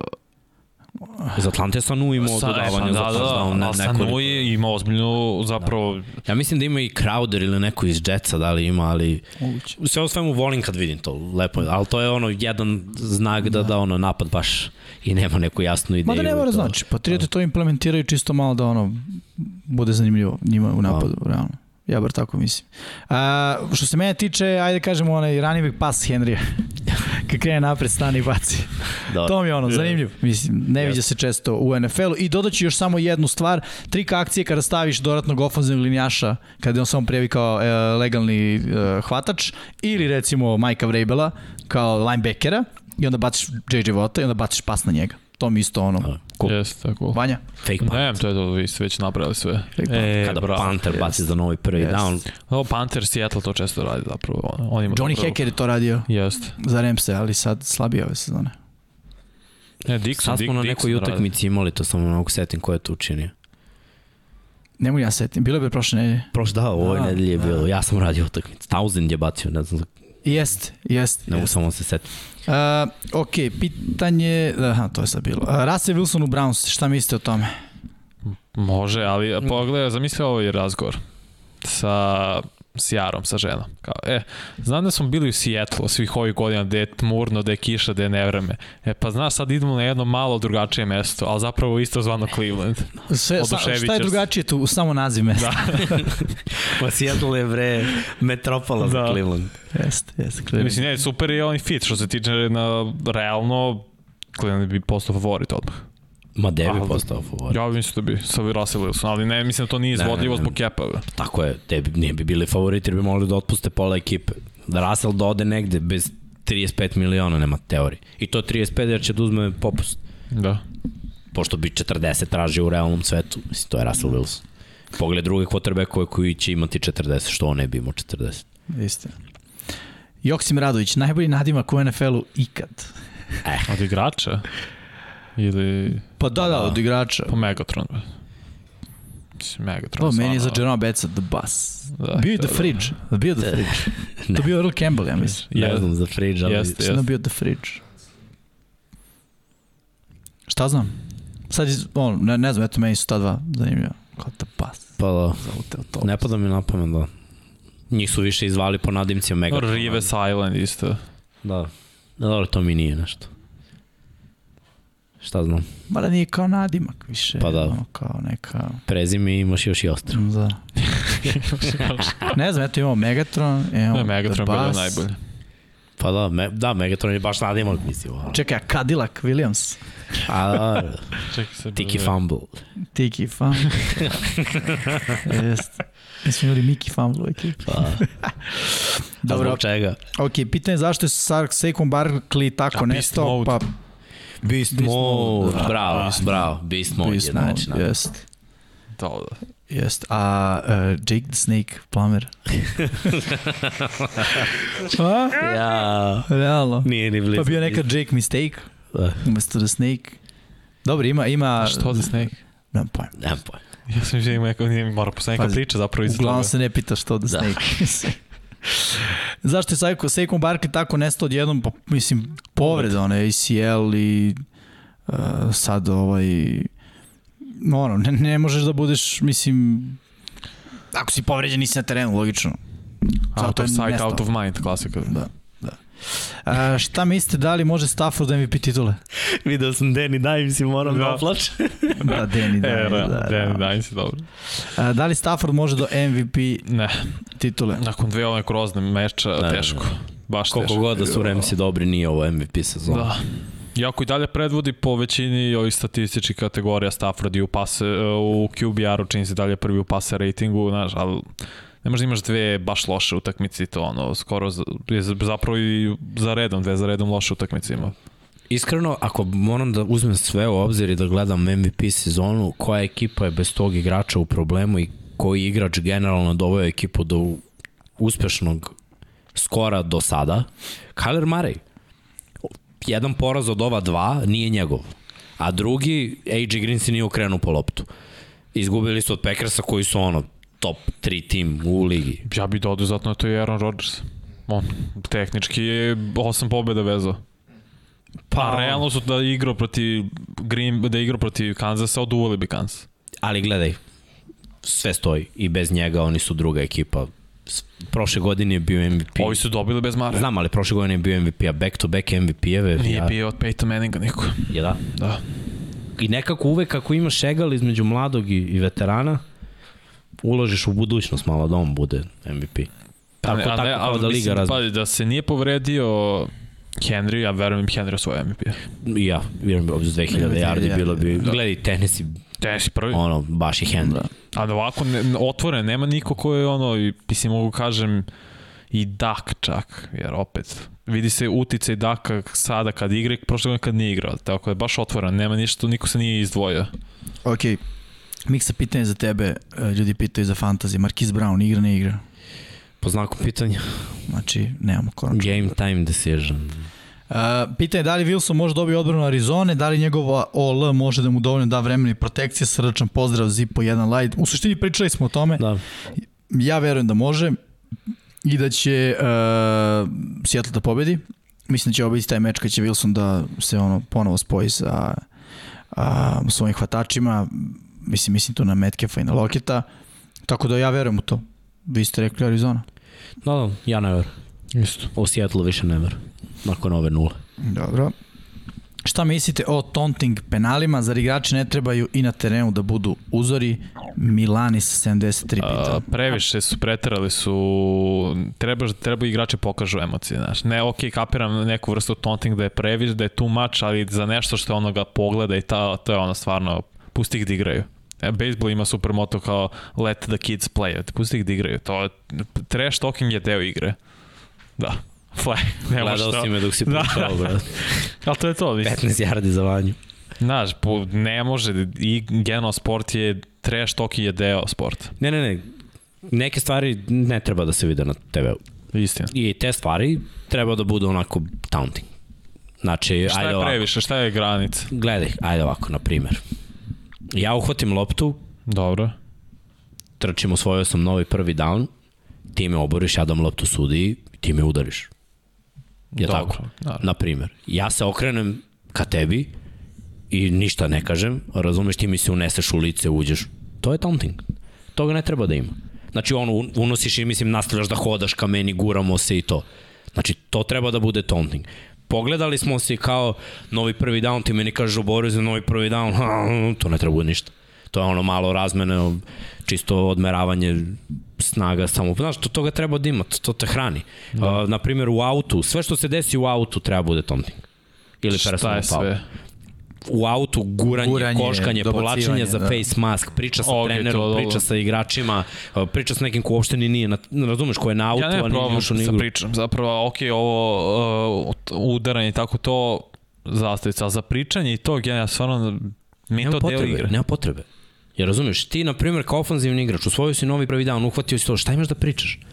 Ide vreme za novu, znaš, daješ loptu, ide nova akcija, nema, nema vremena. Prvo, najviše mrzim i kad mi gubimo vreme, sad još 30 sekundi, još minut na gluposti. Na, znači, mislim da, da stvarno nema potrebe. Onda, uh mhm. -huh. ovo što je bilo za Marša, gledao je ka sideline-u, to ne može, to je glupost.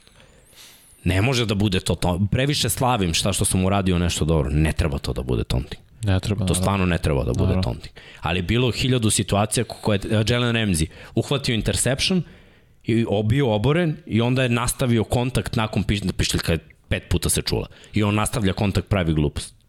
To je ili taunting ili personal foul. Mora bude ili jedno ili drugo. Uh, on je nekom uzor, znaš. Glupo je da da toga ima i dalje. Drugo, to su ljudi sad koji zarađuju milione Glupo je i dalje toga da ima. I na sve to mi gubimo vreme, jer sad sudija pravi pauzu, razumeš, i sad mi čekamo još minut da oni kažu ono kao, e, bilo je ovo, bilo je ono, brate, hajde da gledam utakmicu. Hoću gledam utakmicu, hoću gledam sudije koje ono zovu da. prekršaje. Uh, par samo nadimaka ću da počitam koje su ljudi istakli uh, prime time, Sanders, to je isto da, ok. Dobro, prime time je da. jak. DK kaže, Jimmy, kako se ne može setiti Weapon X, Brian Dawkins. Brian Dawkins. Yes, da, da. Jest, to je bio cool. Michael Irvin ima odličan The Playmaker. The Playmaker, da. Vidim da Reggie White, ministar odbrane. Da. to je cool. To je baš cool. A, ajde ovako da imaš možeš neko pitanje i da lagano završamo. Pitanje za sve u studiju, koji dokumentarac o NFL-u preporučujete što se mene tiče The Patriot Way? Uh, o Patriotama, ono, ako ćete vidite mindset uh, Beličeka, Brady-a, znači on dvojice najvećih na, su, su, na svojim poslovima, The Patriot Way i prvi i drugi deo po meni je preporuka. Tom vs. Time. To je meni isto odlično. A šta je Patriot Way? Je to deo onog football life-a? Ne, ne, ne, ne, Patriot Way je bukvalno sniman samo za Patrioti, sniman nakon sezona kad su osvojili Super Bowl protiv Atlante. Do. Da, da, da. Gde su oni pričaju o tome kako su radili, šta su vežbali, kad su se spremali za neke pleve koji su se odigrali, kad su osvojili protiv Sjetla i kad su osvojili protiv Atlante. Tad su sniman The Patriot Way prvi i drugi deo. Da, me, meni je dobar Football Live s njima, jer se ono baš čudno dešavao, ima dve epizode, ja mislim, i dešavao se u sezoni, to je još onih godina kada su i Edrid i Ray Lewis igrali i ono, zanimljivo vidjeti kako analiziraju ono protivnički igrače pre utakmice i to ima tu ono svega i svačega. Mada generalno ljudi šta god naleti od boljih timova, to treba pogledati. Jer ovi slabi timovi će na sve načine da, da. privlače pažnju, a iskreno te loše organizacije teško da tu može sad. I ajde generalno kažem, dokumentarci po meni, sve što radi ESPN, što radi NFL, no. to vredi gledati, ono, svakako. Da, pa i te neke životne priče, to je da. cool. Ima ESPN onaj E60. Pa i ono 30 for 30. 30, 30 da. da. Ok, mislim da smo odgovorili na sva pitanja ili bar na, na većinu. Uh, to je to ljudi, Witching Hour je počeo, nema potrebe da ga nastavljamo skroz. Uh, hvala vam puno što ste nas pratili, što ste bili uz nas, 280 ljudi sada trenutno, hvala za lajkove, ali još jednom moram podsjetnik like, subscribe, niko to ne radi kao Ercega, ali moramo se trudimo. Šta da kažem i ovaj naravno pišite nam u komentaru Uh, pored live komentara, znači dole u komentaru u video, ako imate neka pitanja, uh, pišite vaše prognoze, pratite našu Instagram stranicu 99 yardi, tu uvek kačimo uh, na storijima ko će pobediti, birajte uh, ekipe za koje mislite da će, da će biti ovaj uh, uspešne i sam propustio nešto? Mm, ništa. Okej. Okay. To je to, ljudi. Veliki pozdrav iz studija na kraju univerzuma. Laku noć, mazite se i pazite se i ćao svima.